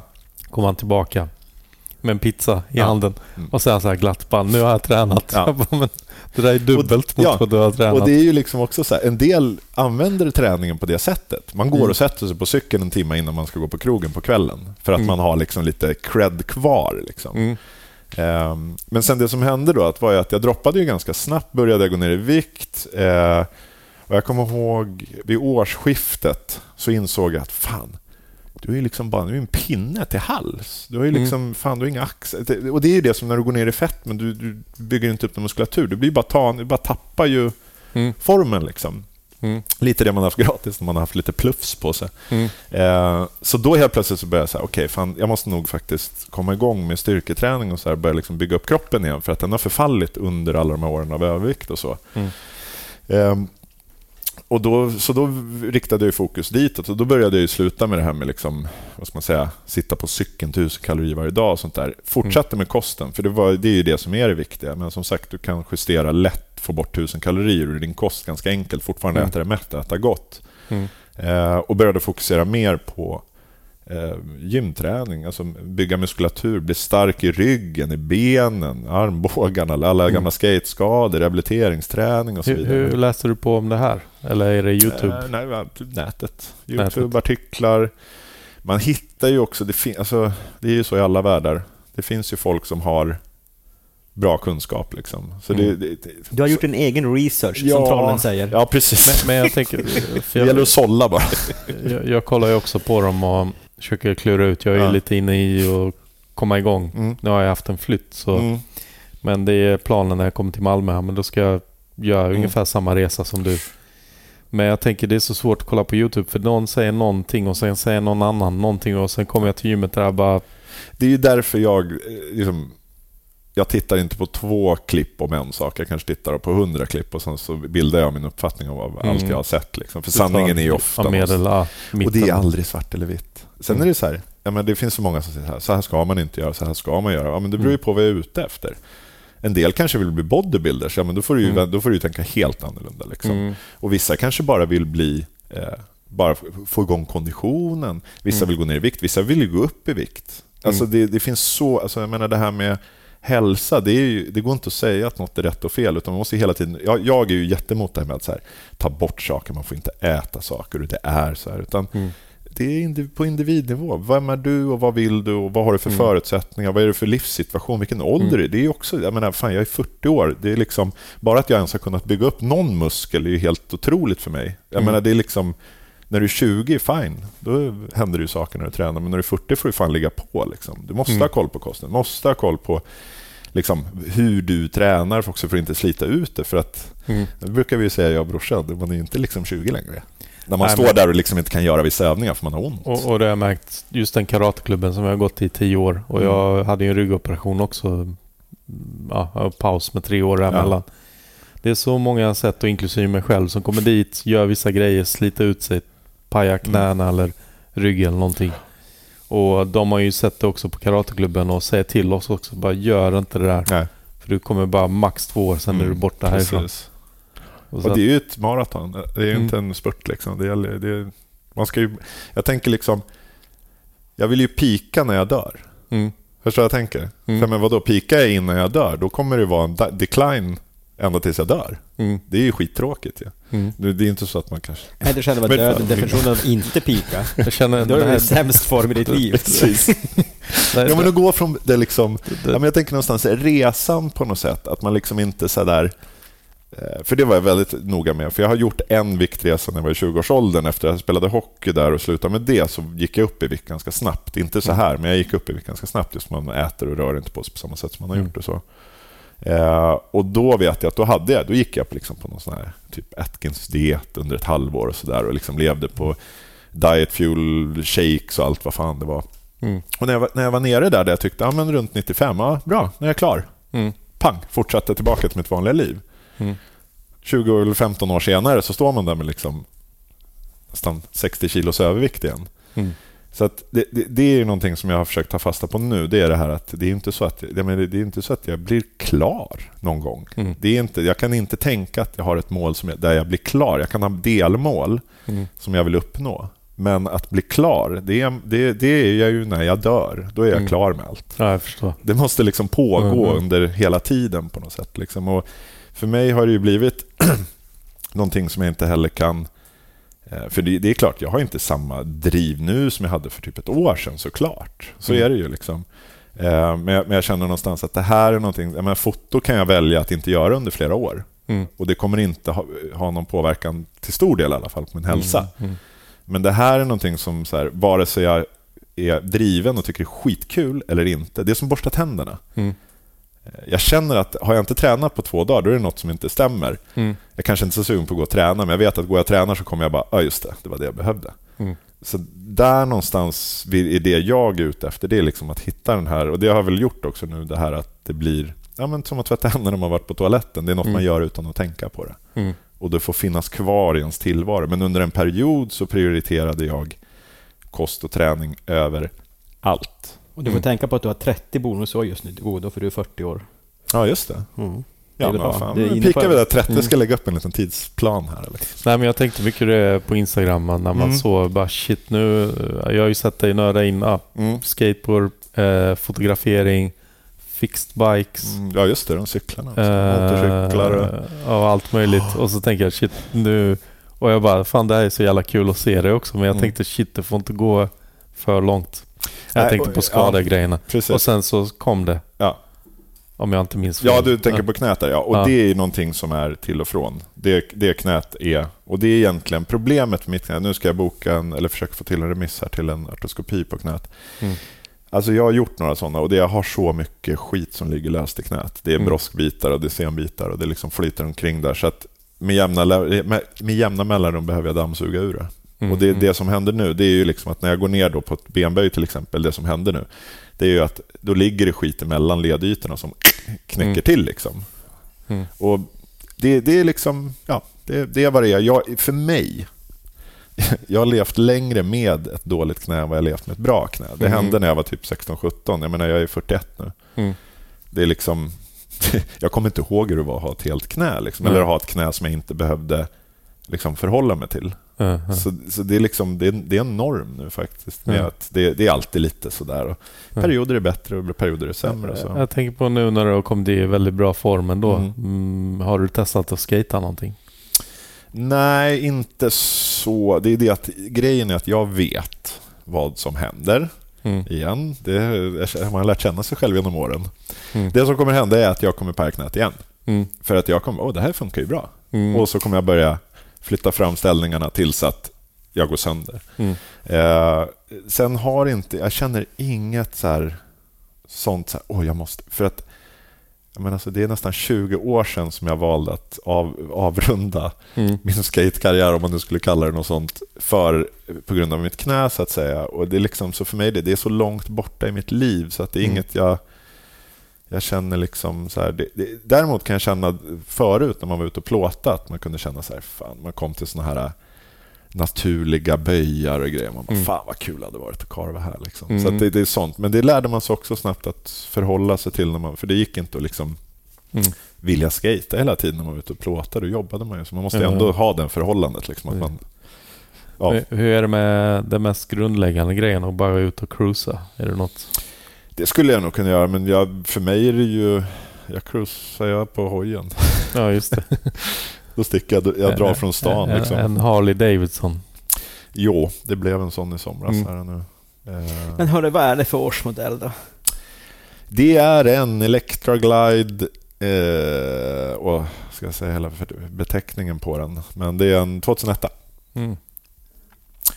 Classic Ultra eh, vad- Är, är du sugen Mattias? Nej. Nej men det är också så här, det, jag står på baksidan och skruvar på den här. Du vet, folk går ju förbi och bara suckar och bara kliar sig. Fan, fan. Jag tycker liksom synd om mig. Mm. Och liksom så här, för att de, de, de skulle bara få huvudvärk av det. Och jag är så här, nej men det här är min semester. Jag köpte den här Mm. hojen för att jag inte kunde åka någonstans i somras. Mm. Så då köpte jag en hoj som jag kunde skruva på istället. Mm. Som semesternöje. Det är ju för vi, vi, många är ju det liksom fel väg Mm. liksom, att gå. Men det, ja, så man är ju lite olika där. Så, men jag har många grannar som tittar ut Mm. genom fönstret. Åh, fan, fan, är du inte klar snart? ja. Jag blir aldrig färdig. Nej. Ah, vad fan vad när jag jobbigt. blir- när jag blir klar så monterar jag ner den igen. Ja, precis. Men då säljer jag den. Det är ju så. Men jag har ju sällan hojar mer än ett år, så är jag klar. Men jag vill fan Mm. sälja skiten. Börja bygga på något nytt. Men det, det är inga planer av att gå med i någon MC-klubb? Nej, fy fan. Jag måste säga, det, det, är det någon... Alltså jag menar inte en sån Nej, jag förstår, jag Hells förstår. Angels, utan Nej, men det, det är någonting med... Det finns en kultur i motorcykelvärlden som jag, jag har lite svårt för. Det är just det här, det här att eh, det ska vara tufft, det, det är nitar, det är dödskall. Alltså det är någonstans... Man, man vill skylta med något man inte är. För de Mm. flesta som är så, de jobbar som jurister och har kostym Mm, på mm. veckorna. Så här. Det blir så, jag vet inte, alltså svårt för det där. Jag är liksom... Du som en riktig outlaw känner att det inte är riktigt. jag, jag är så här är jag. Jag skulle, inte, jag skulle tycka det var rätt skönt om ingen visste att jag körde hoj ens. mm. Och en såg mig. Jag älskar att köra själv. Jag får Ska- åka ska- dit jag ska, vill. Ska vi, ska vi editera om det här också? Precis, där borta. Kör inte det körs motorcykel. Nej, men liksom, det, det för mig är det ju liksom, jag, igen, det är samma som vi pratade om med foto. Liksom. Jag har en idé, ett fokus med vad jag vill göra och vill folk Mm. följa med och vara med så är det jättekul. Men det är Mm. liksom, för mig är det, jag har något som jag behöver göra och det, det andra är sekundärt. Liksom. Och Mm. Som är det så här, jag älskar att skruva, jag älskar att bygga, jag älskar att svetsa, jag älskar att slipa. Fan, det, det, tråkiga saker till och med är roliga. Liksom. Mm. Men jag har inget intresse av att till exempel bygga en hoj för att andra ska se den ens. Mm. Det är kul om någon ser den och uppskattar, men det är liksom för mig det, det, är liksom, det är inte därför jag gör det. Och jag tänker, det är samma sak med de här attributen som många som kör hoj ska hålla på med. Liksom. Mm. Ehm, sen, sen är det ju så här, en ny generation får man väl säga också, så tycker jag i alla fall, jag ser, eh, ser det i alla fall, att det liksom börjar komma yngre som har inte kommer från den världen riktigt. Mm. De har inte den kulturen i sig att det ska vara tufft och hårt. Utan det, det är liksom, de är intresserade, Mm. precis som skatare är intresserade av att skata. Inte att folk ska se att du är en skatare. Mm. Det var ju, jag menar, Så- på så- 90-talet var ju det liksom till och med Och, lite och, och fult. så där känns det inom skateboard idag också. Jag tänkte faktiskt det är en fråga vi brukar ha med. Hur tycker du skateboardscenen är idag jämfört med Mm. Mm. förr? Och jag vet inte hur mycket du har koll på den eller om du har varit i parkerna senaste tiden. Alltså, jag följer den väl med ett eh, litet getöga sådär. Ehm, men jag tycker det, det, skateboard idag är så, det är så otroligt stort. Så att Mm. jag tycker liksom, man kan inte säga att något är fel. Jag tycker liksom allt får plats idag. Mm. Det, är liksom, det får till och med plats med liksom så här, jag menar, lite kommersiella kopior nästan. Alltså, Mm. det, jag, har inte så, jag, tycker, jag vet folk är lite OS och det är lite de här X-games och det är Mm. stort. Jag vet jag har haft diskussioner med många om det där. Jag tänker, liksom, det är lite så, jag tänker det är som med film och musik. Jag menar, du har undergroundmusik, du har Mm. popmusik som bara är gjord för att tjäna pengar. Du har Mm. rockmusik som är liksom livemusik. Alltså jazz. Alltså det, det liksom, och det är samma med skateboard. har ju Mm. blivit... Jag menar, som sagt, på 90-talet var det ju alla såg ungefär likadana ut, gjorde Mm. ungefär samma trick och skatade samma spots ungefär. Mm. Idag är det så liksom, jag menar, det är vem som helst kan vara en skate. Men tittar jag på The Barracks eller om jag kollar på sociala så är det liksom, jag skulle ju aldrig kunna säga att det var en skatare förrän jag såg dem skata. Mm. Det är en, en ung människa idag bara. Mm. Det är liksom inte en, de här... På OS hade de ju så här Stefan Edberg-kläder visade. Ja, Amerikaner det. tror jag. Det var, vad fan- vad har de på Ja. sig? Och brasilianarna hade också någon sån här... Ja, Ja, Ja, men jag tror amerikanerna var, var liksom Ja, de hade väl en hel dräkt. värst inom citattecken liksom. Men, Mm. men jag tycker det var, jag, jag följde det, jag började titta sen fastnade jag. Tyckte, Ja. jag, jag tycker det var askul. Alltså jag Alltså, kan ju jag- säga att de sista dagarna här bara nu så har jag varit lite lite uppladdad tycker jag på olika kanaler och sånt där. Så jag, jag har suttit och kollat lite så här gamla X-games, eh, Cross, BMX, Big Jump och lite såna Mm. grejer. Och det är så här, jag, har inte så bra koll på vad de gör, men det, är- det är ju underhållande. Det är ju spektakulärt. Mm. Fan, flyger ju... Jag menar, när, när jag var 20 hade jag inte tittat på det av rena principskäl. Nej, Mm. Fuck that liksom. Ja. Det är inte skateboard. Jag Nej. tänker aldrig ge dem det. exakt. Och idag är det så här, fan det är ju skitkul att sitta och kolla när de flyger och så är det någon som slammar och man säger, oj, fan, Mm. nu Men jag det." tycker att det var en till, eh, kanske var det en egen till och med eleganta jämförelse nu, du sa att, det, att skateboard har blivit att det finns liksom underground Mm. och kommersiellt och allting kan samsas ihop. Ja, Eller ja, åtminstone ja, samsas på ett Ja, sätt. det liksom- det existerar sida det finns sida. plats, ja, Ja. samexisterar. Ja. Det är liksom, Mm. ena behöver inte utesluta det andra. Det behöver inte vara på ett Det finns, sätt. det finns fortfarande Dwayne Peters bland alla Naya Ja. Houston. Ja. Mm. Precis. Men, men såg du någonting av OS i skateboard? Nej, jag såg ingenting av... Eller jag såg i, efterhand Mm. lite grejer. Men jag såg ingenting, och det här kommer jag väl få skit för, men jag såg inte en sekund av... Vad var det fotbolls-EM nu? Eller var det v, VM? EM, EM, ja du ja. ser. Inte en sekund. Sverige vann ju, missade du det? Ja, åh fan. Ja. Grattis Sverige. Så, och inte en sekund live av OS heller. Jag vet faktiskt inte varför, men det, Det var mitt i natten kanske. Dels mitt i natten, Ja. Jag, vet inte. Jag, men fan, jag, jag, alltså jag är ju sån här morgonmänniska. Jag går ju upp vid halv fem på morgnarna. Mm. Så jag, Då var det i och för sig fin- Ja, OS. det är det jag finns- tänker. Jag det borde finns, kunna gått upp och eh, titta en sån här på det. funktion på internet som man kan kolla i efterhand. Ja. eh, Mm. Faktiskt, som det. jag gjorde, för jag kollade inte mitt i natten heller. Men det var inte så lätt att hitta på internet. Alltså, Ja, och sen var det lite princip, jag blev så jävla förbannad också att man var tvungen att ha massa jävla... Vad var, vad var det, OS och... Discovery Plus. Ja, det var... Bara, Det hade jag redan, så det det är därför jag kollade. Annars hade jag inte gjort jag, tror, Ja, nej men precis. jag tror du skulle säga jag var så förbannad för de var tvungna att ha med en massa tjejer. Ja. Nej, vad fan. Och det där typ- slutade vi. Det var ju Det var nästan... Ja, precis. Tack! Nej, det var ju, fan, det var ju nästan... skateboard? eh, Liksom, ja, det såg jag faktiskt mest av, måste jag säga, Mm. när jag kollade efterhand. Mm. Eh, Den, Den ena bättre än den andra. Den de, ena... de, bättre än den andra. De, alltså, de Ja, de är, bra. de är ju hur grymma som helst. jag har Alltså, ju det- liksom varit under en sten i så många år. Mm. Jag tänker såhär Elisa Steamer och vilka var det mer? Det, Ja, var, det var två, tre tjejer. Nu, nu var det såhär, vänta, det det här är en sextonde tjejen som gör en kickflip K-grind Ja. på en handrail. Jag bara okej. Ja, men den här, vad heter hon, brasilianskan? Ja. Ja, det, det är helt Eh, sinnes. Hon, är, hon är ju min idol. Hon är Ja. den som jag bara... Jag är så Hon är glad att, så grym alltså. att hon har fått komma fram i OS i skateboard. För jag, det var så lustigt, för jag såg nu för, jag tror det var igår eller någonting, jag snubblade in på Facebook så fick jag sådana minnen. Mm. Och då var det ett klipp jag hade delat på henne när hon skulle göra kickflip ut från två trappan. Hon hade fortfarande, hon brukade köra med såna här... Eh, brukar- ja, precis, med lite trollspö liksom. Ja, krona och sånt där. ja. Men jag, jag, jag fick faktiskt höra häromdagen bakgrundsstoryn till den. Hon har haft eh, maskerad i skolan. Ah, okay. Och sen när hon kommer tillbaka från skolan så hon bara ja, men jag vill skata nu, jag orkar ja, inte byta orkar om. byta om det. Och där hade hennes mamma bara filmat där, för hon tyckte det såg Ja. så roligt ut. Och sen la ju Tony Hawk upp det och Ja, rest och is rest is history. history. Mm. Det, snackade om det, det var ju det som var så kul när det där kom nu liksom. Mm. Också när man så här, man bara, just det, fan. ja. Det är bara några år sedan liksom. Och Ja, och, snacka och, om och, ha gjort en hon resa. pratar, jag följer henne på Instagram Mm. också och hon pratar ju fortfarande med en ganska späd röst. Mm. Ja, Hur gammal är hon? Sex? 13, 13. Så att det är det, och, och Sjukt. sättet hon skejtar också. Jag, jag, jag vet inte om det har funnits många killar som varit mycket bättre än henne i hennes ålder. Alltså nu pratar jag Ja. inte 13 men Nej, nej, men när hon var 8 Mm. liksom och sådär. Nu kommer det ju såklart men Jo. det är... Och det är också sånt där, det, det, det, man kollade de här X-games som är som så här, Mm. det var någon liten 12-åring som liksom, fan, gjorde han 900 eller 1080 eller någonting i värtan. Man bara liksom så här. Och då inser man också, det där kommer inte du kunna göra om två år. Ja. Det är nu. För du är tillräckligt lik den och kan rotera det där också. Liksom. Så det gäller ju också, tänker jag, vissa av de här typerna av... Ja, men det är Alltså- som gymnaster. Jag, jag tycker fortfarande att Tony Hawk med sina 1,95 Ja, eller vad är att han gjorde 900 är ju större. pl- Ja, ja, Och ja. inte bara det, utan hans jävla fläskiga stora 48 till skor som han har. Han är samma storlek typ som Shaquille O'Neal i Ja. skos. Och då ser man den där rotationen, hur Alltså- jävla kämpigt det är. Liksom. Det är inte någon så här Det låter- flowa liksom. Ja. Alltså, när, när, när, när, när, jag var, när han var i Linköping för 10 år sedan eller vad det var, han satte 900 där också. Ja. Men jag kommer ihåg när jag såg när han skulle droppa in. Jag var fan, hans fötter sticker ju ut Ja. mycket mer än vad de gör när jag har min freestylebräda. Liksom. Han måste ju vara glad över den här, de börjar köra jätte, de här riktigt stora värtramperna. De börjar köra liksom en sån här typ, alltså, snudd på snowboardbrädor med liksom Mm. sjukt breda Mega truckar och grejer. Liksom. Ja.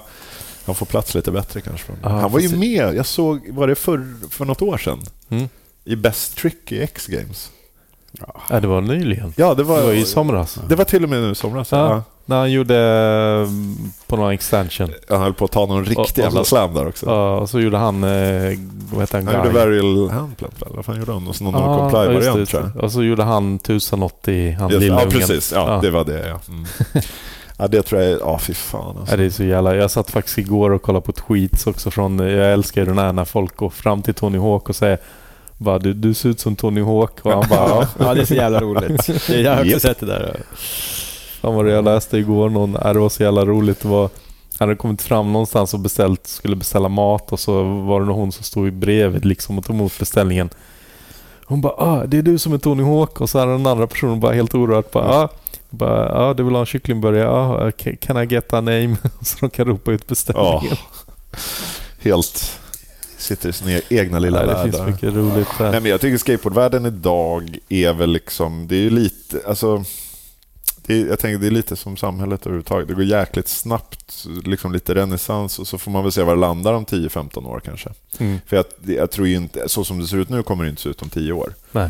Det är ju en ständig utveckling jag nu med liksom OS och väldigt mycket kommersiellt intåg så är det klart att eh, liksom uppdelningarna, det kommer vara ännu fler avarter på något sätt, tänker jag, liksom, Ja. i, i det. Fr- Framförallt tror jag också att det här öppnar, alltså vi i Sverige och USA har ju liksom levt och haft Mm. en skateboardkultur men jag tänker på alla andra länder Oh, ja. som kommer ta med sin kultur in i skateboarden Ja. och sitt sätt att se på det. Jag tänker på hon filippinskan också, jag vet inte om ni såg henne. Ja, så jävla charmig. Ja. Vilket Ja. charmtroll. Vad är det hon heter? Jag kommer Eh, inte ihåg. Jag blev så M- glad när hon kom. M Skrattade någonting. hela tiden. Mm. Ja. Nej, nej, bara skitkul att se henne liksom. Och jag menar, Filippinerna har ju knappt haft någon skatescen och framförallt inte för Nej. tjejerna heller. Och, och, och när alla kommer komma in med sina... Det, jag vet inte om ni har Och också sett... pengar, tänker jag. Att det Ja. byggs, jag menar, det, det, OS, Filippinerna, ja, men då Mm. kan vi börja bygga parker. Jag, Då jag, kan vet- kidsen börja åka jag vet inte om ni har sett de här från Afrika som bygger lite sådär halvtaskiga betonggrejer Ja, jag har och, sett. Mm, och så jag kör de- tror jag. Lite, lite grann. och kör så här volter och grejer som bara, men Ja. det där gör ju inte Men de har typ såhär skateboardåkare. 70-tals också, utan flatt och sånt Ja. där. Sen Ja. så betong. Ja, ja, så betong U-ramp ja, en U-ramp ja. Exakt. Och det är ju jättekul när det är så här. Det finns inga, det, det, de, de har liksom varit en skyddad bubbla, så Mm. de har fått utveckla det utan yttre Ja, men påverkan. det, det är så här liksom. skateboardvärldens så här motsvarighet till de här folken som lever stenålders liv, som, Ja, inte, har, det, som inte känner till någonting. Som inte är typ kontaktade Nej, än. Exakt, och det, det är skateboardet. Vi har byggt en i Ja. betong här, vi, vi är volter. Fast det var ju OS nyss. Exakt. OS. Mm. Ja, det är sjukt. Det, är- det är, jag tror det kommer hända mycket kul alltså. Ja. Det tror jag verkligen. Vad heter det? Fan, det känns som vi skulle kunna prata hur länge som helst, men jag känner att... Vi kanske ska avrunda. Ja, Får köra en 2.0 här sen om, vi, om vi, tre år och se om man har hållit i allting. Ja, Allt man lovar om jag har hund. Det, det hoppas jag verkligen. Ja, när jag har hund så får vi ta en, då får ta en hundpodd. Mm. Ja, och, och du, du ska få mitt Jobba nummer med lite också om- om du terapi om du behöver hundvakt. Vad sa du? Du ska få mitt nummer om du behöver Ja, hundvakt också. absolut. Absolut. Det är inga vi, vi har två sista frågor. Mm. Om inte du har någonting, Nej. eller har du någonting du vill ta upp eller som vi har glömt? Nej, fan jag babblar ju bara på. Jag är ju som Finns babbeltacka. Det finns säkert massa Någon roliga... Säkert sagt saker jag som du vill ångrar. dra åt helvete? Ja. Nej, men det tar vi Ja. sist. Ja, precis. Eh, men på. vem skulle du vilja ta med till en öde ö? Levande eller död? Mm, Ja, alltså, ja, de lever väl... Ja, det brukar ju vara sådär. Ja, han kan få Nej. välja även döda människor. I mitt huvud så är att du skulle Ja, med- vet, du vet död människa. Förlåt. Okej, Jag håller på att nu är jag med. förvrängas. Nu är jag med. Nu har vi suttit länge. Vem, vem vill du Eh, gräva upp och förgripa dig på? Ja, på precis, här- precis. Vem vill jag ta med mig och bara släpa omkring på? Nej, det, det skulle jag nog, då skulle jag nog säga en, en hund faktiskt. Mm. Det skulle jag säga. No, Det- Nova. Ja, om möjligheten fanns, absolut. Men det är också Mm. så här, det beror på vilken ålder. För jag menar, hon är 14 då, då kommer hon dö snart. Det är bättre Ja, att ha en ung hund Fast då. grejen är, om, om, om, hon kommer tillbaka till livet i en öde ö så kan kan du säkert Ja, hitta är på att sant, hon då får- lever också. Ja, då får hon vara levande. Vad var hon? En pitbull? Eh, engelsk Staffordshire Bull Terrier. Ja. Mm. Mm. Ja, men Ja. hund, ja, det kan hjälpa Ja. till att jaga och lite sällskap och sånt där. Man, man behöver inte, det är ingen som håller på och klagar Mm. och pratar för mycket. Och så. Du brukar i början av frågan säga också att det får gärna vara någon skatare. Men eh, du kan ju svara på den en gång till. Mm. Ja, en skatare. En Om skater. jag ska välja en skatare? Eh, ja, det... Jimmy Jansson under Gran Canaria-resan 2000. ja, precis. Exakt, jag måste säga vilken, vilken liksom era av den här personen också. Eh, nej, men alltså...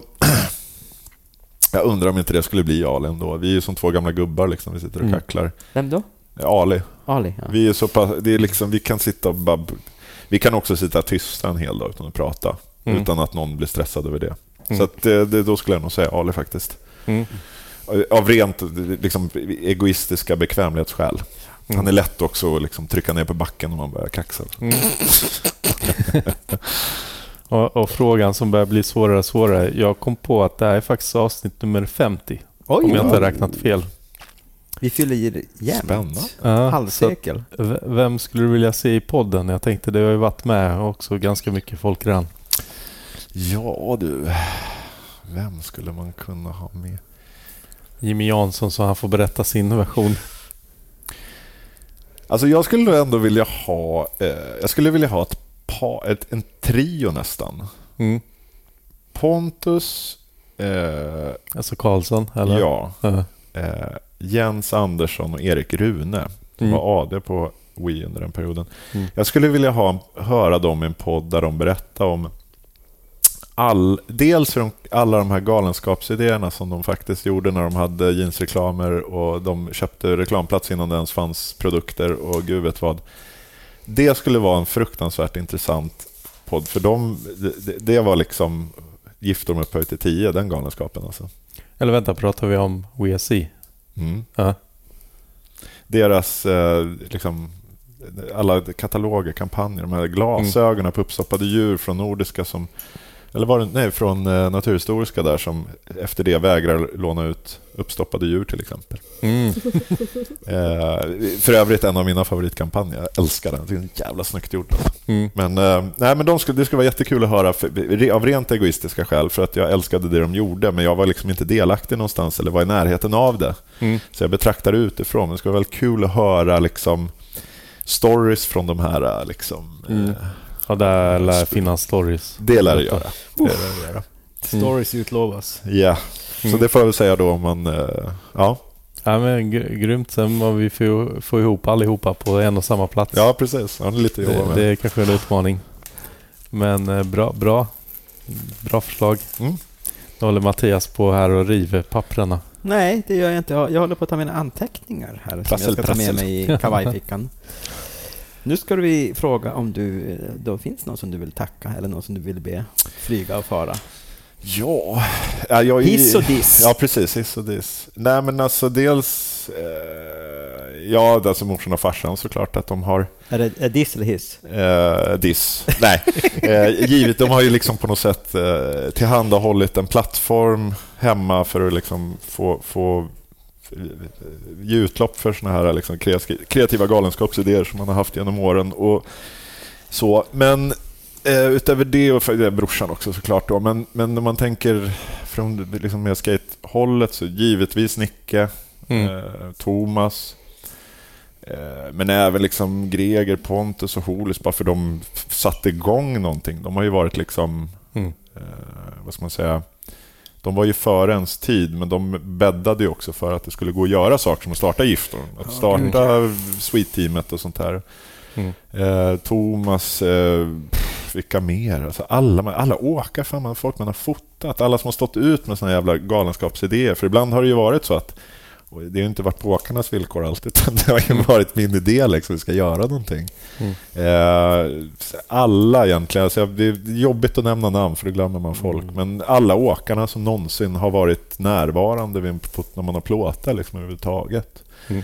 Ehm, men framförallt både Nicke och, och Thomas för att de har gett mig, de gav mig eh, möjligheter. De gav mig både plattformar men också ekonomi att faktiskt eh, genomföra saker. Mm. Och det, det är jag evigt tacksam för. Det går, det, det går liksom inte att ta bort sånt. Man har, man, jag skulle aldrig kunna göra det idag. Det var bara då jag kunde göra det och jag fick möjligheten att göra det. Och det är jag väldigt tacksam för faktiskt. Nu är man liksom någon annanstans och håller på med annat. Så det, men det är åkare och folk som har varit delaktiga i, i ens liv, vänner på något sätt. Och framförallt folk som har orkat stå ut med, all, med allting. Mm. Man har gjort både dumma Kanarieöarna-resor och fan, gud vet vad. Och, och, och alla som fick utrymma hotellet. Ja, eh, det är ett stort förlåt till eh, de som bodde på, vad det nu hette, hotellet i Long Beach där eh, 98 under eh, mässan. Mm. Ber jag så mycket om ursäkt att vi drog igång brandlarmet och ni var tvungna att utrymma hotellet. Jag hoppas att ni hittar någonstans att sova den natten. Det gjorde ju du. Jag gjorde ju det. Eh, Jag somnade ett par gånger innan jag ens kom till sjukhuset, så att eh, jag sov gott. Mm. Eh, Fullpumpad med morfin i ryggrad och allt vad fan det var. Mm. Så jag hade en bra natt, men jag hoppas att de också Mm. hade det. Och, och vi, vi vill ju såklart, både jag och Mattias, tacka dig för att du tog dig tid Ja. att ta, ta dig hit också. Det var så lite. var det. Det, jag är sjukt smickrad och uppskattar verkligen att Mm. hänga med. Det var länge sedan vi sågs också. Så det Ja, är säkert speciellt nu fem- med corona. 15-20 år sedan någonting. Ja, det var ju sista jag låg där på golvet där och skrek efter vad var det, droger och alkohol. och- I Fintorp? Ja. Efter, efterfest efter Bombay? Ja, Mm. dessutom. Det kanske var då... Nej, vi Nej. Måste, se- någon gång har vi setts efter det. Vi inte- sågs, ja, vi sågs inte så länge, eller det var nog i slutet där innan Nova gick bort på tunnelbanan, kommer jag ihåg. När Nova var med. Det har du rätt i. Yep. Jag kommer inte ihåg när och var, men det var, jag kommer ihåg att men satt och det pladdrade på där. Det stämmer. Mm. Men då skrek du inte efter droger och alkohol? Inuti. Inombords. Jag tror att jag gullade mest för Nova. Ja, det, bruk, det, det är det som var grejen när man hade henne. Synnerligen sympatisk. Ja, ja, det var hon faktiskt. Ja. Det var sympatisk. Nej, jag, tack så jättemycket för att jag fick komma. Ja, jag hoppas ja, att eh, folk har orkat höra på all galenskap här. Det lär de ha gjort. Ja, det Det finns mer. Det kommer en bok här. Mm. Jag är bara här med för att pitcha Ja. inför framtiden. Nej, Ja, kommer den? Nej, det var bara ja, på. förr eller senare. Ja. Nå- någon gång kommer det säkert. Det, Nästa tioårsperiod. Jag måste ju kladda ner Ja, någonting ja. som man har gjort. Men, men eh, vi får se där med namn och eh, årtal och sånt där. Mycket man Mm. lägger upp. Själv- Självbiografi menar du? Ja, alltså jag, jag har väl tänkt att man skulle kunna göra det någon form av så här fiction för att mm. kunna massera det lite så att det inte blir lika tydligt vilka som är vilka mm. och vem har gjort vad. Och när man själv har ställt till det. För man kan fortsätta på. kunna jobba. Precis. Vad var det, Jimmy hette? Krille. Krille, så var det. ja, med ding, de... ding, ding, ding, ding, ding, ding, Och med de orden så sätter vi punkt här. Tack så mycket. Tack. Tack.